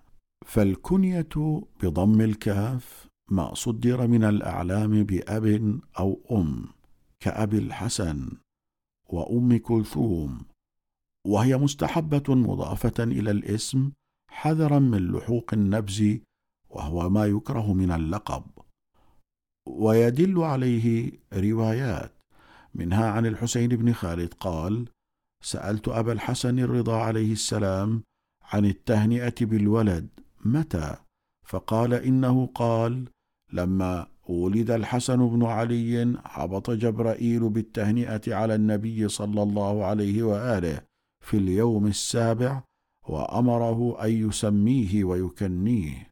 ومنها ما روى معمر بن خثيم عن أبي جعفر عليه السلام أنه قال في حديث إنا لنكني أولادنا في صغرهم مخافة النبز أن يلحقهم بها ومنها عن جابر قال أراد أبو جعفر عليه السلام الركوب إلى بعض شيعته ليعوده فقال يا جابر الحقني فتبعته. فلما انتهى إلى باب الدار خرج علينا ابن له صغير فقال له أبو جعفر عليه السلام ما اسمك؟ قال محمد. قال فبم تكنى؟ قال بعلي. فقال له أبو جعفر عليه السلام لقد احتضرت من الشيطان احتضارا شديدا إن الشيطان إذا سمع مناديا ينادي يا محمد يا علي ذاب كما يذوب الرصاص. حتى إذا سمع مناديا ينادي باسم عدو من أعدائنا اهتز واختال. ومنها ما في فقه الرضا عليه السلام فقد ورد سمه بأحسن الأسماء وكنه بأحسن الكنى. أبو جعفر وقد جرت سيرة الأئمة المعصومين على هذا وفيما يرتبط بالإمام علي بن موسى الرضا فقد كنا ابنه محمد الجواد عليه السلام بأبي جعفر كان صغيرا كان يخاطبه به ويتكلم عنه باحترام بهذه الكنية.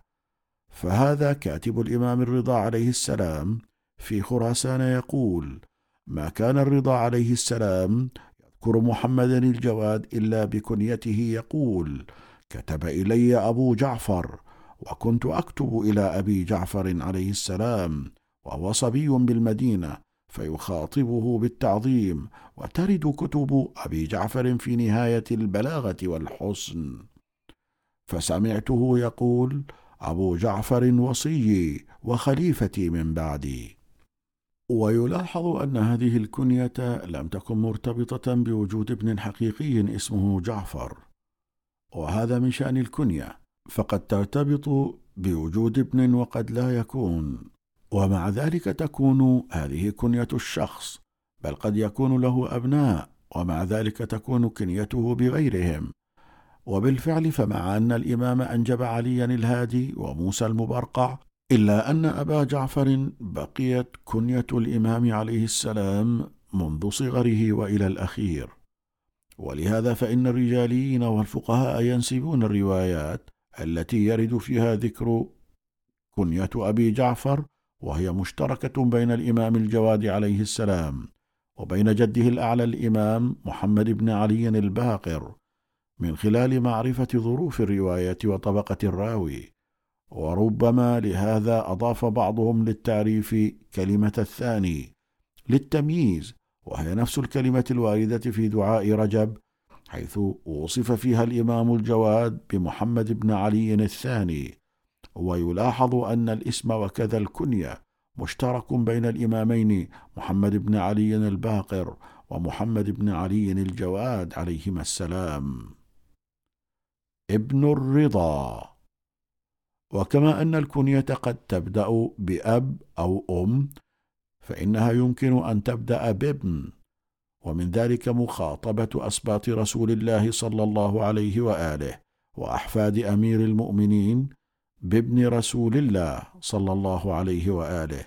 وهي الكنية التي كانت تسرهم بمقدار ما كانت تشحن صدور أعدائهم غيظا حتى لقد خاض الأمويون أيام الحجاج الثقفي وبعده والعباسيون من أيام المنصور العباسي إلى نهاية الدولة العباسية باستثناء أيام المأمون المعارك الضارية لإثبات أنهم ليسوا أبناء رسول الله حتى ظهر أمر الله وهم كارهون.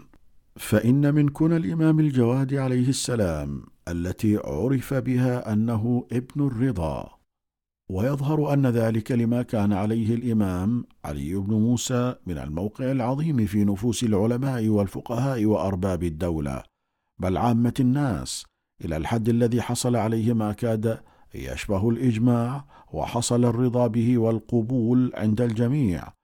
وسواء كان هذا اللقب له إلهيا كما ورد عن الإمام الجواد عليه السلام في حديث وهو الصحيح أو كما كان هو الشائع عند مدرسة الخلفاء وفي أدبياتها من أن المأمون هو الذي لقبه بذلك فإنه ينتهي إلى هذه الحقيقة. وكأن الرضا إليه تنتهي الأسماء ولا حاجة للتعريف بغيره ما دام قد وصل الاسم إليه. فهذا ابن الرضا ولا حاجة للسؤال من هو الرضا أو هو ابن من. بل وجدنا هذه الكنية تعبر الزمان لكي يكنى بها الإمام الهادي وهو حفيظ الرضا بل والإمام العسكري عليهما السلام. والفاصلة بينه وبين جد أبيه تصل إلى نصف قرن من الزمان. وكيف كان؟ فإن إحدى كنى الإمام الجواد هي ابن الرضا عليه السلام. وقد جمعت الكنيتان في نص واحد كما أورده الحر العاملي. في كرامات الإمام عليه السلام فعن علي بن أبي بكر بن إسماعيل قال قلت لأبي جعفر بن الرضا عليه السلام إن لي جارية تشتكي من ريح بها قال ائتني بها. فأتيته بها فقال ما تشتكين يا جارية؟ قالت ريحا في ركبتي. فمسح يده على ركبتها من وراء الثياب فخرجت وما اشتكت وجعا بعد ذلك. وربما يكون التأكيد على هذه الكنية عند أصحابه وارتياحه إليها ما تشير إليه من الامتداد في الإمامة واستمرار العلم وأن هذا الشبل من ذاك الأسد. وأما ألقابه فكثيرة أشهرها الجواد ومعناه كما ذكر ابن فارس في مقاييس اللغة كثرة العطاء. لم نعثر على نص معتبر في مصدر من المصادر الأساسية يشير إلى هذا اللقب بالنسبة للإمام. نعم ورد في كتاب إثبات الهداة الجزء الثاني صفحة 99 للحر العاملي المتوفي سنة 1104 للهجرة. بهذا النص مرسلا عن النبي صلى الله عليه وآله. ومن أحب أن يلقى الله وقد رفعت درجاته وبدلت سيئاته حسنات فليتوالى محمدا الجواد. وقد نقله عن كتاب الروضة في فضائل أمير المؤمنين عليه السلام صفحة 207 شاذان بن جبرائيل.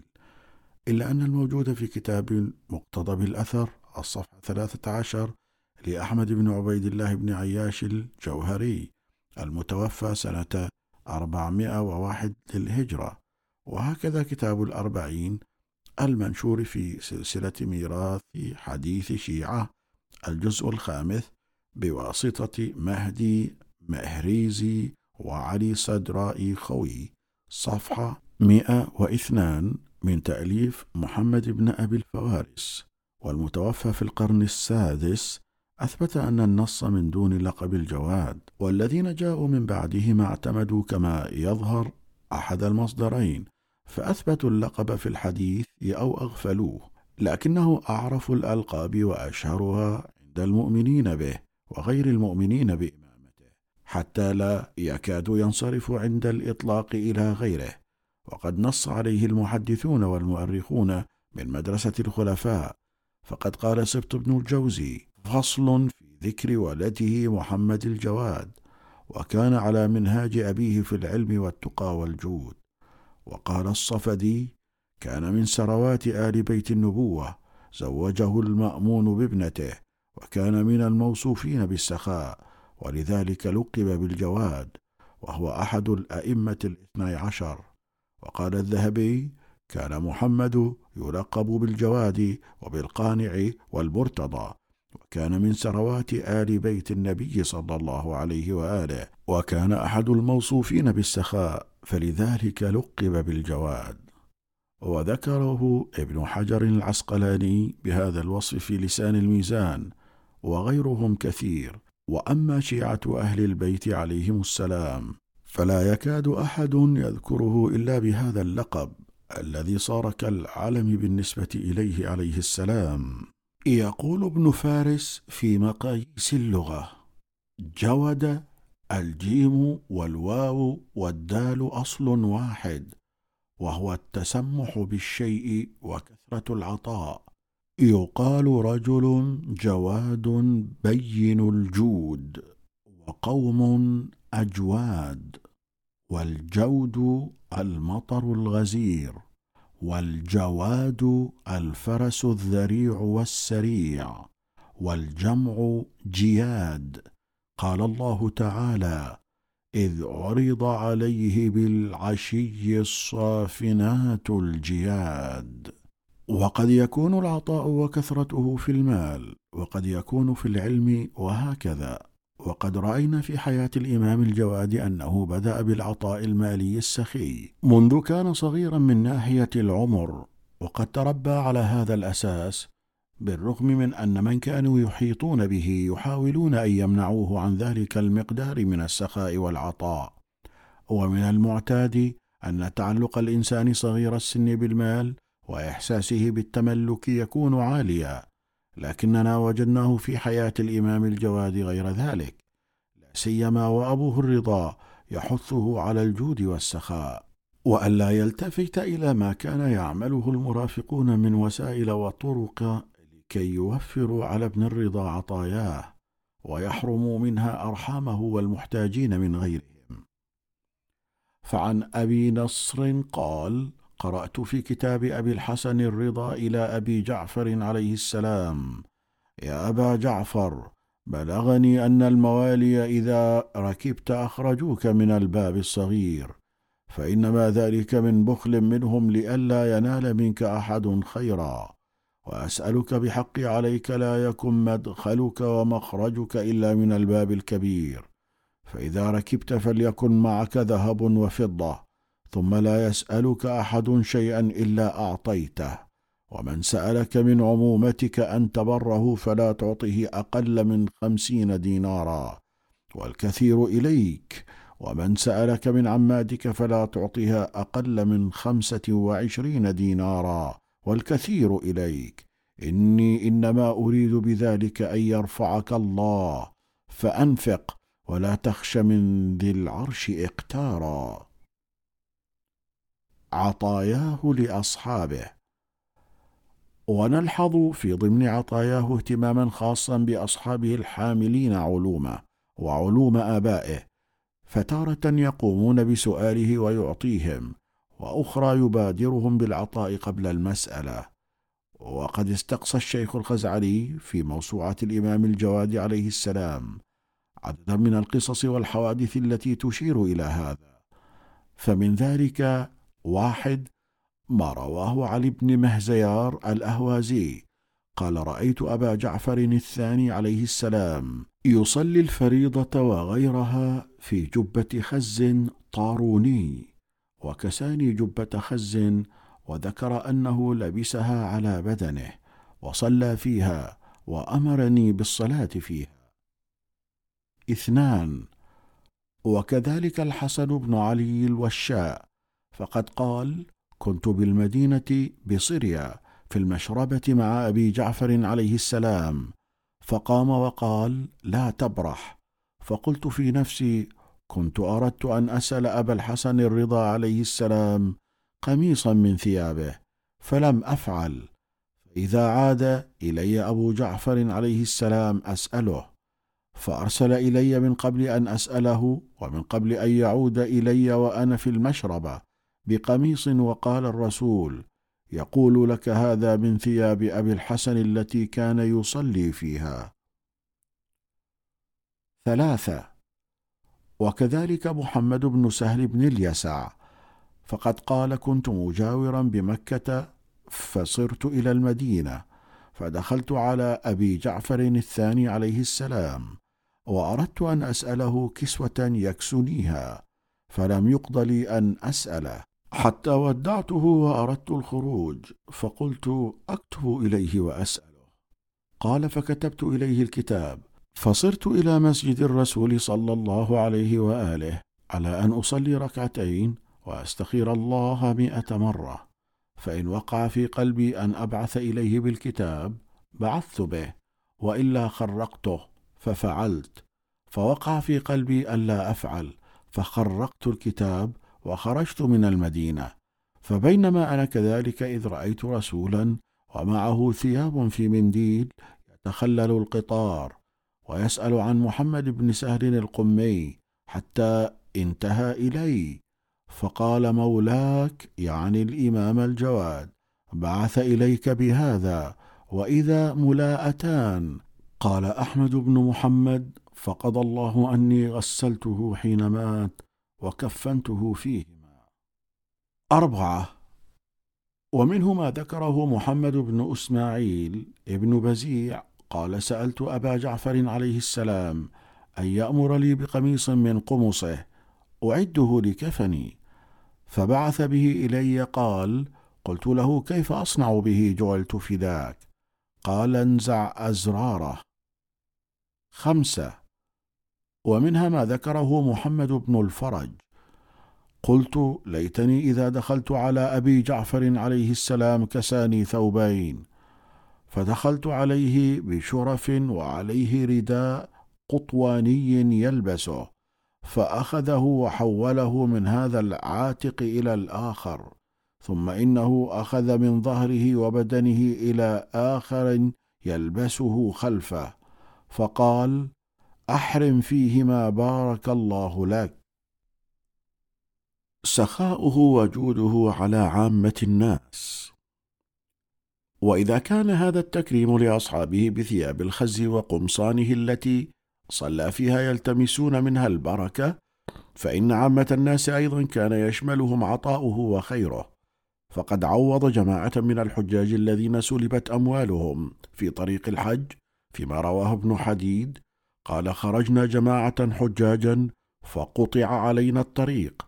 فلما دخلنا المدينة لقيت أبا جعفر عليه السلام في بعض الطرق فأتيته إلى المنزل فأخبرته بالذي أصابنا فأمر لي بكسوة وأعطاني دنانير وقال فرقها على أصحابك على قدر ما ذهب لهم فقسمتها بينهم فإذا هي على قدر ما ذهب منهم لا أقل منه ولا أكثر. وأتاه عليه السلام رجل فقال أعطني على قدر مروتك. فقال عليه السلام لا يسعني يعني مروءتي أعظم من أن تحيط بها قدرتي المالية. فقال على قدري؟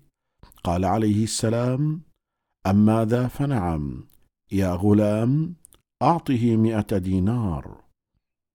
وقد لا يكون العطاء لضرورة أو للقيام بواجب بل قد يكون لمثل الذهاب لبيت المقدس.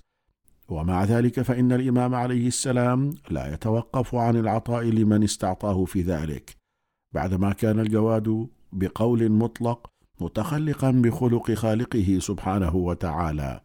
فعن منخن بن علي لقيت محمد بن علي عليهما السلام بسر من رأى. فسألته النفقة إلى بيت المقدس فأعطاني مائه دينار. وإعانته للناس في مواجهة ظروف الحياة الصعبة. كانت خلقه الدائم.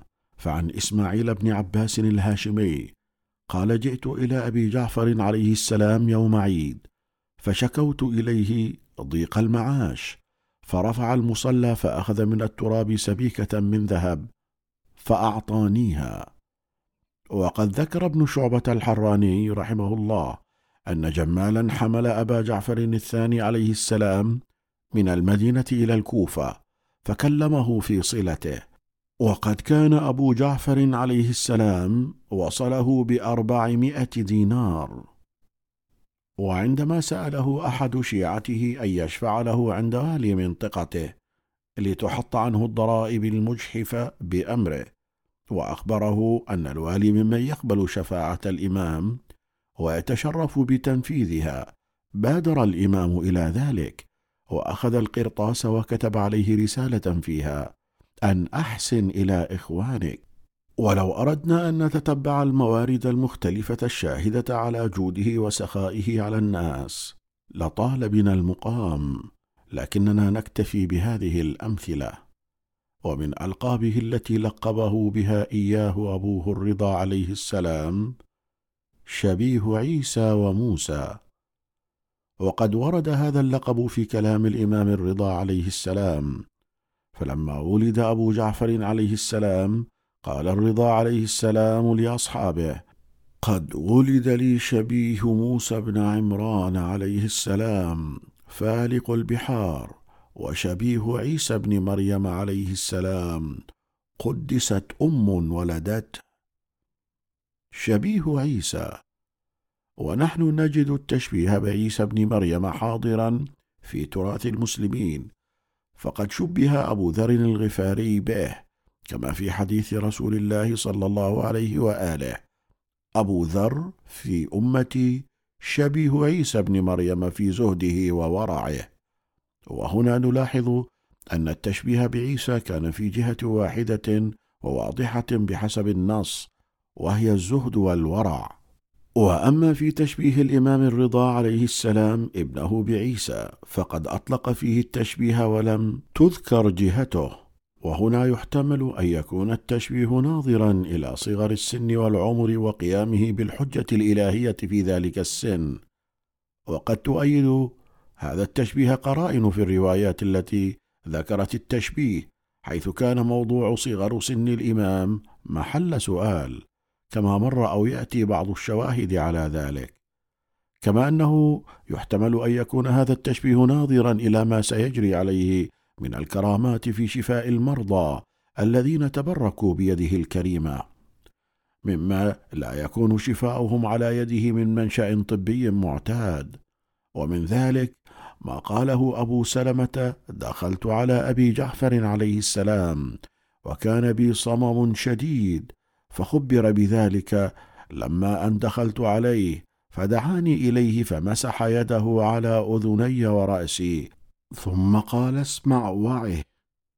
فوالله إني لا أسمع الشيء الخفي عن أسماع الناس من بعد دعوته ومنه عن محمد بن عمير ابن واقد الرازي قال دخلت على أبي جعفر الرضا عليهما السلام ومعي أخي وبه بحر شديد مثل الربو وضيق التنفس فشكى إليه ذلك البحر فقال عافاك الله مما تشكو فخرجنا من عنده وقد عوفي فما عاد إليه ذلك البحر إلى أن مات.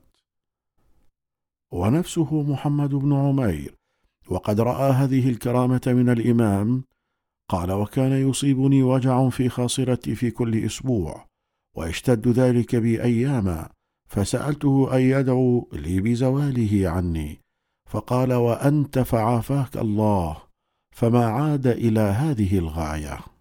فقد تكون جهة التشبيه أيضا ناظرة إلى هذا الجانب من شفاء الأمراض المستعصية من غير مناشئ طبيه معتادة. وإنما ذلك بإذن الله كما في عيسى المسيح الذي كان يبرئ الأكمه والأبرص بإذن الله. شبيه موسى. ثم إنه قد ورد في نفس النص تشبيه الإمام ابنه الجواد بالنبي موسى بن عمران عليه السلام. فما هو وجه المشابهة؟ احتمل بعض الكتاب بأن وجه المشابهة هو أن الإمام الجواد عليه السلام قد شاءت المصلحة الإلهية الا يولد في أيام شباب الوالد عليه السلام بل ولد يوم كان عمر الإمام الرضا عليه السلام خمسة وأربعين سنة تقريبا. وهذا التأخير كان تمحيصا شديدا وابتلاء عظيما للمؤمنين حتى يميز الخبيث من الطيب بحيث إن البعض قد بدأ يشكك في مصداقية إمامة الإمام الرضا عليه السلام لعدم وجود عقب الله. فمن هذه الجهة تشابهت قصة ولادته عليه السلام بموسى عليه السلام حيث إن بني إسرائيل يئسوا من ظهور المنقذ لهم من ظلم فرعون بسبب تأخيره حتى أتاهم بعد فترة من الامتحان والاختبار. ويحتمل أن يكون وجه المشابهة هو في اللون حيث عرف عن الإمام الجواد أنه أسمر ونقل في التفاسير أن النبي موسى بن عمران كان أسمر اللون شديد السمرة. ولعله بالإشارة إلى هذا يريد أن يقول إن سمرة موسى بن عمران لم تمنع من اصطفاء الله إياه للنبوة وأن تجري على يده أعظم المعجزات كفلق البحر كما جاء في القرآن الكريم فهل ستمنع سمرة اللون إمامة الإمام الجواد عليه السلام؟ ويحتمل أن يكون وجه المشابهة هو اصطفاء الله إياه عليه السلام كما اصطفى نبيه موسى على سائر الناس في زمنه مع أنه في رأيهم لا يستحق ذلك قال يا موسى إني اصطفيتك على الناس برسالاتي وبكلامي فخذ ما آتيتك وكن من الشاكرين. فبينما صدق مثل علي بن جعفر ذلك واعتبر أن التسليم له مفروض ما دام الانتخاب الهيا فماذا أصنع إن كان الله قد أهل هذا الغلام للإمامة ولم ير هذه الشيبة يقصد نفسه أهلا لها؟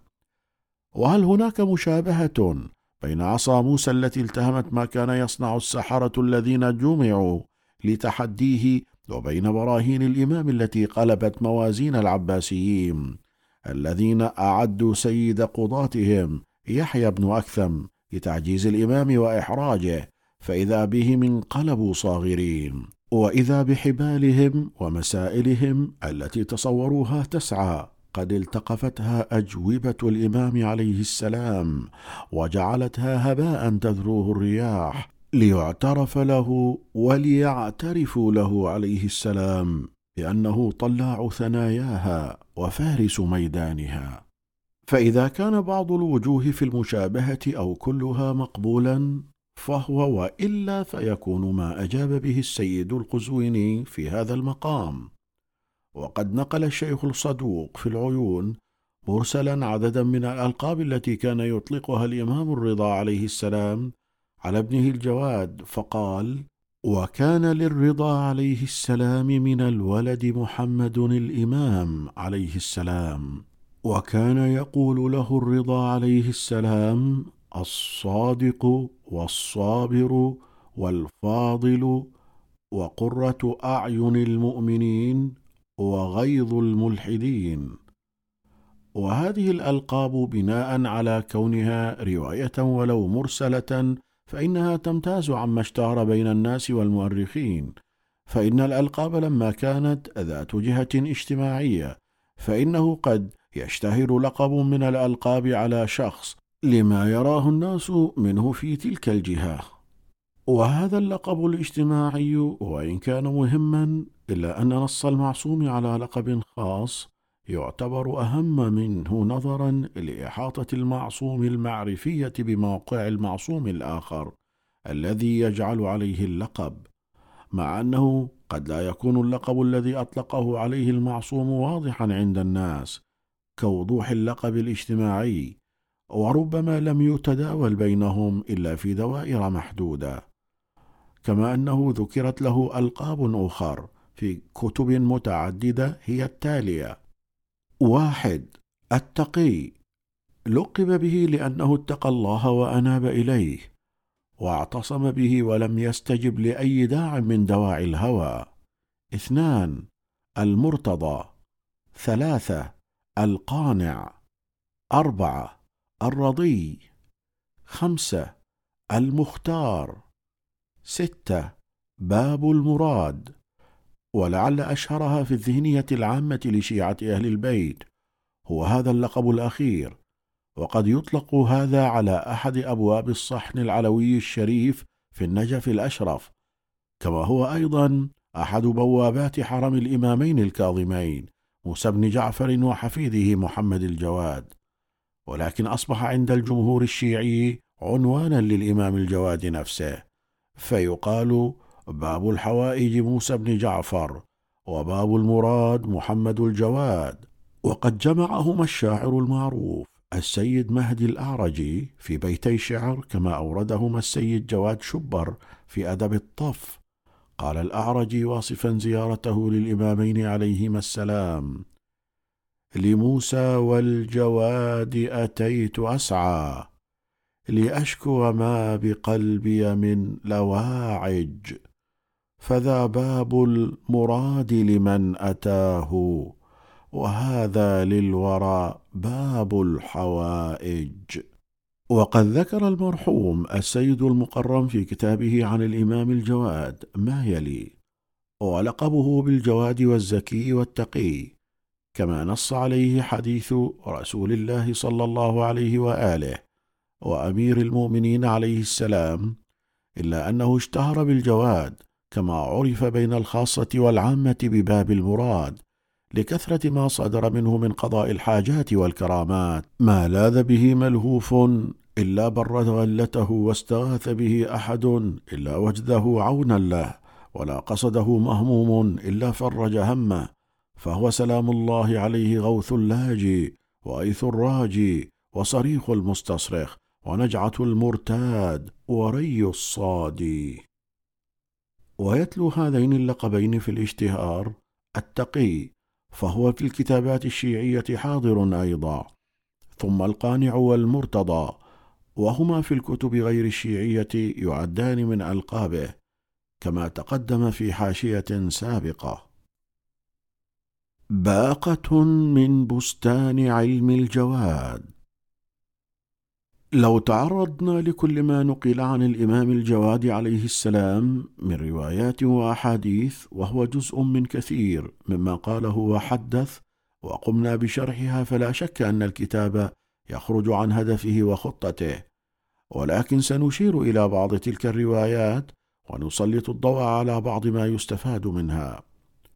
وحيث أننا في صدد الحديث عن الجانب العلمي فقد أحببت الإشارة إلى نص ورد في كتب الحديث وثار حوله كلام وجدل منذ ما يقرب من ثلاثمائة سنة وهو النص الذي ورد في كتاب الكافي والاختصاص فيما يرويه علي بن إبراهيم عن أبيه قال استأذن على أبي جعفر عليه السلام قوم من أهل النواحي من الشيعة فأذن لهم فدخلوا فسألوه في مجلس واحد عن ثلاثين ألف مسألة فأجاب عليه السلام وله عشر سنين.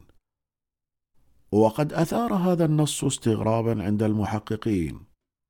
على فرض التمسك بحرفيته من كونه مجلسا شخصيا واحدا ويتحمل هذا العدد الهائل من الأسئلة والأجوبة.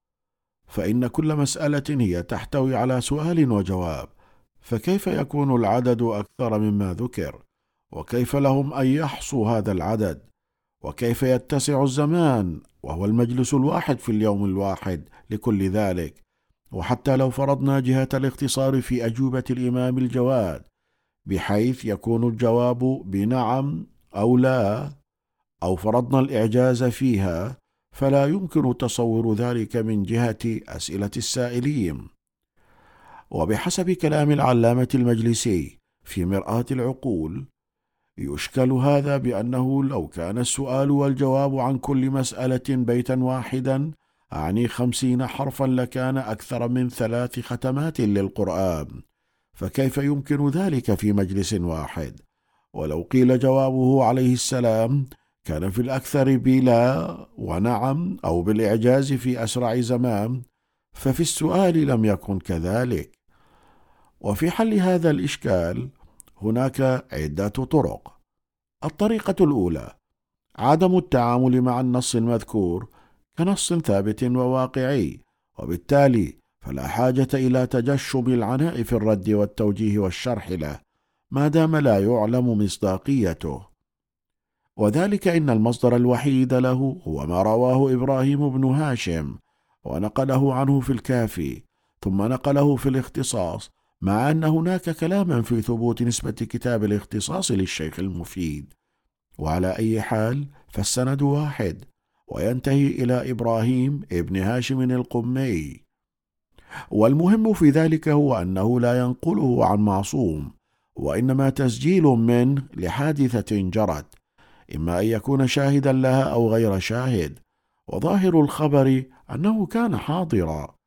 وفي كتاب الاختصاص فقد دمج بين خبر مجلس الشيعة وسؤالهم عبد الله بن موسى الكاظم وقد ذكرناه في الصفحات الماضية بعنوان المجلس الثالث وتصحيح الإمام الجواد أخطاء عمه عبد الله بن موسى. وبين هذا الخبر الذي يقول بأنه استأذن عليه قوم من الشيعة. وعلى كل حال فإنه يفترض أن المجلس الذي شهد الثلاثين ألف مسألة هو في أول إمامته عليه السلام وبالقطع واليقين لم يكن عمره آنئذ عشر سنوات. فقد كان دون هذا على الأقل بسنة ونصف. فإذا كان انطباع إبراهيم بن هاشم في أمر محسوس وظاهري وتحديده لعمره غير صحيح مع سهولة ذلك فهل يكون انطباعه عن عدد ثلاثين ألف التي تحتاج إلى حساب ودقة صحيحة؟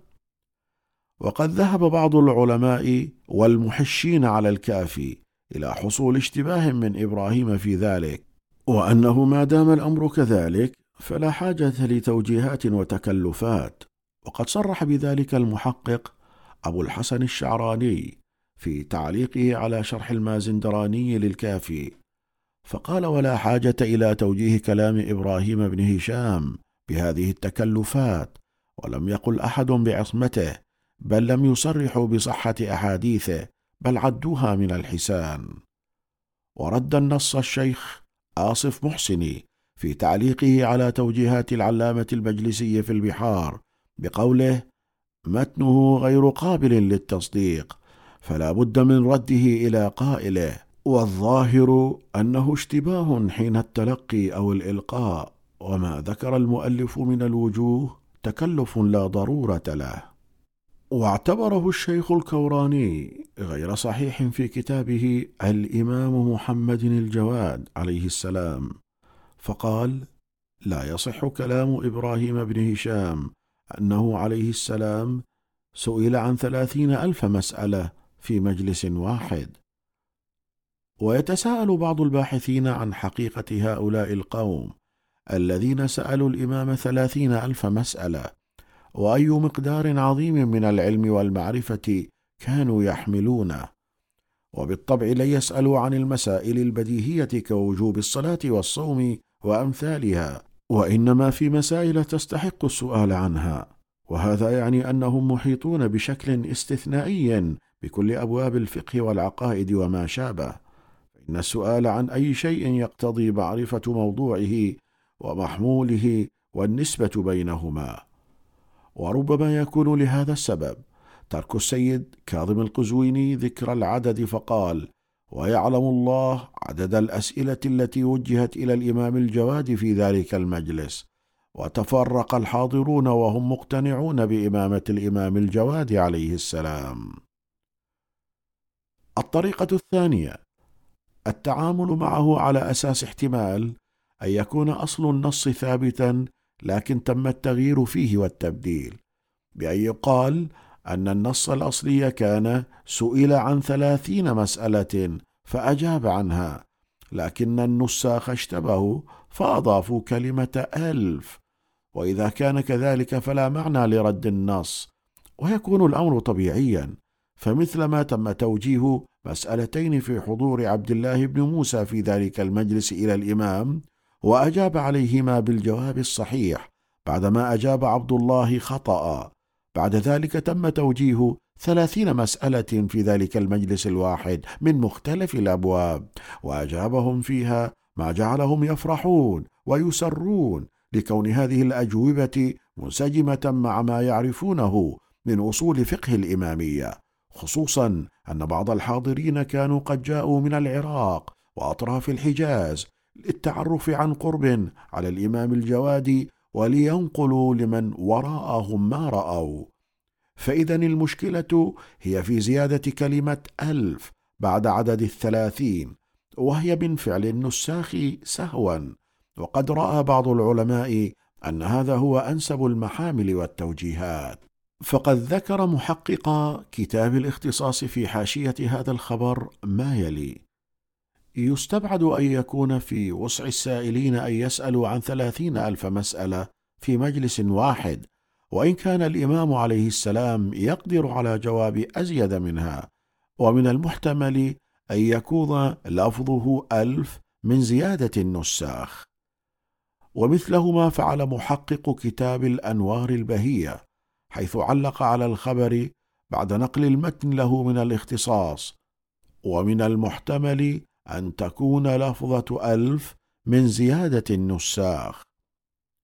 وجعل الشيخ المحسني هذا أحد الاحتمالات فقال في هامش كتابه حدود الشريعة المظنون قويا اشتباه أحد من الرواة في عدد الأسئلة وكميتها.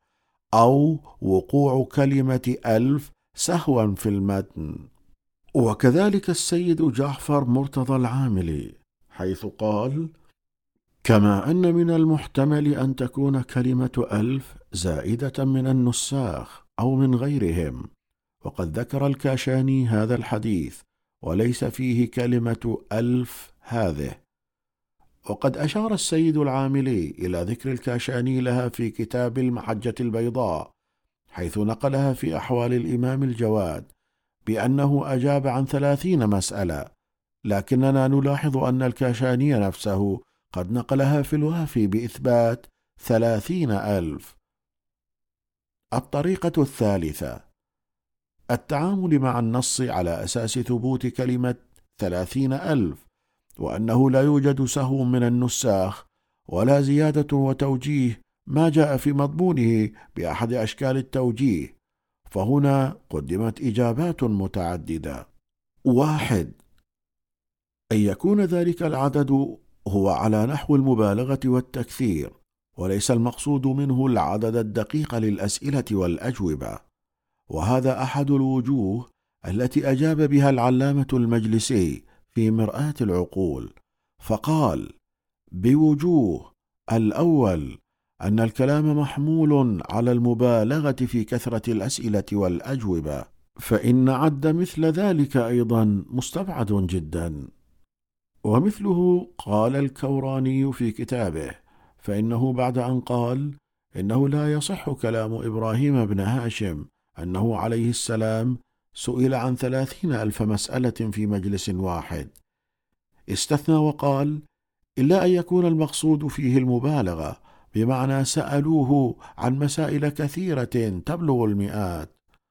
وأنت ترى أن المبالغة من الممكن أن تحصل في ضعف العدد أو ضعفي أو ثلاثة أضعاف أو حتى عشرة أضعاف. أما أن يصل إلى ثلاثين ألف فهذا مما لا يعهد. وأشار السيد جعفر العاملي إلى أن العدد المذكور ليس تحقيقيا وإنما هو تقريبي وفيه مبالغة لإظهار الكثرة. فقال ولا نستبعد أن يكون هذا العدد تقريبيا أو فيه شيء من المبالغة لإظهار نسبة الكثرة هنا إذ من البعيد أن يتم إحصاء دقيق في هذه الموارد وأمثالها والكلام فيه كالكلام في سابقه. اثنان. أن يكون المقصود بالمجلس ليس المجلس الشخصي الواحد وإنما المجلس النوعي مثل ما يقال مثلا أن العالم الفلاني بحث مسائل الفقه كلها في مجلس درسه والمقصود هنا ليس مجلسا واحدا بالعدد وإنما المقصود مجلسا واحدا بالنوع ينعقد مثلا كل يوم في الساعة الكذائية على مدى سنوات. فقد يكون المجلس المقصود في كلام إبراهيم بن هاشم هو مجلس من هذا النوع كي يكون في بيت الإمام في المدينة أو في قرية صريا أو ما شابه وبالتالي ينحل الإشكال. وقد أشار إليه كأحد الأجوبة العلامة المجلسي في مرآة العقول بعنوان الرابع أن يكون المراد بوحدة المجلس الوحدة النوعية أو مكان واحد كمنا وإن كان في أيام متعددة. وكأن هذا الجواب تقبله عدد من العلماء من كتاب سيرة الإمام عليه السلام فقد أشار إليه السيد محمد تقي المدرسي بقوله كما أن من الممكن كون الأسئلة وجهت إلى الإمام في أيام متعددة مع وحدة المجلس فيكون مجلسه أشبه بالمؤتمرات التي تطول أياما تباعا يقضونها بالبحث باستثناء أوقات الراحة والطعام. وراى الشيخ عبد اللطيف البغدادي أنه ذلك هو الظاهر من لفظ الراوي فقال والظاهر لنا أن مراد الراوي من المجلس الواحد الذي سئل فيه الإمام عليه السلام عن ثلاثين ألف مسألة هو المكان المعد لجلوسه فيه للناس. كما يقال مثلا ذهبت اليوم إلى مجلس زيد أو عمرو ورأيت كذا أو سمعت كذا إلى آخره. فالإمام سئل في مجلسه ذلك للناس عن ثلاثين ألف مسألة فالراوي عين نوعية المكان الذي سئل فيه الإمام وأنه مكان واحد وهو الذي يستقبل فيه الناس دون غيره من الأماكن الأخرى ولم يعين الوقت والوقت يعرف من القرينة. والقرينة دالة على أن الناس كانوا يتوافدون على الإمام في موسم الحج من جميع النواحي والأقطار والأمصار ليتعرفوا عليه ويسألوه عما حملوا إليه من الأسئلة الكثيرة الكتابية والشفوية. فكان عدد تلك الأسئلة التي وجهت إليه وأجاب عنها ثلاثين ألف مسألة. وكذلك أشار إليه السيد جعفر العاملي حيث رجح ثبوت كلمة ثلاثين ألف في كتابه الحياة السياسية للإمام الجواد. وأضاف العلامة المجلسي وجوها أخرى للجواب على الإشكال المذكور حتى بلغت سبعة وجوه كما في مرآة العقول بالإضافة إلى ما مر ذكره أنه يمكن أن يكون في خواطر القوم أسئلة كثيرة متفقة فلما أجاب عليه السلام عن واحد فقد أجاب عن الجميع أن يكون إشارة إلى كثرة ما يستنبط من كلماته الموجزة المشتملة على الأحكام الكثيرة وهذا وجه قريب أن يكون مبنيا على بسط الزمان الذي يقول به الصوفية لكنه مخالف للعقل أن يكون إعجازه عليه السلام أثر في سرعة كلام القوم وأيضا كان يجيبهم بما يعلم من ضمائرهم قبل سؤالهم. ما قيل أن المراد السؤال بعرض المكتوبات والطمارات فوقع الجواب بخرق العادة. نهاية المطاف. أظن أن الأوفق بالجواب هو الطريق الأول كما أفاده المحقق الشعراني. فلا ملزم لنا بالتعبد بكلام إبراهيم بن هاشم الذي ينقل انطباعا وصورة عن مجلس من المعلوم يقينا أنه لا يمكن قبول مضمونه ولذلك صار الجميع في حيص بيص لتوجيهه وصرفه عن ظاهره في محاولات لم تكلل في غالبها بالقبول. والعجيب أن إبراهيم بن هاشم الذي ينقل هذا الخبر وأنه كان هناك ثلاثون ألف مسألة. لا تصل رواياته عن الإمام الجواد إلى ثلاثين رواية كما يلحظ المتتبع لكتاب مسند الإمام الجواد عليه السلام. أكثرها لا ترتبط بهذا المجلس فأين ذهبت هذه الثلاثون ألفا؟ ويليه في ذلك الطريق الثاني بافتراض وجود خلل من النساخ. وكم لهم في هذا من جولات وقد تقدم الكلام فيه. وآخر الطرق هو الثالث. وربما يتصور البعض بأن عدم اللجوء إلى تبرير الخبر وتوجيهه يعني التشكيك في علم الإمام عليه السلام أو قدرته أو اتصاله بالغيب لكن هذا غير صحيح فلا ربط بين الأمرين. أحاديث من بستان علمه عليه السلام. واحد حديثان في التوحيد. نلاحظ في رأس باب التوحيد في الكافي وتوحيد الصدوق. جعل في مقدمة ذلك ما روي عن الإمام الجواد وكأنه أم الباب وعليه تقاس سائر الروايات. ففي كل من الكتابين أورد مؤلفاهما الحديثين التاليين عنه عليه السلام. الأول منهما عن عبد الرحمن بن أبي نجران قال سألت أبا جعفر عليه السلام عن التوحيد فقلت أتوهم شيئا؟ فقال نعم غير معقول ولا محدود. فما وقع وهمك عليه من شيء فهو خلافه لا يشبهه شيء. ولا تدركه الأوهام. كيف تدركه الأوهام؟ وهو خلاف ما يعقل وخلاف ما يتصور في الأوهام. إنما يتوهم شيء غير معقول ولا محدود. وقد يكون من معاني ذلك أن تتوهمه وتتصوره بصورة خيالية هو مخلوق ومصنوع لفكرك فهذا لا ينطبق على الله سبحانه. الذي خالق كل شيء وهو ما ورد معناه في روايات أخر مما روي عن الإمام الباقر عليه السلام. كل ما ميزتموه بأوهامكم في أدق معانيه مخلوق مصنوع مثلكم مردود إليكم. كما نقل الكليني والصدوق في الكتابين ما يضع مقياسا للمعرفة الكلية بالله سبحانه.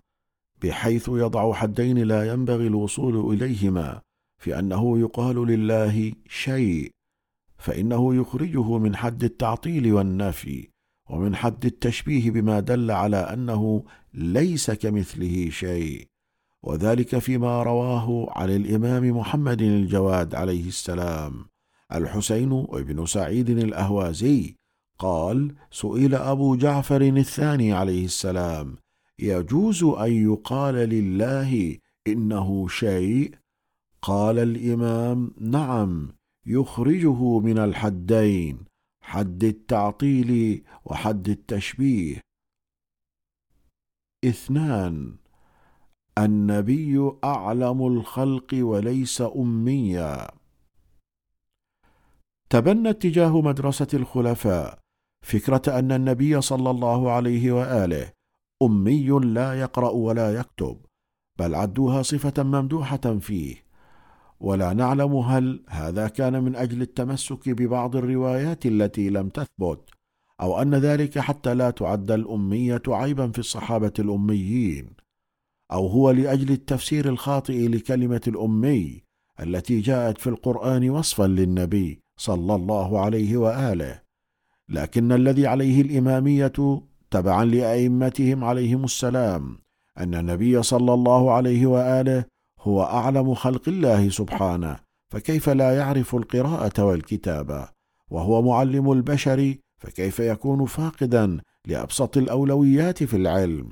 وهذا ما أكد عليه الإمام الجواد عليه السلام فيما رواه عنه جعفر بن محمد الصوفي.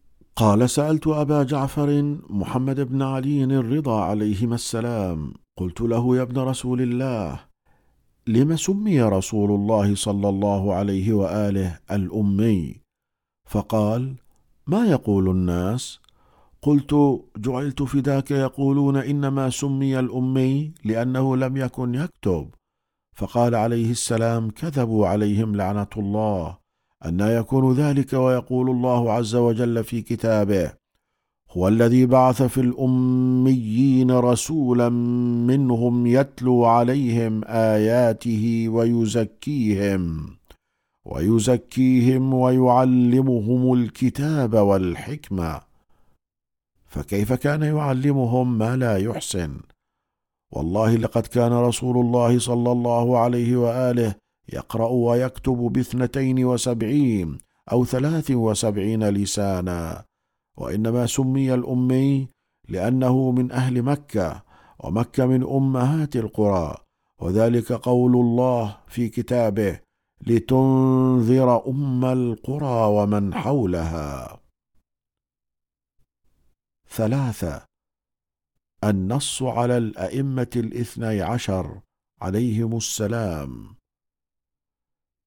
تكتسب مسألة النص على إمامة الأئمة الاثني عشر المعصومين عليهم السلام أهمية بالغة في المنظومة العقدية الشيعية، ففيما يعتقد أتباع مدرسة الخلفاء بأن النبي ترك الأمة ولم يعين لها قائدا فضلا عن القادة، وأن القرآن يكفي في ذلك، وكان فيما نعتقد أن الأمة تورطت في خلفاء كبني أمية وبني العباس وحالهم أظهر من أن يخفى. وإذا أراد النبي أن يستخلف احدا فلن يكون إلا من يكون مثله علما وهديا ومعرفة وهو أمير المؤمنين علي وآله عليهم السلام. وهو ما أخبر عنه الإمام الجواد عليه السلام ناقلا عن جد أبيه الصادق عن أبي جعفر الباقر عليه السلام في حديث طويل. قال ولا يستخلف رسول الله صلى الله عليه وآله إلا من يحكم بحكمه وإلا من يكون مثله إلا النبوة. وإن كان رسول الله صلى الله عليه وآله لم يستخلف في علمه أحدا فقد ضيع من في أصلاب الرجال ممن يكون بعده إلى أن قال لا بد من سيد يتحاكمون إليه. ثم قال أبى الله بعد محمد أن يترك العباد لا حجة عليهم. قال السائل أرأيت إن قالوا حجة الله القرآن؟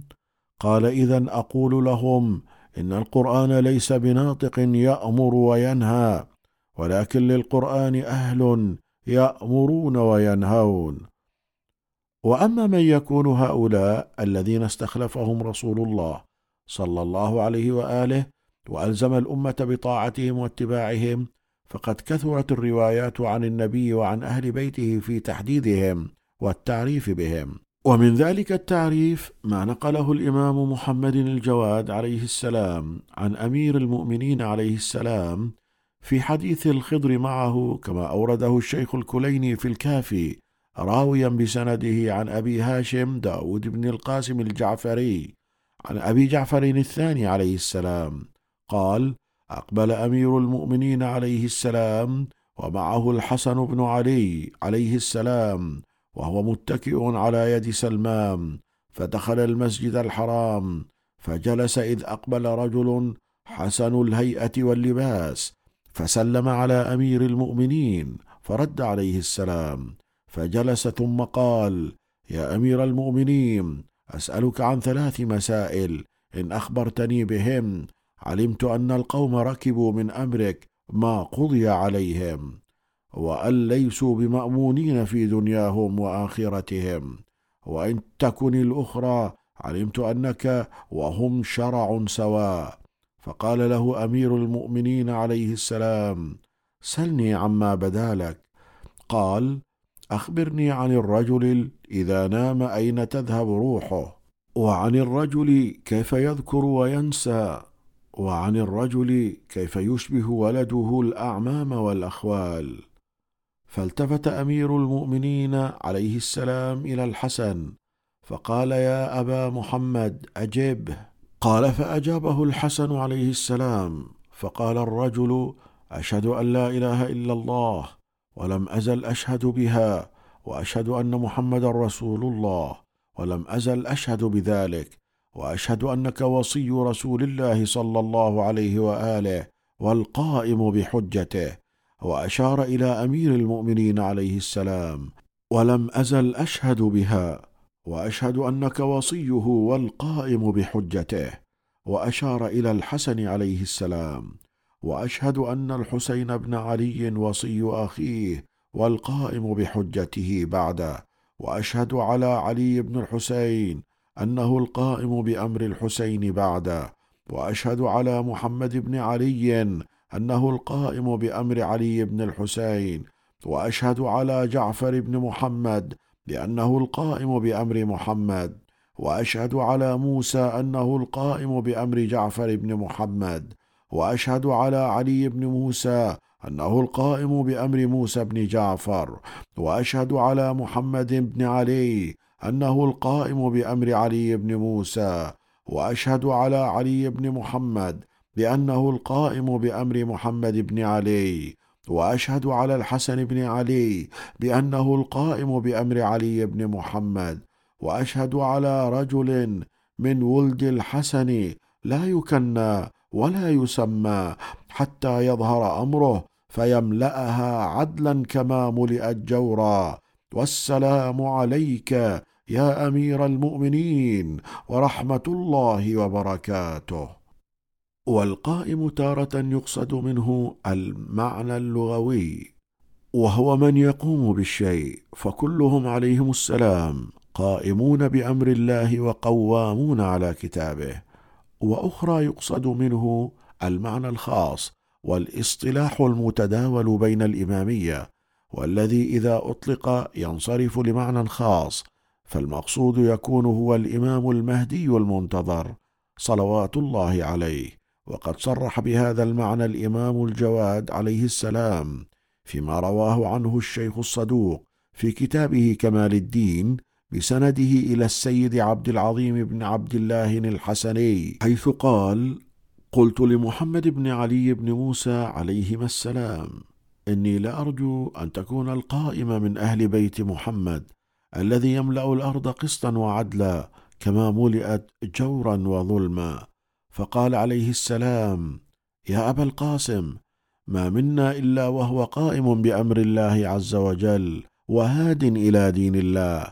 ولكن القائم الذي يطهر الله عز وجل به الأرض من أهل الكفر والجحود ويملأها عدلا وقسطا هو الذي تخفى على الناس ولادته ويغيب عنهم شخصه ويحرم عليهم تسميته وهو سمي رسول الله صلى الله عليه وآله وكنيه وهو الذي تطوى له الأرض ويذل له كل صعب.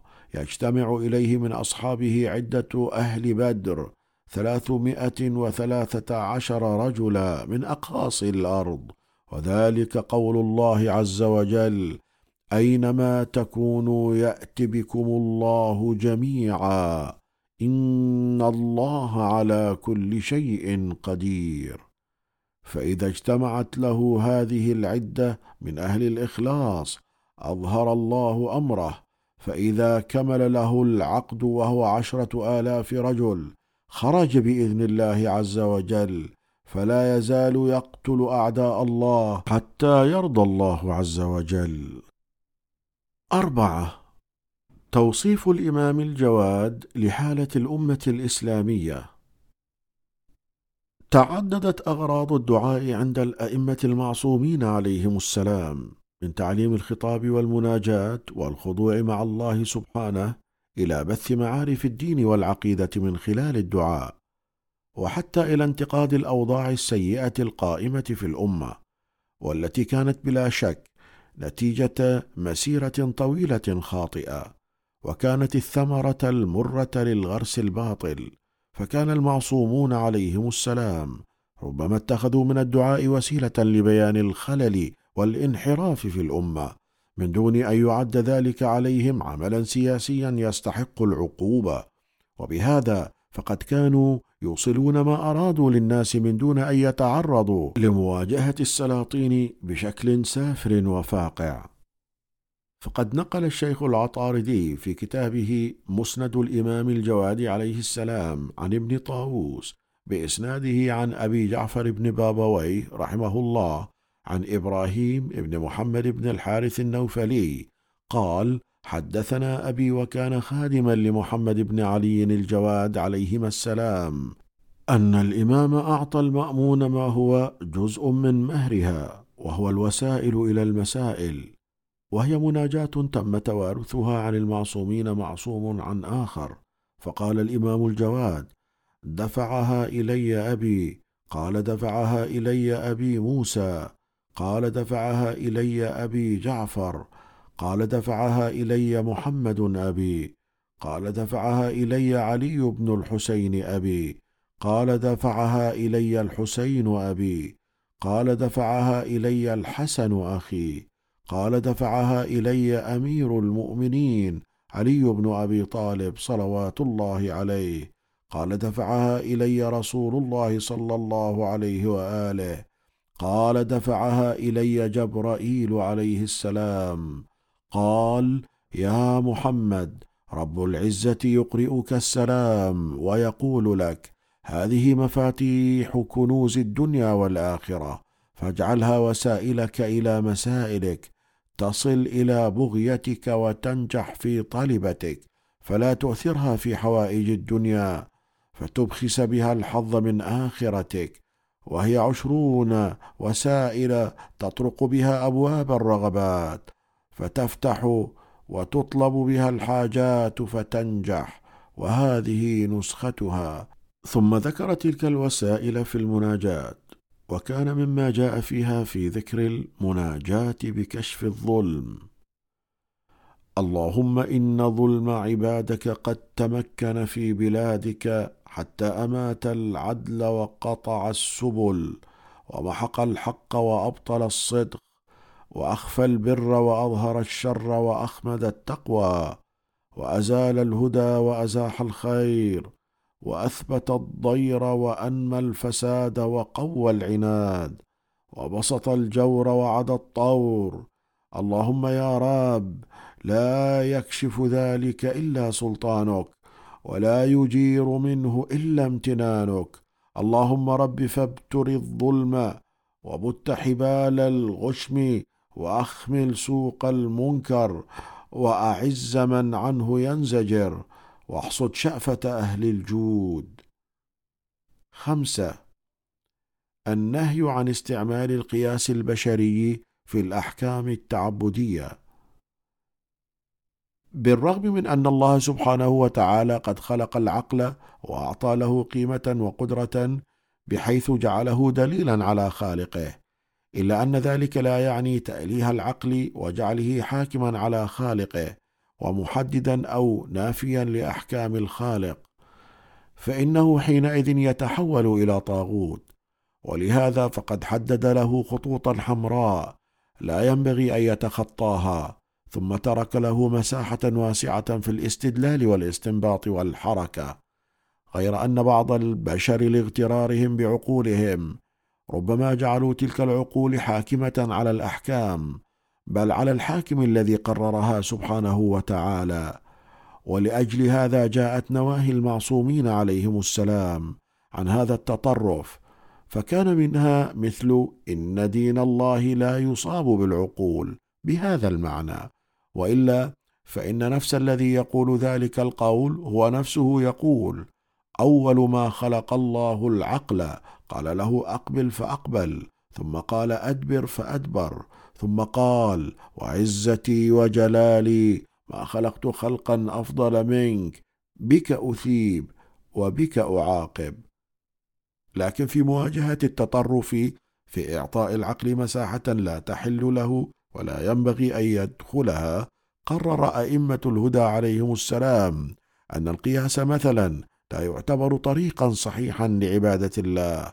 وفي هذا الإطار كان من يعترض على الأحكام كان الأئمة يرشدونه لخطأ هذا المنهج. فقد قال الشيخ الصدوق في من لا يحضره الفقيه وروي عن الحسين بن مسلم عن أبي جعفر الثاني عليه السلام أنه سئل ما فرق بين الفسطاط وبين ظل المحمل؟ قال لا ينبغي أن يستظل في المحمل والفرق بينهما أن المرأة تطمث في شهر رمضان فتقضي الصيام ولا تقضي الصلاة. قال صدقت جعلت فداك قال مصنف هذا الكتاب رحمه الله معنى هذا الحديث أن السنة لا تقاس. ستة.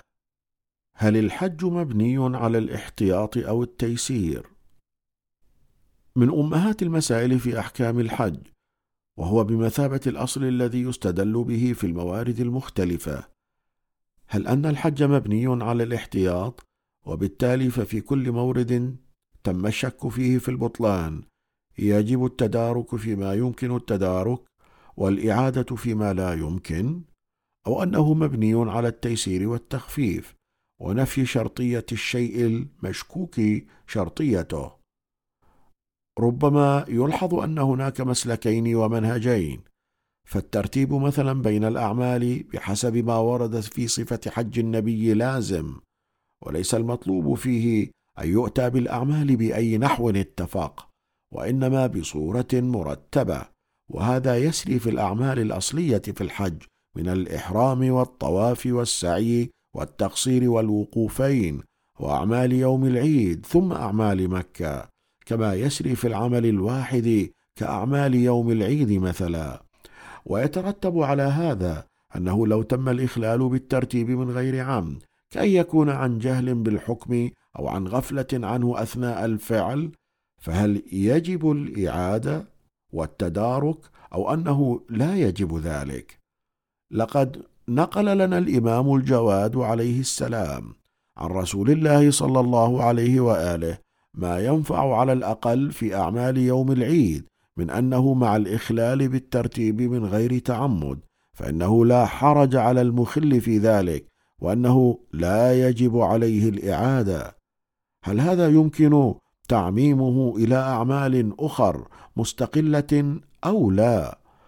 هذا ما يبحثه الفقهاء في مسائل الحج وليس محله هذه الصفحات أما ما يرتبط بأعمال يوم العيد فعن أحمد بن محمد بن أبي نصر قال قلت لأبي جعفر الثاني عليه السلام جعلت فداك إن رجلا من أصحابنا رمى الجمرة يوم النحر وحلق قبل أن يذبح فقال إن رسول الله صلى الله عليه وآله لما كان يوم النحر أتاه طوائف من المسلمين فقالوا يا رسول الله ذبحنا من قبل أن نرمي وحلقنا من قبل أن نذبح ولم يبق شيء مما ينبغي لهم أن يقدموه إلا أخروه ولا شيء مما ينبغي لهم أن يؤخروه إلا قدموه.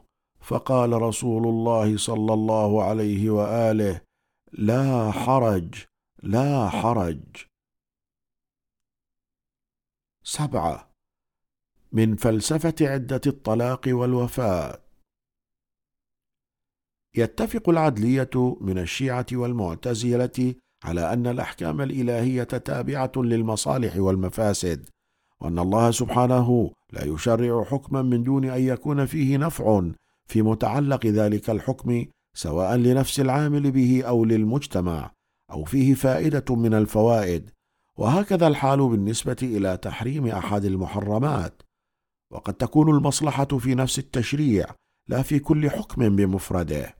أو بالنسبة إلى كل شخص وإنما كان ينظر في القوانين للمصلحة العامة والغالبة كذلك هنا قد يكون الأمر. وقد يكون في شيء مصلحة معينة لكن لا بد من ملاحظة أنه هل هناك مصلحة مزاحمة لهذه المصلحة أو أنه لا توجد؟ ومتى كان هناك مزاحمة فأي المصلحتين تتقدم؟ وهكذا. ومع كل ما تقدم فلا يعني أننا ما لم نعرف تلك المصالح والمفاسد فإذا لا تكون الأحكام ثابتة وقائمة. ثبوت تلك المفاسد والمصالح عندنا ومعرفتنا إياها ووصولنا إليها شيء مختلف تماما عن أصل وجودها. لذلك كانت هناك حاجة إلى تعريف تلك المصالح وتوضيحها في الجملة من جهة الوحي كالذكر الحكيم أو سنة النبي والمعصومين لبيان أن أحكام الله سبحانه ليست اعتباطية وإنما تنطلق من الحكمة ولكن هذا التعريف ليس بالضرورة شاملا لكل الأحكام كما أن طريقة بيانه ليست بشكل واحد فقد تكون تقريبية للمتلقي وقد تكون إشارة إلى جهة من جهات الحكمة أو العلة وهكذا.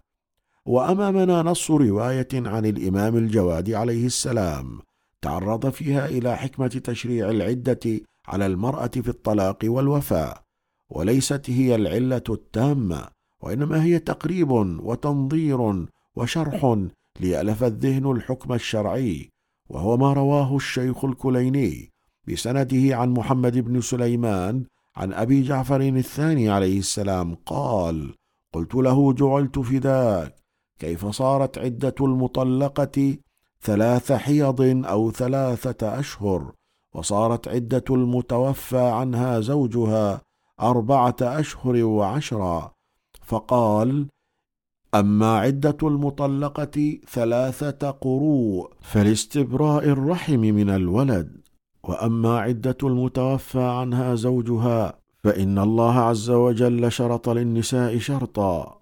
وشرط عليهن شرطا فلم يحابهن فيما شرط لهن ولم يجر فيما اشترط عليهن. أما ما شرط لهن في الإيلاء أربعة أشهر إذ يقول الله عز وجل للذين يؤلون من نسائهم تربص أربعة أشهر.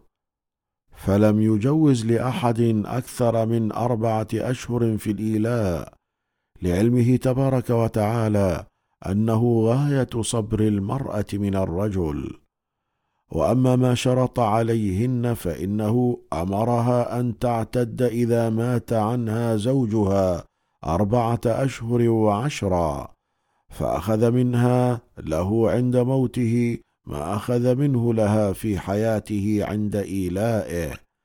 قال الله تبارك وتعالى يتربصن بأنفسهن أربعة أشهر وعشرا ولم يذكر العشرة الأيام في العدة إلا مع الأربعة أشهر. وعلم أن غاية صبر المرأة الأربعة أشهر في ترك الجماع فمن ثم أوجبه عليها ولها.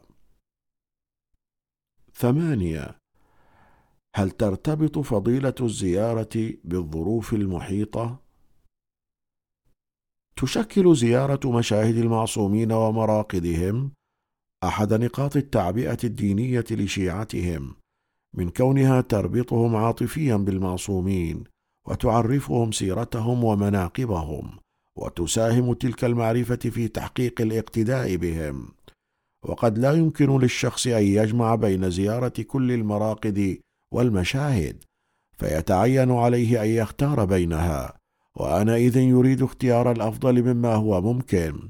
وبحسب ما ورد من الروايات فإن كثيرا من الروايات تشير إلى زيارة الإمام أبي عبد الله الحسين سيد الشهداء باعتبار موقعيته في تاريخ المعصومين ودوره في حماية الدين كما تشير إلى زيارة الإمام الرضا عليه السلام باعتبار غربته وبعد مزاره وقد وردت روايات تشير إلى فضيلة زيارة الإمام الرضا عليه السلام وتقدمها على زيارة جده الحسين عليه السلام.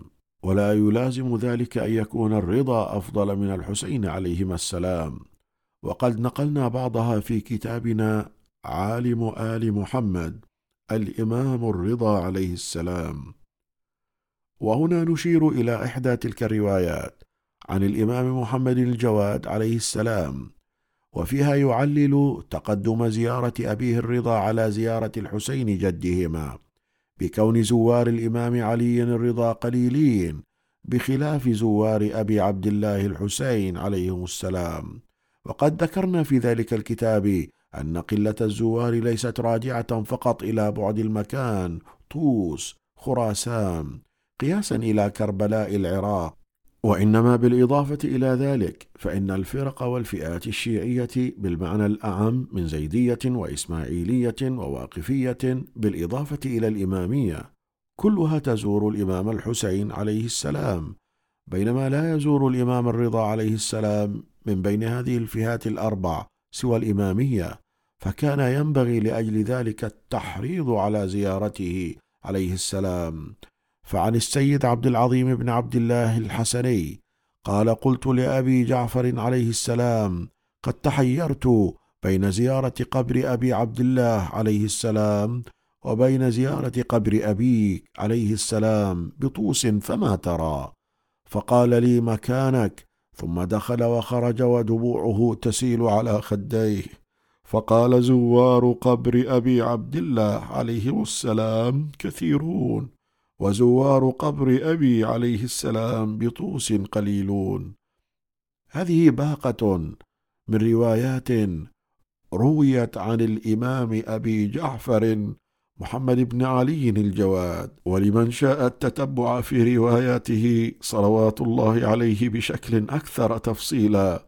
فبإمكانه الرجوع إلى الكتب المفصلة كمسند الإمام الجواد أو موسوعة الإمام الجواد عليه السلام.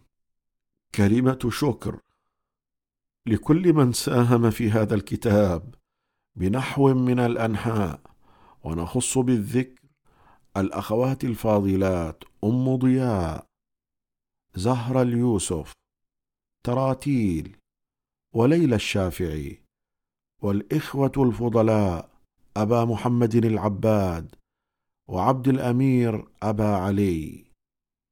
هذا والحمد لله رب العالمين وصلى الله على محمد وآله الطيبين الطاهرين.